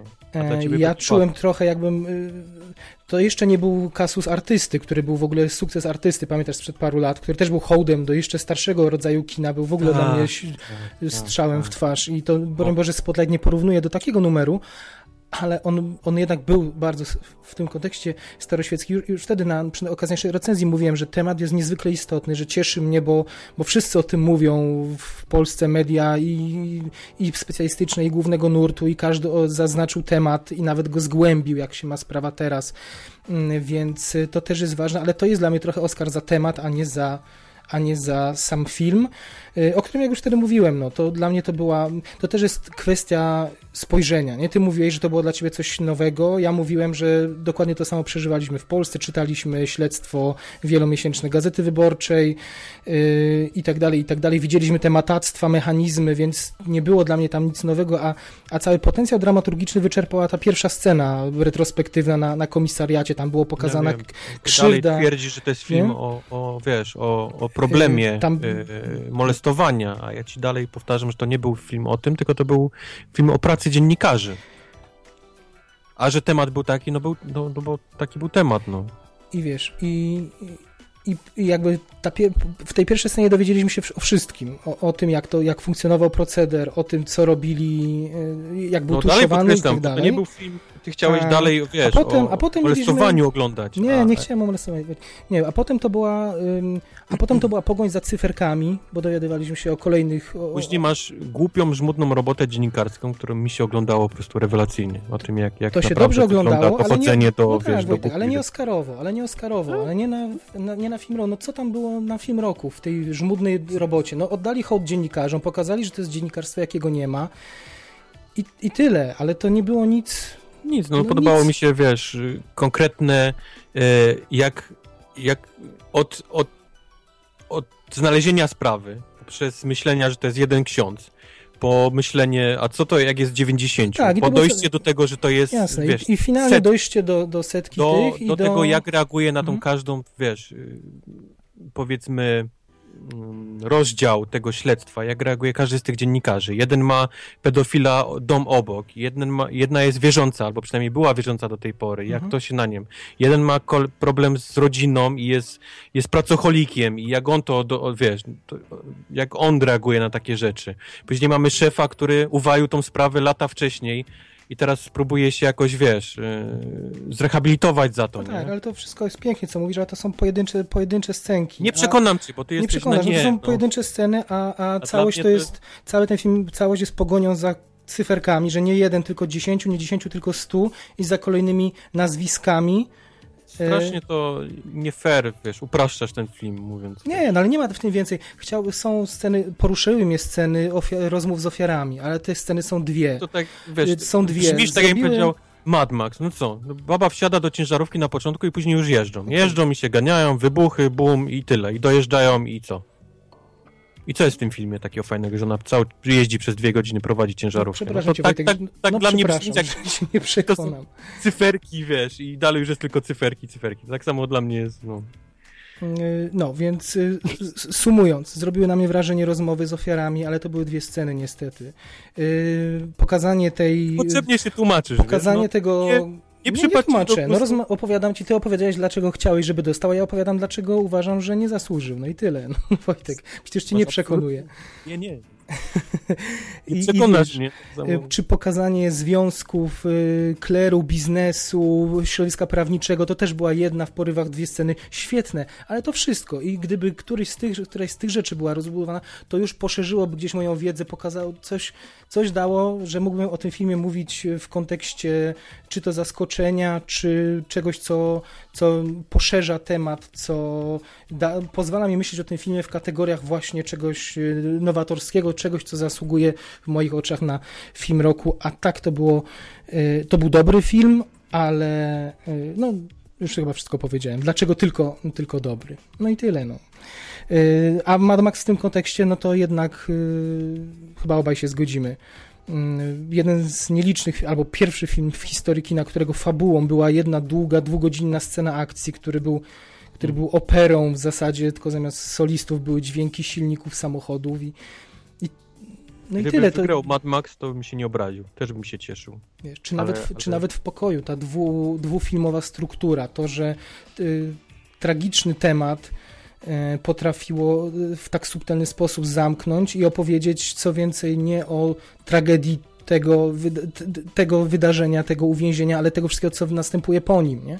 A tak naprawdę w suma summarum o, o matczynej miłości, która y, pozwalała jako tako przetrwać. Ten... A ja, widzisz, no dla mnie pokój, ja byłem zaangażowany przez tą pierwszą połowę w tym i, i, i gdzieś ta adrenalina tak wysoko, że jak zeszła, zaraz za tym, mhm. jak się zaczęły te sceny takie szpitalne, jak już wszystko, wiesz, jest zeszło ze mnie i, i po prostu straciłem, wiesz, dalej zainteresowanie, powiedzmy.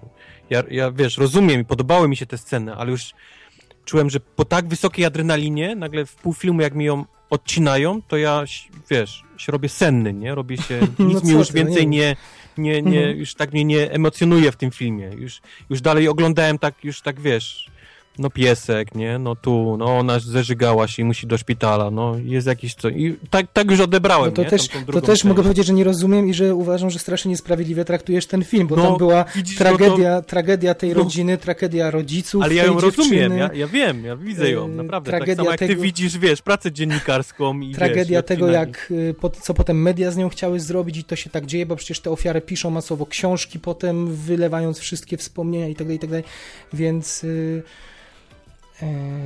no, więc tak. Więc te no. filmy, te no. filmy no. dużo więcej dla kina moim zdaniem robią niż Spotlight. Spotlight niewątpliwie więcej robi dla ludzi i dla ludzkości niż jakikolwiek inny film w tym roku. No bo on porusz... Bo on, dla ludzi, a nie dla kina. Bo on temat, y, jednak co by nie mówić, przywrócił na, na, do, do głównego nurtu i, i, i zaczęto o tym mówić w, no, no, w, takim, w takiej skali, w jakiej jeszcze, jeszcze nigdy, nie?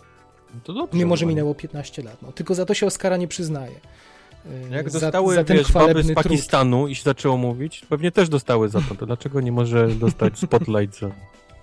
Rozumiesz, czysto oceniając czysto artystycznie i o to, czym jest Oscar, no to dla mnie Spotlight, Spotlight się w tych ramach niestety nie, nie ty, ty, ale to jest... Tak strasznie technicznie podchodzisz do nagród, tak, wiesz, musi, mam wrażenie, że musi być filmowo, wiesz, tak... Yy teatralnie, wiesz, tak wszystko ten, a nie bierzesz w ogóle tego elementu takiego sercowego, nie? Jak, jak na przykład, że, że może wygrać, bo, bo Amy, nie? Na przykład, bo, bo mnie złapało za serducho, albo nie może wygrać Spotlight, bo... Nie, no to ja rozróżniam, mówimy przy tych, y, przy omawianiu Oscarowym, mówimy często nie, przy nominacjach, bo że, że, że Spotlight nie ma nic, to są sceny, fajne sceny, ale w ogóle nie ma nic, dlaczego musi wygrać, bo jest o pedofilii i tak, wiesz, tak dalej. Gdzie, co? Wojtek, Wojtek, już. Jakie, że musi wygrać, bo o pedofilii? Nie, nie. Zostawmy to, zostawmy to, nie, nie, nie. Yy. Także z serduchem jak najbardziej się zgadzam i w wielu miejscach powiedziałem, kto moim zdaniem serduchem powinien dostać, no ale Oscary to jest jednak konkurs i to są nagrody za, y, no, za, za filmy, za coś, co jest no. naj, najlepsze. Najlepsze. No i tyle. Yy, także to były. Za rok wygra twój film, ja się nie będę zgadzał. Wszystko będzie dobrze, nie przejmuj się. Nie mam pojęcia, co tam za rok może być, kurczę. Nie, nie, nie zastanawiałem się nawet, jakie nas czekają przeżycia. No, the light between, ten, light between the oceans, no, tak? Myślę, że to nie będzie najcięższy kaliber jeszcze. Zobaczymy. No dobrze, to było Oscary. to były te najważniejsze doroczne nagrody. Drugie na, najważniejsze doroczne nagrody, bo za tydzień ben, czy za dwa tygodnie będą Złote Rakuny i to się dopiero będzie działo. To się zacznie. Ostatnim segmentem naszego podcastu zwyczajowo są polecanki. W tym tygodniu jest ich kilka, ale mam wrażenie, że żaden z tych filmów nie zatrzyma nas na dłużej niż na kilka minut przy sobie. No niestety to już nie jest ten ciężar. Y, co... Skończyły się Oscary, więc i filmy już tak, tak wyhamowujemy. Ciężkie. Może... Teraz już tylko butlery, sorry. może Zwierzogród, może ewentualnie Zwierzogród mógł przyciągnąć y, y, i zatrzymać nas na dłużej, ale niestety w Stanach Zjednoczonych Disney w... zrobił nam psikusa i premierę Dopiero w ten piątek. Przesunął o dwa tygodnie. Mm -hmm. W Polsce sam Wojtek mówi, ja mówię, nie, zaczekam na ciebie, a Wojtek mówi, nie, to już jest suchar, a za dwa tygodnie to już w ogóle będzie, nie ma, masz gadać, więc ja powiem dwa słowa, a i tak zaczekam potem na Wojtka, może jeszcze jakieś e, e, coś od siebie na pewno coś mhm. doda i może się pospieramy, bo to zawsze ciekawiej niż, niż tak się samemu Ty oglądałeś polską wersję, więc może opowiem, wiesz, jak brzmi w oryginale, tak? To prawda. To prawda. Zacznijmy od Awe Cezar. To jest akurat film, który widzieliśmy, czyli Hail Caesar, film, o, który jest. widzieliśmy o, obaj. Bracia Cohen powracają, czy w najwyższej formie, Wojtek? Nie, w najsłabszej Nie, formie. W najsłabszej mówisz. Trochę Co? mnie to smuci, bo, bo mam wrażenie, że oni miałem takie wyobrażenie o nich, że co nie wypuszczą bracia Coenowie, to jest mocne mhm. zawsze. I poszedłem w pierwszy dzień na premierę w ogóle bohatersko przygotowany na najlepszą rzecz, jaką a wyszedłem zmęczony i znudzony. No, jest coś w tym, że ja też lubię Coenów w tej wersji mroczniejszej, jak to nie jest kraj dla tak. starych ludzi na przykład. Tak. A, a, w tej wersji komediowej y, to zazwyczaj żarty ich kwituje lekkim uśmiechem pod nosem. Tak, tak, rozumiem aluzję, rozumiem żart, ale tak, żebym się zaśmiewał na sali do rozpuku, no nie, nie zdarza mi się to jakoś y, często, co nie jest samo sobie zarzutem. Powiedzmy krótko, co to za film. To jest historia, y, nie wiem, czy producenta filmowego, czy człowieka, który pracuje dla wytwórni filmowej w tej studia, roli. tak, pracuje dla studia. studia Josh, Josh Brolin, tak, dobrze mówię? Mm -hmm, w tej mm -hmm. roli to jest człowiek taki od czarnej roboty, to znaczy od zarządzania, który... On lata od, od, od studia do studia, tam na tym powiedzmy... Od hali produkcyjnej do hali, hali produkcyjnej. produkcyjnej. I załatwia i różne problemy. Załatwia nie? problemy, jest gościem od, od problemu. To prawda. I e, oglądamy to wszystko w złotej erze Hollywood, kiedy na topie są filmy, wielkie filmy kostiumowe, filmy religijne, mm -hmm. westerny, musicale. Mm -hmm. Gdzieś jest widmo tych scenarzystów, komunistów i polowania na nich, co też nie ma no bez Tego nie ma na początku filmie właśnie. To jest, to jest ten, że... To nie to jest się... od początku wiadome. O, oczywiście, oczywiście. Głównym w ogóle, to jest mocno epizodyczny film, ale głównym wątkiem jest porwanie George'a Clooney'a, prawda? Ale to taki nie, taki nie merawa. tak naprawdę ten wątek mógłby być, mógłby być jednym z tych epizodów, równorzędnym do każdego innego, bo każda z tych hal zdjęciowych, o których mówisz, to jest osobna historia. Tak, w jednej tak. Channing Tatum jest y, musicalowym aktorem, gdzieś indziej y, aktor westernowy, który chodzi jak, jak cowboy po westernie, musi nagle grać Amanta i nie do końca mu to wychodzi.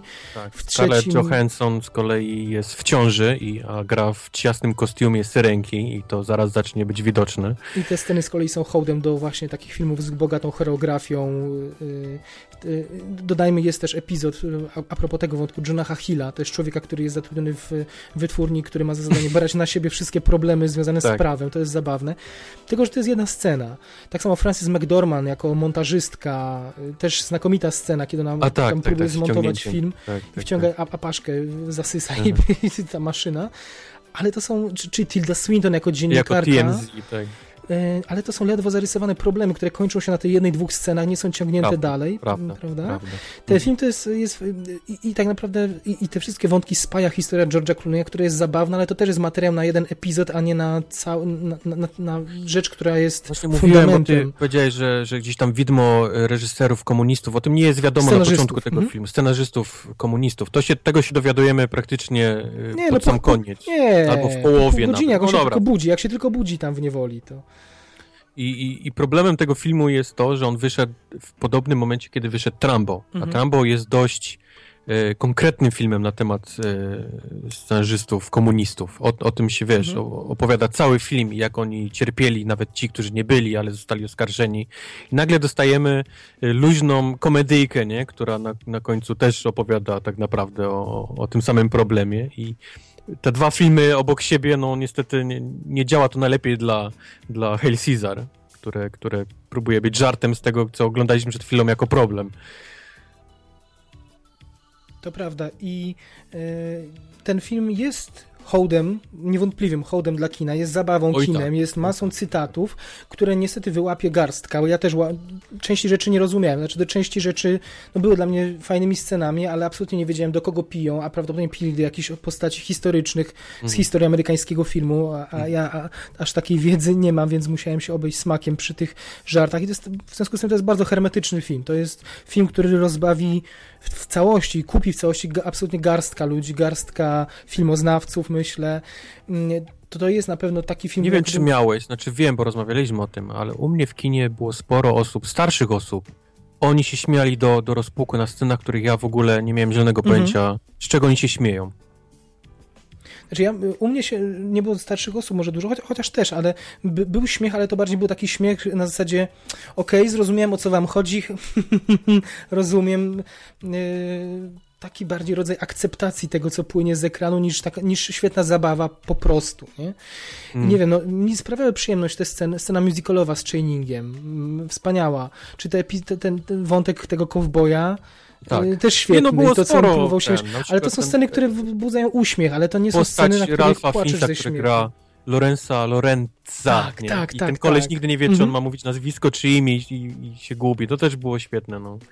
Tak samo fantastyczna scena, kiedy e, Josh Brolin, ta jego postać, Eddie Mannix, próbuje się dowiedzieć od księdza, rabina i przedstawicieli czterech przedstawicieli religii. czterech mhm. religii, czy, czy film o, o o ukrzyżowaniu, tak? Mm -hmm, Chyba Jezusa, tak, czy, czy będzie ok tak. dla wszystkich, nie? Czy, mm -hmm. czy to chyba najlepsza scena w całym filmie. Tak, tak, tak, to, to było świetne. To ko mm -hmm. Koenami po prostu pachniało też na, na, na No i wszystkie na dialogi potem George'a, George'a Clooney'a z tymi scenarzystami, kiedy oni demaskują fabrykę snów jako największego demona kapitalizmu, który próbuje zniewolić naród i tak dalej. I ten Clooney, ty nie wiesz, czy on tylko udaje takiego idiotę, czy naprawdę jest takim głupkiem, który, który tam po prostu łyka jak pelikan wszystko. Momentalnie jest dopiero co wyszedł tej todze Cezara z, nie, z pokoju, w którym go przytrzymywali, tak. nagle zaczyna pobierać nauki. To było świetne, tylko to był materiał na jeden gag, a nie na wątek, Aha. który utrzymywał cały film, film w ryzach. Nie? I, właśnie taki udany, nieudany projekt, yy, bym powiedział. Nie? To prawda. To Trzeba prawda. docenić nagromadzenie aktorów, pomysłowość yy, tych pojedynczych epizodów, ale jako całość to się nie do końca broni. Tak bym to podsumował. Prawda. No i chyba, jeśli się nie mylę, zdjęcia Rogera Dickinsa znowu. Co ten bidulek, a takie zero-jedynkowe, przezroczyste. No trochę, trochę takie jak, no nie wiem, no był, był zamknięty bardzo w, tej, w tym, no może nie 4 na 3 ale takie mocne 16 na 9 te kadry raczej no. stłamszone i wszędzie te strzeliste, wysokie hale zdjęciowe. No, zbytniego popisu tam nie było, pastelowe kolory. Muzyka Cartera Burwella też raczej y, żartem była. Znaczy takim żartobliwa, jazzująca do zapomnienia jak najbardziej.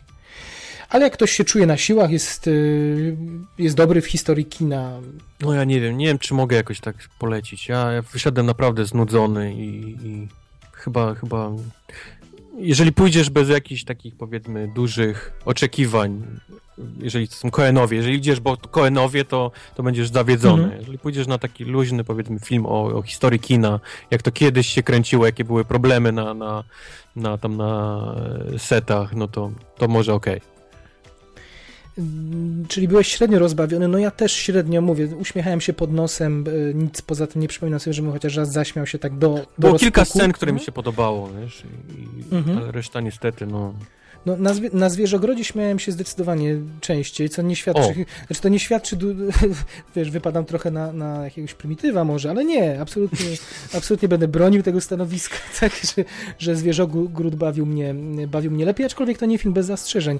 Pamiętamy, że mm, no, Disney od lat próbuje mierzyć się z Pixarem, mimo że dystrybuuje filmy Pixara, to Pixar jest jednocześnie takim wyrzutem sumienia Disneya.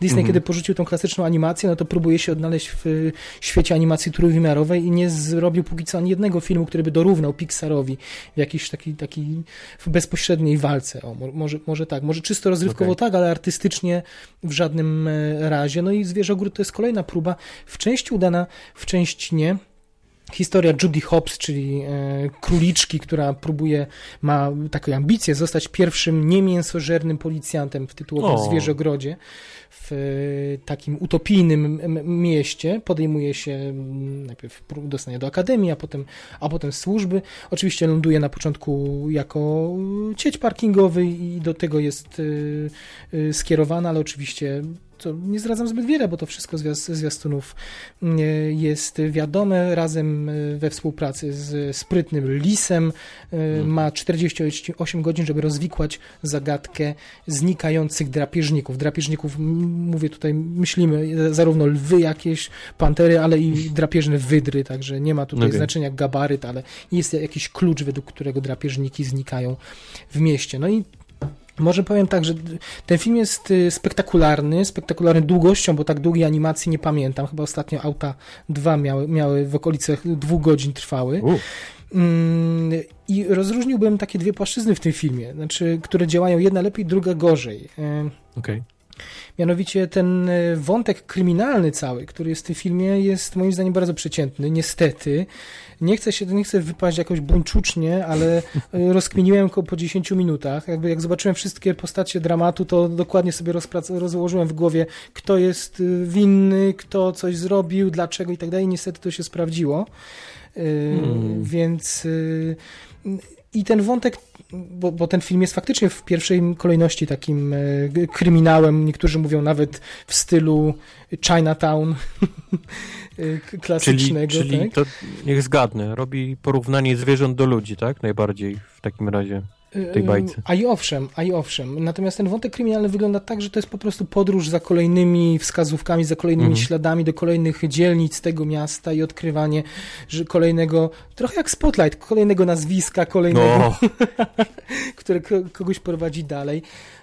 No i to takie było znaczy, to było mało interesujące w tym, w tym kontekście drugim, bardziej udanym, o którym chcę powiedzieć, bo ten film z kolei, to jest w ogóle skrajnie, tak śmiałem się ze znajomymi, że to jest skrajnie lewicowy film, bo on promuje wśród dzieciaków takie pojęcia jak równość, że każdy w tym mieście, w zwierzogrodzie może być równy, że każdy może być tym, kim chce, że co więcej, jest tam taka postać małego szczurka, który chodzi w ubraniu słonika i ta okay. Jodie mu mówi, że jeśli chcesz być słonikiem, to może być, możesz być słonikiem i nikt nie wmówi ci, że tak nie może być. Okay. I więc to już jest tak dość mocna teza, jak na, szczególnie jak na filmy dla no dzieci. Tak. Nie każdemu to się może yy, spodobać, ale... Będą matki dzwonić do... Tak, do... tak, żeby wycięli te sceny. Wycięli te sceny. Więc to jest y, dość odważny krok. Dotychczas kino eksperymentowało raczej z tematami... Mówiliśmy, że jest odważne, jeśli kino dla dzieci mówiło o śmierci na przykład, nie? W tym kontekście.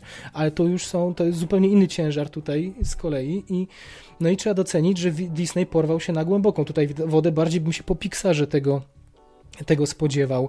E, oczywiście to, że ta, ta Zutopia, ten, ten zwierzogród, to jest miasto mm. takich wolności, to jest oczywiście fasada, bo, bo i utopia, bo oczywiście mm, Jodie Hobbs bardzo szybko zdaje sobie sprawę, że segregacja nadal występuje, że nikt nie chce mieszkać z lisami w dzielnicy i muszą mieć swoje getto, bo, bo panuje stereotyp, że lis jest chytry, cwany i zaraz cię zrobi na, na szaro. Są sklepy, w których e, wiszą ogłoszenia o tym, że nie obsługuje, że możemy kogoś nie obsłużyć, bo tak. Więc też jakiś hmm. rodzaj segregacji tutaj następuje i ci bohaterowie muszą się w pierwszej kolejności zmierzyć właśnie z takimi stereotypami. I ta część działa y, moim zdaniem dużo lepiej, dużo ciekawiej i, i, i, i żarty wokół niej też są dużo fajniejsze. I to jest śledzenie tego dawało mi dużo więcej przyjemności niż potem ta standardowa, to, standardowa procedura. Ten zwierzogród to jest miasto złożone z wielu dzielnic, a każda dzielnica odzwierciedla inną szerokość geograficzną, czyli jest zimowa, jest y, las tropikalny, jest pustynia. I oni jakby za każdą wskazówką idą do trochę innej części klimatycznej, to było, Rozumiem. to mnie przytłaczało w pewnym momencie, wiesz, to było takie nagromadzenie wszystkiego, nie dość, że zmieniają ci się wątki, tempo, to jeszcze zmienia ci się tak scenografia ze sceny na scenę, że momentami, nie, znaczy nie, że nie nadążałem, ale nie wiem, trafiają do laboratorium i ten film na 5 minut staje się horrorem, jakąś wyspą doktora Moreau upiorną. Wow. Naprawdę gra różnymi schemat e, czy, gatunkami, to jest z jednej strony imponujące, ale z drugiej powoduje, że ten film gubił spójność. No nie był taką jedną całością, tylko miałem wrażenie właśnie zlepka takich epizodów. Mm które można by wyciąć, wydzielić. Nie? Już samo to zaczyna się sceną y, przedstawienia teatralnego, więc mamy chwilę teatru, potem mamy kilka minut kina inicjacyjnego na farmie, kiedy ona tam odkrywa, kim chce zostać. Potem mamy taką standardową sekwencję w szkole policyjnej na muzyce, gdzie ona się uczy, najpierw zawodzi, a potem jest coraz lepsza, nie? Klasyka w kinie.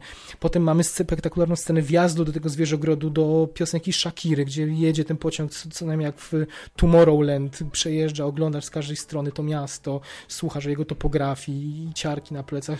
Nie wiem, czemu tam użyli piosenki, wolałbym muzykę, a Giacchino. Notabene muzyka bardzo przeciętna, zginie gdzieś po cichutku o, tak? grająca. Tak? tak, tak, tak. Giacchino tutaj zaliczył sporą w topę niestety. Praktycznie niesły nie, niesłyszalna. Także y, jeśli miałbym podsumować jednym zdaniem, to jeśli kiedy siedzieli w centrum miasta i działy i było, było to wszystko dookoła historii, te epizody yy, przeróżne, zabawne, to było fajnie. A jak wyjeżdżali do różnych dzielnic pobocznych za śledztwem, no to robiło się mniej interesująco. No. Okay. Pamiętacie ze zwiastunów jest tam taki szczur, który udaje ojca chrzestnego, nie? No to też użyte wszelkie możliwe schematy z takiego kina y, w, w tej scenie, wyczerpane i, i, i, zamknięte w jednej takiej parominutowej miniaturze filmowej. No uśmiechnąłem się pod nosem, ależ bym płakał ze śmiechu. No, no wiedziałem już, że jest ten szczur, który, który jest takim ojcem chrzestnym. No, no i zagrał sobie takim był Marlonem Brando szczurzym i no i tyle. No.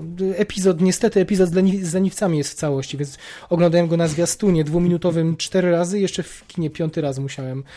Ale co ciekawe, widziałem. No. no. no, to niestety, to nie jest ani przemontowane, ani skrócone. To trwa dokładnie i tak trwa samo, tak? dokładnie tak samo. Ale co ciekawe, było zupełnie inaczej przetłumaczone w, y, orygina- w, finalnie w filmie niż w zwiastunie. Inny żart opowiadał ten leniwiec. O, okay. i tak, nie leniwiec, tylko, tylko ten lisek. Nie? I tak dalej, i tak dalej. Więc mówię, mamy i film, mamy Ojca Chrzestnego, mamy horror, mamy przeróżne takie eksperymenty zamknięte w jednym filmie. Do tego światopoglądowo też jest bardzo, bardzo odważny. Mhm. I to sprawia, że z jednej strony bardzo ten film doceniam, a z drugiej jest, był, był no, przytłaczający momentami. Piękna animacja, animacja futra, zniewalająca. Nie, nie przypominam sobie, żeby taką, taką widział no i chciałbym sequel, chciałbym bardzo sequel, o. chciałbym pozwiedzać, y, chciałbym, żeby na przykład cały się dział w jakichś konkretnych tych dzielnicach, y, chciałbym, żeby właśnie to śledztwo nie było takie od punktu A do punktu... się boję, że to bardziej pachnie e, serialem animowanym. O widzisz, to by się znadało bardzo na serial, tak, to by się bardzo... Jest y, cholerna chemia między tymi głównymi bohaterami dwoma i to jest niezaprzeczalne, olbrzymia zaleta, już mam ochotę i zamawiam te figurki do Disney Infinity. Króliczek jest po prostu jest tak słodki. no. Po, polski dubbing zresztą znakomity, nie ma takiego, takiej roli, y, która by się wyróżniała, taka, jak to czasem bywał, osiołek, który kradnie film, jak to się mówi, nie? Tylko, a, no, a, ten, są... a ten, ten gruby policjant? Ten Pantera, czy jakiś tam Gepard, czy taki no, gruby? No to jest tym standardowym, ja nie wiem, czy to jest ten sam pan, który gra y, Wojciech Pawlak, tak, który gra y, w Pingwi, Pingwiny z Madagaskaru, jest, jest starym, stałym głosem. Nie wiem, czy to Nie on, ma Boberka. Nie wiem, czy jest chyba też Boberek. Jest kimś Boberek. Nie wiem, czy to on gra jego, ale to jest coś w tym, w tym typie. No jest zawsze taki misiek, wielki pan, który, kto, i ktoś, kto gra takich miśków, to, to jest właśnie ten właściwy właściwy głos. Chyba tyle o zwierzogrodzie. No jestem ciekaw, jak no. ty, Wojtek, odbierzesz. Czy, czy, no w piątek. Czy zwrócisz uwagę na te same elementy, a, mo, a może śledztwo cię porwie, bo mówisz, że bardzo lubisz filmy dziennikarskie, więc, więc oby, tak, oby tak y, było. Y, Eddie zwany Orłem, czyli Eddie, Eddie the Eagle. Mhm. Kiedy to wychodzi w Polsce? 22 kwietnia, także możecie się spodziewać powtórki z rozrywki, bo jeszcze ja, ja będę musiał powiedzieć dwa, dwa zdania. Nie ma tak, że nie, ale Wojtek, to jest dużo czasu, zapomnimy jeszcze, a ja już chcę wiedzieć, czy okay. Taron, Taron Egerton dostarczył, czy Hugh Jackman dał nam e... fajną komedię. Eddie zwany Orłem jest, jest dużo lepszy niż się spodziewałem. Mhm. Jak na film e, sportowy, jak na film o skakaniu na nartach, jest dużo fajniejszy niż, niż myślałem, że będzie. Po pierwsze, e, właśnie Taron Egerton, który świetnie gra. Jest mi, jest mi go tak żal, bo, bo nosił przez cały film takie okulary korekcyjne, aby, aby powiększało mu te oczy, tak jak, tak jak nosił naprawdę Eddie Edwards, takie wielkie okulary, bo był ślepy. Tak samo on cały czas grał w tych okularach takich wilgachnych. Do tego miał je tak zrobione, że cały czas mu się zsuwały więc musiał je cały czas tak mimiką twarzy je cały czas mhm. podciągał, mhm. więc robi niesamowite miny, e, mówiąc, wiesz, jakieś swoje kwestie, jeszcze ten, ten nosem próbuje te okulary podciągnąć. No jest świetny, naprawdę rewelacyjnie o, o, zagrał e, Ediego Edwardsa. Ja znam, ja znam, znam tą historię, nie wiem, czy ty też znasz historię. No, na pewno mówiliśmy na jednym z pierwszych podcastów, zastanawialiśmy się, czy da się sprzedać film o skoczku narciarskim tak, żeby był atrakcyjny dla Amerykanów i w ogóle, żeby był atrakcyjny w obrazku.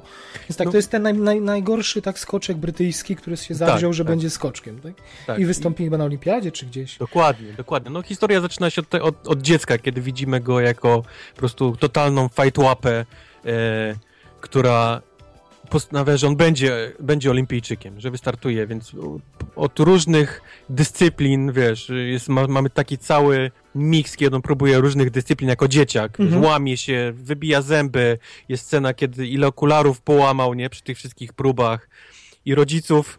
E, rodzice też są fajni, bo mama cały czas go tam, wiesz, kocha i zachęca do, do tego, aby był, wiesz, robił co chce w życiu, nie? Za czym marzył. Z kolei ojciec jest takim twardym ojcem i on mówi, że nie powinieneś się wygłupiać, tylko powinieneś, wiesz, kłaść e, mhm. tapety, nie? Ze mną, wiesz, w mojej firmie. No tak, no I cały tak. czas go do tego, wiesz, przekonuje. On, on ma cel, nie? Eddie postanowił, że on będzie i będzie i pewnego dnia widzi plakat ze, ze skoczkami narciarskimi i postanawia, że, że to jest to. Więc udaje się z Anglii do, do Niemiec na, na skocznie tam, tam, w tą Hockenheim mhm. i tam zaczyna się cała przygoda od tego, wiesz, on, na takich zwykłych nartach, nawet nie do skakania, tylko takich do zjeżdżania na górki, bez żadnego okay. kasku, bez niczego e, idzie i, i, i, pierwszy skok oddaje i od tego się zaczyna, wiesz, film, bo, bo na skoczni też znajduje się Hugh Jackman, który gra postać, on tam sobie jeździ ta, taką ciężarówką do ugniatania śniegu, a on jest, mhm. okazuje się, jest kimś ważniejszym w historii skoków narciarskich niż tylko kolesiem do ugniatania śniegu i, i tak zawiązuje się między nimi przyjaźń, dalsza przygoda. No film ogląda się, nie wiem czy kojarzysz taki stary film e, o e, jamańskich bobsleistach. No, oczywiście, że tak. No to to jest, trochę ogląda się w ten sam sposób też, bo, bo jest absolutnie nie pasuje do żadnego sportu, a, a, a widzimy go widzimy go na skoczni i, i tak inni ludzie i tam też jest cała drużyna skoczków narciarskich e, z Norwegii, która na początku oczywiście się z niego śmieje i mu dokucza i robi żarty i zamyka, ale, ale on ma tak duże serce, że w pewnym czasie nie jesteś w stanie, wiesz, go nie, nie pokochać za to, co on robi, jak to robi a, a pod koniec filmu siedzisz naprawdę na, na krawędzi fotela i, i, i trzymasz kciuki. Trzymasz kciuki, rozumiem, czy się nie zabije w ogóle, tak? Czy się nie zabije, no, bo mhm. to jest, wiesz, bo to jest no nie chcę zdradzać, bo no naprawdę. No właśnie, są, ja się, nie chcę cię pytać, czy dla niego szczytem jest wylądowanie, czy on coś zdobywa i tak dalej. Rozumiem, że to nie jest chcę najważniejszy zdradzać, bo, bo, wątek. Bo fajnie jest zobaczyć mm -hmm. wiesz, tą drogę, jaką on ten Jasne. i ryzyko, jakie podejmuje. I, I to jak ty trzymasz się za głowę, za włosy, myślisz, nie, nie, nie, nie, nie, nie, nie naprawdę bardzo, bardzo fajny film, śmieszny i, i, i warto iść do kina, bo mhm. jest dużo śmiesznych, śmiesznych scen. Nawet jeżeli wiesz, jak, jak ten film się skończy, bo, bo jeżeli śledziłeś albo przez przypadek zaglądniesz, nawet wiesz, jak, jak, jak mu poszło, nie? no to, to mimo tego bardzo fajnie się ogląda mhm. ten film, bo jest śmieszny. Y, a powiedz, jest chemia między Egertonem a y, Hugh Jackmanem? O, Hugh Jackman jest świetny, no tak. rozumiem, że na tak, tym jest oparty tak. cały film, no musi być na, na tym relacji. jest oparty film, bo on jest takim, no jest przygłupem, no nie ma się co mówić, no, no ten Eddie Edwards był mam wrażenie, że był też trochę upośledzony, okay. wiesz, nie, chciałem mu, nie chciałem nic mówić, ale tak wyglądał na zwiastunie właśnie troszkę. No, mam wrażenie, że no, wtedy też w tamtych latach, bo to jest 80 lata, 88, kiedy on, on, ta olimpiada i wcześniej, nie? kiedy on, on mhm. trenował te skoki narciarskie. Mam wrażenie, że on był upośledzony y, psychicznie, nie fizycznie, ale psychicznie i, i, i był takim trochę małym dzieckiem upartym przez, przez całe, nawet będąc dorosłym. I do tego mamy y, Hugh Jackmana, który jest takim wiesz, takim zbudowanym kolesiem i on nie lubi żadnych żartów i, i wszyscy, wiesz, trochę na, jest alkoholikiem przede wszystkim, mhm. y, więc, więc Eddie Edwards też próbuje go z tego alkoholizmu trochę wyciągnąć, wiesz, i no, no jest chemia, jest między nimi to takie, super, wiesz, super. jesteś głupi, zostaw mnie, nie? On jest taki przyczepiony jak, jak, jak dziecko, nie? Do jego nogi wiecznie, wiesz, za nim. I... Są jakieś epickie montaże, nie wiem, scen treningów, kolejnych startów, o, tak? Cały film pachnie latami 80. Jest po prostu rewelacyjnie zrobiony. Nie wiem, jak im się to udało. I to nawet nie przez te wszystkie takie stroje odblaskowe, te takie róże, nie? I te takie mhm. zielone, kiedy nosili te takie kurtki ortalionowe w tych dziwnych kolorach. Ale sam taki no jakbyś oglądał film nakręcony w latach 80., to im się udało rewelacyjnie zrobić w tym, więc, więc e, te wszystkie sceny, nawet takie montażowe, nie, z treningów, gdzieś tam, e, to też pachnie takimi latami 80., bo włącza się muzyka, jakiś tam Queen, nie, czy wtedy co leciało, jakiś Van Halen, co było modne, no, rewelacyjny, naprawdę świetnie oddaje lata 80. film. Pachnie Super. takim, wiesz, czyli, muzyka, czyli piosenki z epoki też są, tak? Ekstra. Tak, tak. No, Van Halen, jakieś takie mhm. wszystko, co leciało wtedy, wiesz, w tamtych czasach. To, to wszystko jest w radiu i, i, i, i na tych olimpiadach i tak dalej, i tak dalej. No, to wszystko jest. Jestem ciekawy. No to ciekawe, czy Małyszomania wybuchnie. Stochomania w Polsce, wiesz, no sport Mam narodowy wrażenie, że, że Deluxe Ski Jumping wszyscy będą tak, instalować tak, nie, nie. Właśnie żartuję. Myślę, że to nie będzie miało absolutnie żadnego przełożenia na sukces tego filmu i nikt nie pójdzie, nie? Bo jak czytasz, o czym to jest film, no to jakiś absurd, nie? I mało kto się chce wybrać, ale Jest, no podejrzewam. sam jakbyś przeczytał właśnie o, o, drużynie, która zresztą jest wspomniana w tym filmie, o tej, tej jamańskiej drużynie okay. bo to była ta sala olimpiada zresztą. Mhm Okay. Więc, więc e, no to, to, ogląda się w ten sposób, nie? To jest jakiś, jakiś abstrakcja, nie? Mhm. Co ci kolesie robią na tej, na tej olimpiadzie? Co ten koleś robi w ogóle na tej olimpiadzie? Jak on, jak, kto go wybrał, nie? I to jest cała historia tego, jak, jak on się znalazł tam. No to brzmi smacznie. Brzmi smacznie.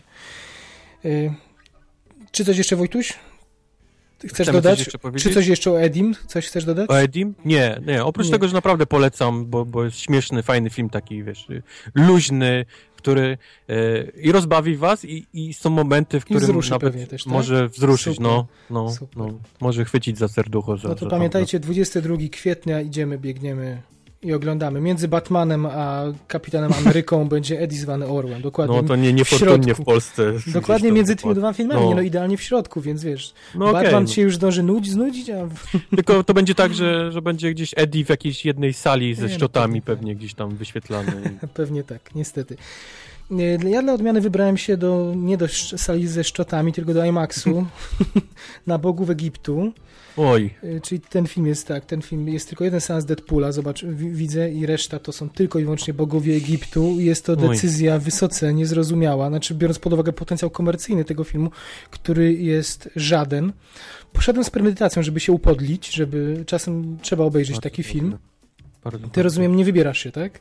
Nie, nie, ja nie, nie czuję tej potrzeby, przynajmniej w tym momencie. A już no... na pewno nie bar Gerardem Butlerem.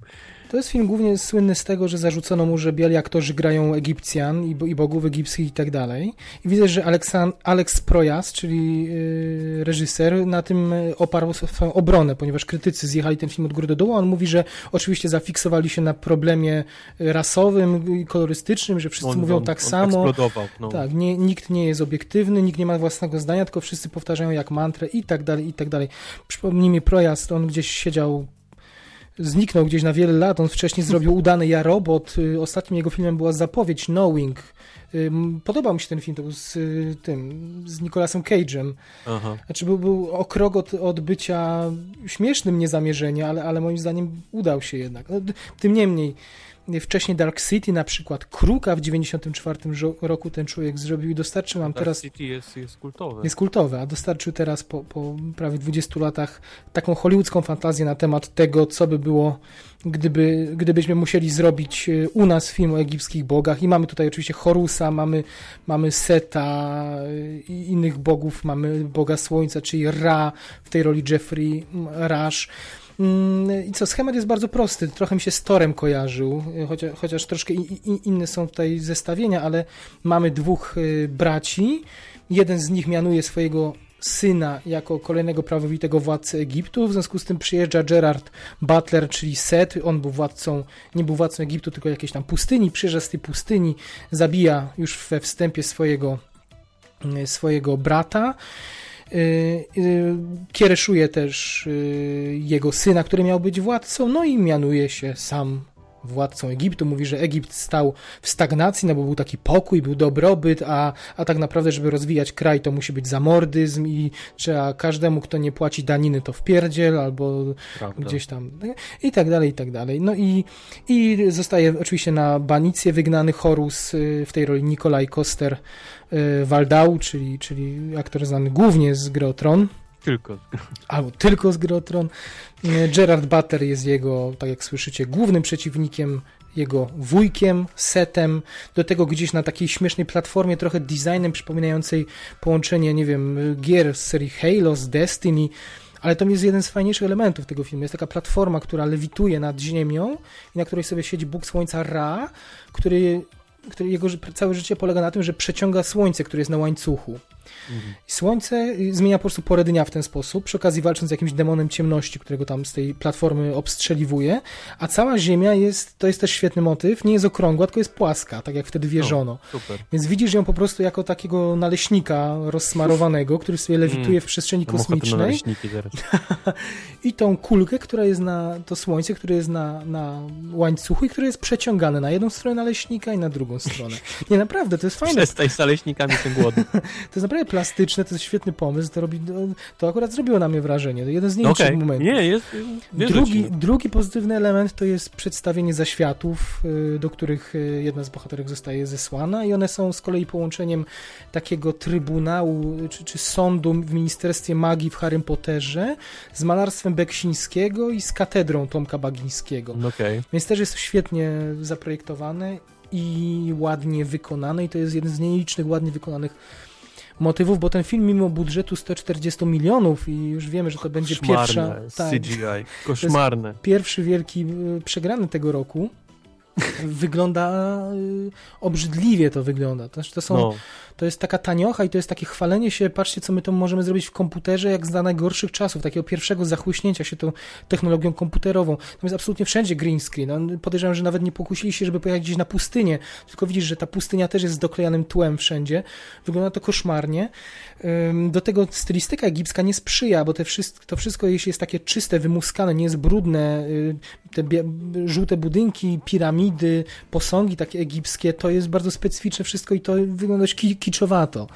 I niestety przez to, że to jest jeszcze takie wylizane, wymuskane, bez detali, wygląda to szalenie, szalenie mm, marnie.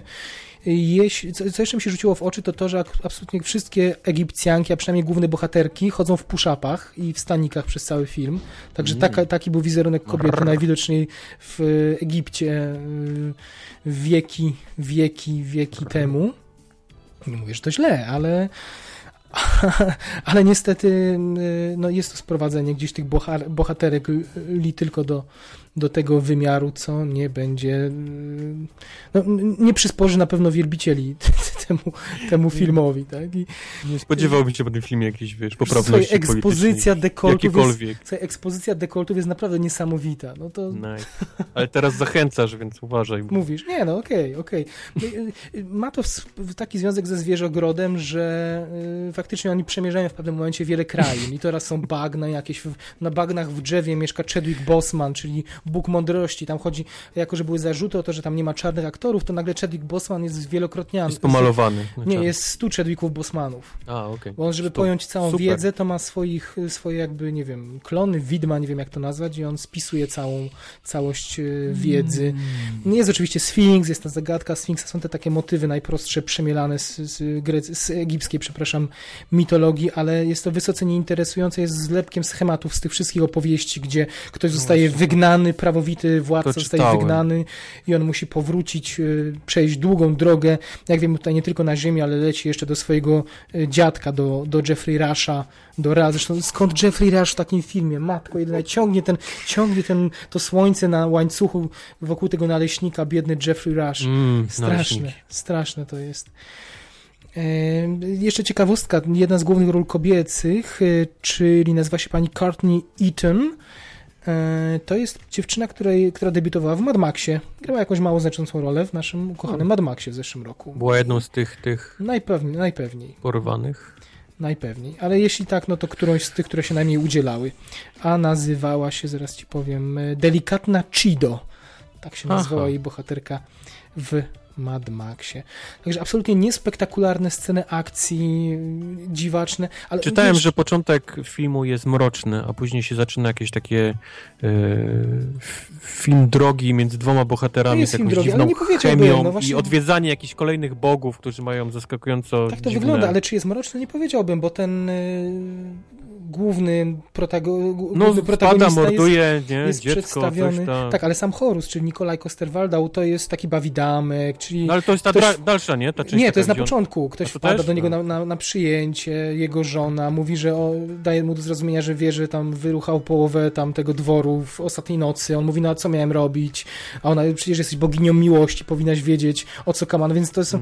I, ro, ro, i, słuchaj, i, ja nie wiem, czy Egipcjanie mają jakiś duży sentyment do mitologii, do, do tych bogów, ale byłbym wysoce urażony, gdyby to miało jakieś znaczenie, bo są tak po prostu... Egipcjanie mają chyba większe problemy. Problemy, oczywiście, że tak, oczywiście, dlatego mam nadzieję, ale, ale sobie naprawdę są tak przemieleni i momentami no nie wiem, nie przy, są chyba daleko od swoich pierwowzorów i to, i to, tak, i to tak mocno, tak? Yy, więc nie, więc to jest wręcz, yy, znaczy to jest żenująco zabawne na początku. On dopiero zyskuje jakąś akceptację widza i sympatię po jakimś yy, czasie. No i tyle, ma tam swego przydupasa przez cały film Beka, mm, który jest złodziejem, który w początkowej fazie kradnie jego oko, dzięki któremu on w ogóle coś widzi, bo został oślepiony przez swojego wujka. No i tak sobie przemierzają, wykradają kolejne rzeczy. Na koniec jest nieemocjonująca scena, scena walki. Nie jakaś bitwa wielka, tylko dwie osoby naparzające się na szczycie yy, wielkiej wieży. Klisza, klisza, jeszcze raz klisza. Yy, miałem jedną, jedna rzecz, muszę powiedzieć, miałem niesłychaną radość. Muzyka Marco Beltramiego. Beltrami ma taki, taką tendencję do pisania świetnych ścieżek dźwiękowych do fatalnych filmów. Żeby daleko nie tak szukać. Tak tak? Fantastyczna czwórka w zeszłym o, roku, czy Siódmy Syn na przykład, też miał znakomitą partyturę. U, a film był, film był okropny. I o, tutaj Jezus, mamy I tu mamy tak samo, bogata symfonika, nawiązania do, do instrumentów z epoki podejrzewam i, i to wszystko gra, to jest świetnie podłożone pod obraz. No, niemal popuściłem w finale, jak te, jak te chóry zabrzmiały i weszły, weszło całe instrumentarium. Słychać, że to nie jest, wiesz, na, to nie jest na, w programie komputerowym sam, sam, samplowane, tylko to jest stuosobowa orkiestra, która zasuwała gdzieś wow. i to jest wspaniałe. Wow. Także no, zamknąć... No, budżet mieli taki, że faktycznie no, no, mogło się gdzieś tam no, zmieścić. Tak. Zamknąć oczy i słuchać muzyki Marco Beltramiego. Tyle. Nie idźcie na ten film, broń Boże, nie idźcie. Zrobiłem to za was, dla was. Ja go, ja go zobaczę, ale to na Netflixach czy na czymś. No. Na pewno nie pójdę do kina na.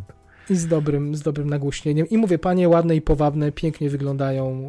Y, na, na, na, na drugiego Gerarda, który jest w tym samym czasie też leci w kinie, też nie pójdę, nie mam Też nie. No ja, ja chyba sprawdzę, ja będę chyba musiał sprawdzić, ale, ale nie, bez, nie bez obaw. Wojtek, ja jestem dużo bardziej ciekaw y, filmu, który mamy na finał. Musicie wiedzieć, albo już, albo pamiętacie, że w, y, ostatnim gatunkiem, na jaki Wojtek chodzi, są horrory. Tak ale horrory, które firmuje dystrybutor, dystrybutor, producent A24 w każdym no razie. No właśnie, nie, wiem, czy oni nie chodzę na horrory, nie lubię, nie znoszę nawet, jestem, jestem chory, jak muszę oglądać jakieś gdzieś, e, jakieś mhm. straszne rzeczy. E, e, to już z dzieciństwa się wzięło. Jakiś przyjaciel Wesołego Diabła, pamiętasz ten, ten, tak, ten, ten serial? Tak. Mój Boże, ja, ja, musiałem zmieniać, wiesz, i, i maj, majtki, i rajtuski, wszystko, wiesz, jak tylko widziałem tego gościa z tym widelcem.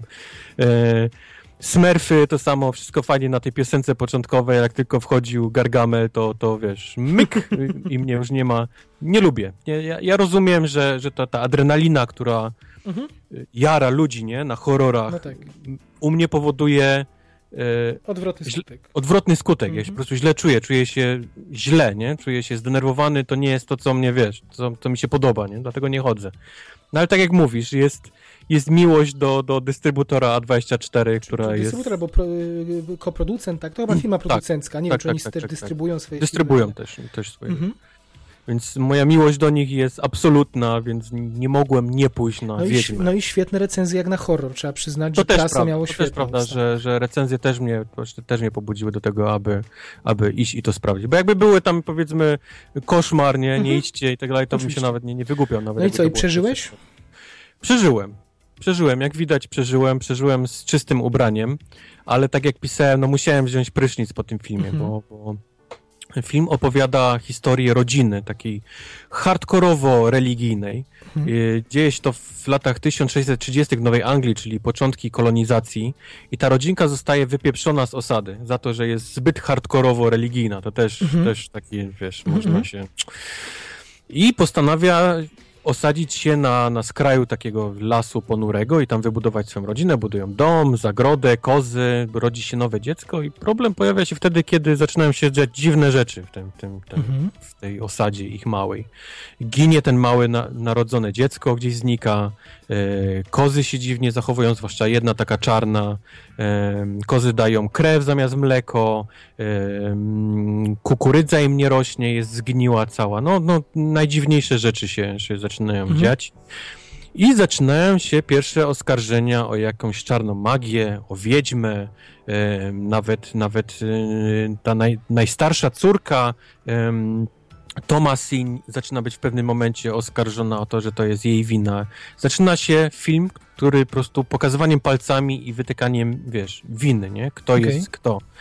A tymczasem w lesie też może coś mieszka, wiesz, ponurego i, złego. Mhm. I, I, tak naprawdę to jest, wiesz, powód, powód. Y, problemów, a nie gdzieś tam między sobą, które oni Jasne. sobie, wiesz, mają.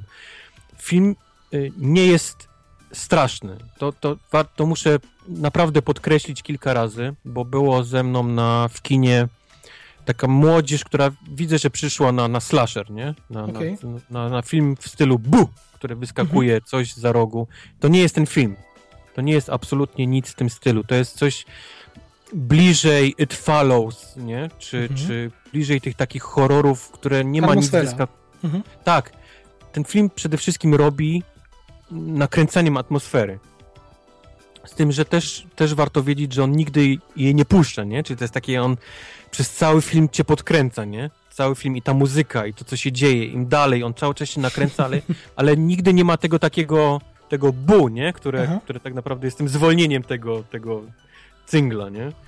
Ale, ale sama to takie, że on cię cały czas nakręca, że ta muzyka jest taka, to piłowanie tych, tych jakichś tam różnych e, kontrabasów, czy, czy e, skrzypków, on, on tak, tak powoduje w ciebie takie nie? Mhm, czujesz mhm. się taki, że pod koniec filmu wychodzisz brudny, wiesz? Czujesz się taki, że potrzebujesz wziąć prysznic, ale, ale w tym takim powiedzmy pozytywnym, nie? Czyli to nie jest takie tanie straszenie, tylko z, wszystkie zmysły są atakowane. Nie, Wzrok, nie, słuch, muzyka... Bo, dostaje się rodzinie, dostaje się dzieciom małym, wiesz, dostaje się, wiesz, wszystkim, nie? Ten, ten film nie kończy się dobrze. A jak, Spoiler, ale... a, jak, a jak scenografia, powiedz mi, jak, y, bo to są no, niestandardowe czasy dla horrorów, dla filmów. No właśnie, film jest też nakręcony przepięknie, wiesz, ten, mhm. ten, ten reżyser i, i koleś, który to napisał, on się nazywa Robert Eggers, to warto zapamiętać, bo, bo z tego gościa będą naprawdę kiedyś ludzie. To jest jego, jego debiut. Wspaniale. Naprawdę mhm. chapeau za to, wiesz, co zrobił, bo film jest nakręcony rewelacyjnie i te zdjęcia i, i może przyczepiłbym się trochę do barwy, bo film jest wyprany z kolorów czasami niepotrzebnie, wiesz, tak... Mhm rozumiem Ale to pamiętaj, czasem się, czasem się, niedostatki budżetowe markuje korekcją barwną, więc być może dlatego. No, rozumiem ciemny, czarny las i te takie deszczowe ten, ale kurczę, no gdzieś jednak te kolory w tym filmie powinny być. On jest taki mhm. wyprany, wiesz, nie jest czarno-biały, ale nie jest kolorowy. Rozumiem, no. rozumiem. Tak mhm. bym to, wiesz, określił. To mnie trochę, to mnie trochę bolało w oczy, ale ale samą atmosferą i ujęciami i kadrami i, i, i, i historią no jest, jest niesamowite naprawdę takie przeżycie od, od, początku do końca. On jest trochę wolny w środku, trzeba przyznać, bo to jest ta, ten moment, kiedy zaczyna się takie właśnie obwinianie. Czyja to jest wina? Dlaczego my tak cierpimy? Mhm. Czy to Bóg zesłał na nas, wiesz, klęskę, czy, czy to jest jednak jakaś czarna magia, nie? Czy, mhm. czy to są dzieci? Czy to może jest ta czarna koza, nie? Która dziwnie się na nas patrzy? No, wiesz, jak, jak źle się dzieje, to zaczyna się naprawdę y, obwinianie wszystkiego no, i ale jak się, jak się wkręcisz w atmosferę i zaczną cię obchodzić bohaterowie, to przeżywasz nawet takie sceny, mm -hmm, to o czym mm -hmm. mówisz. Nie, nie musi cały czas no, coś a, wyskakiwać. A albo... że tam jest naprawdę, jest, jest raz, dwa, trzy, cztery, czworo dzieci, łącznie mm -hmm. z tą mhm. najstarszą i jeszcze ten niemowla, który ginie. No, no ciężko się też krzywdy, wiesz, dzieciom ogląda, ale, mm -hmm. ale tak, tak niestety było w tamtym, wiesz, w tamtych czasach, no lata 1630 gdzieś tam mm -hmm. mniej więcej. No, to nie jest, to, dlatego mi się dobrze oglądało, bo to nie jest ten taki bu, nie? Taki jakiś Jasne. taki slasher i ten, tylko to jest film, który działa na twoje zmysły, na twoje takie obrzydzenie i na twoje jakieś takie, mój Boże, co może być w tym lesie, nie? Albo co, jest też trochę z egzorcysty, jakiś tam, wiesz, takich powiedzmy, no, dużo nawiązań z tych takich mhm. Polańskiego, jak się nazywał? Dziecko Rosemary. Dziecko Rosemary właśnie. Mhm. Też jest sporo na, na takich właśnie klimatów super, super. z tego, więc, więc nie straszenie, takie wyskakiwanie za rogu, nie jakieś takie mocne chlastanie, tylko taki właśnie horror, taki, taki klimatyczny bardziej. Super. Brzmi jakby coś, jak coś, naprawdę, co chciał obejrzeć. Naprawdę bardzo, bardzo fajny film. E, a póki co na, na, na razie w Polsce premiery e, nie ma, więc...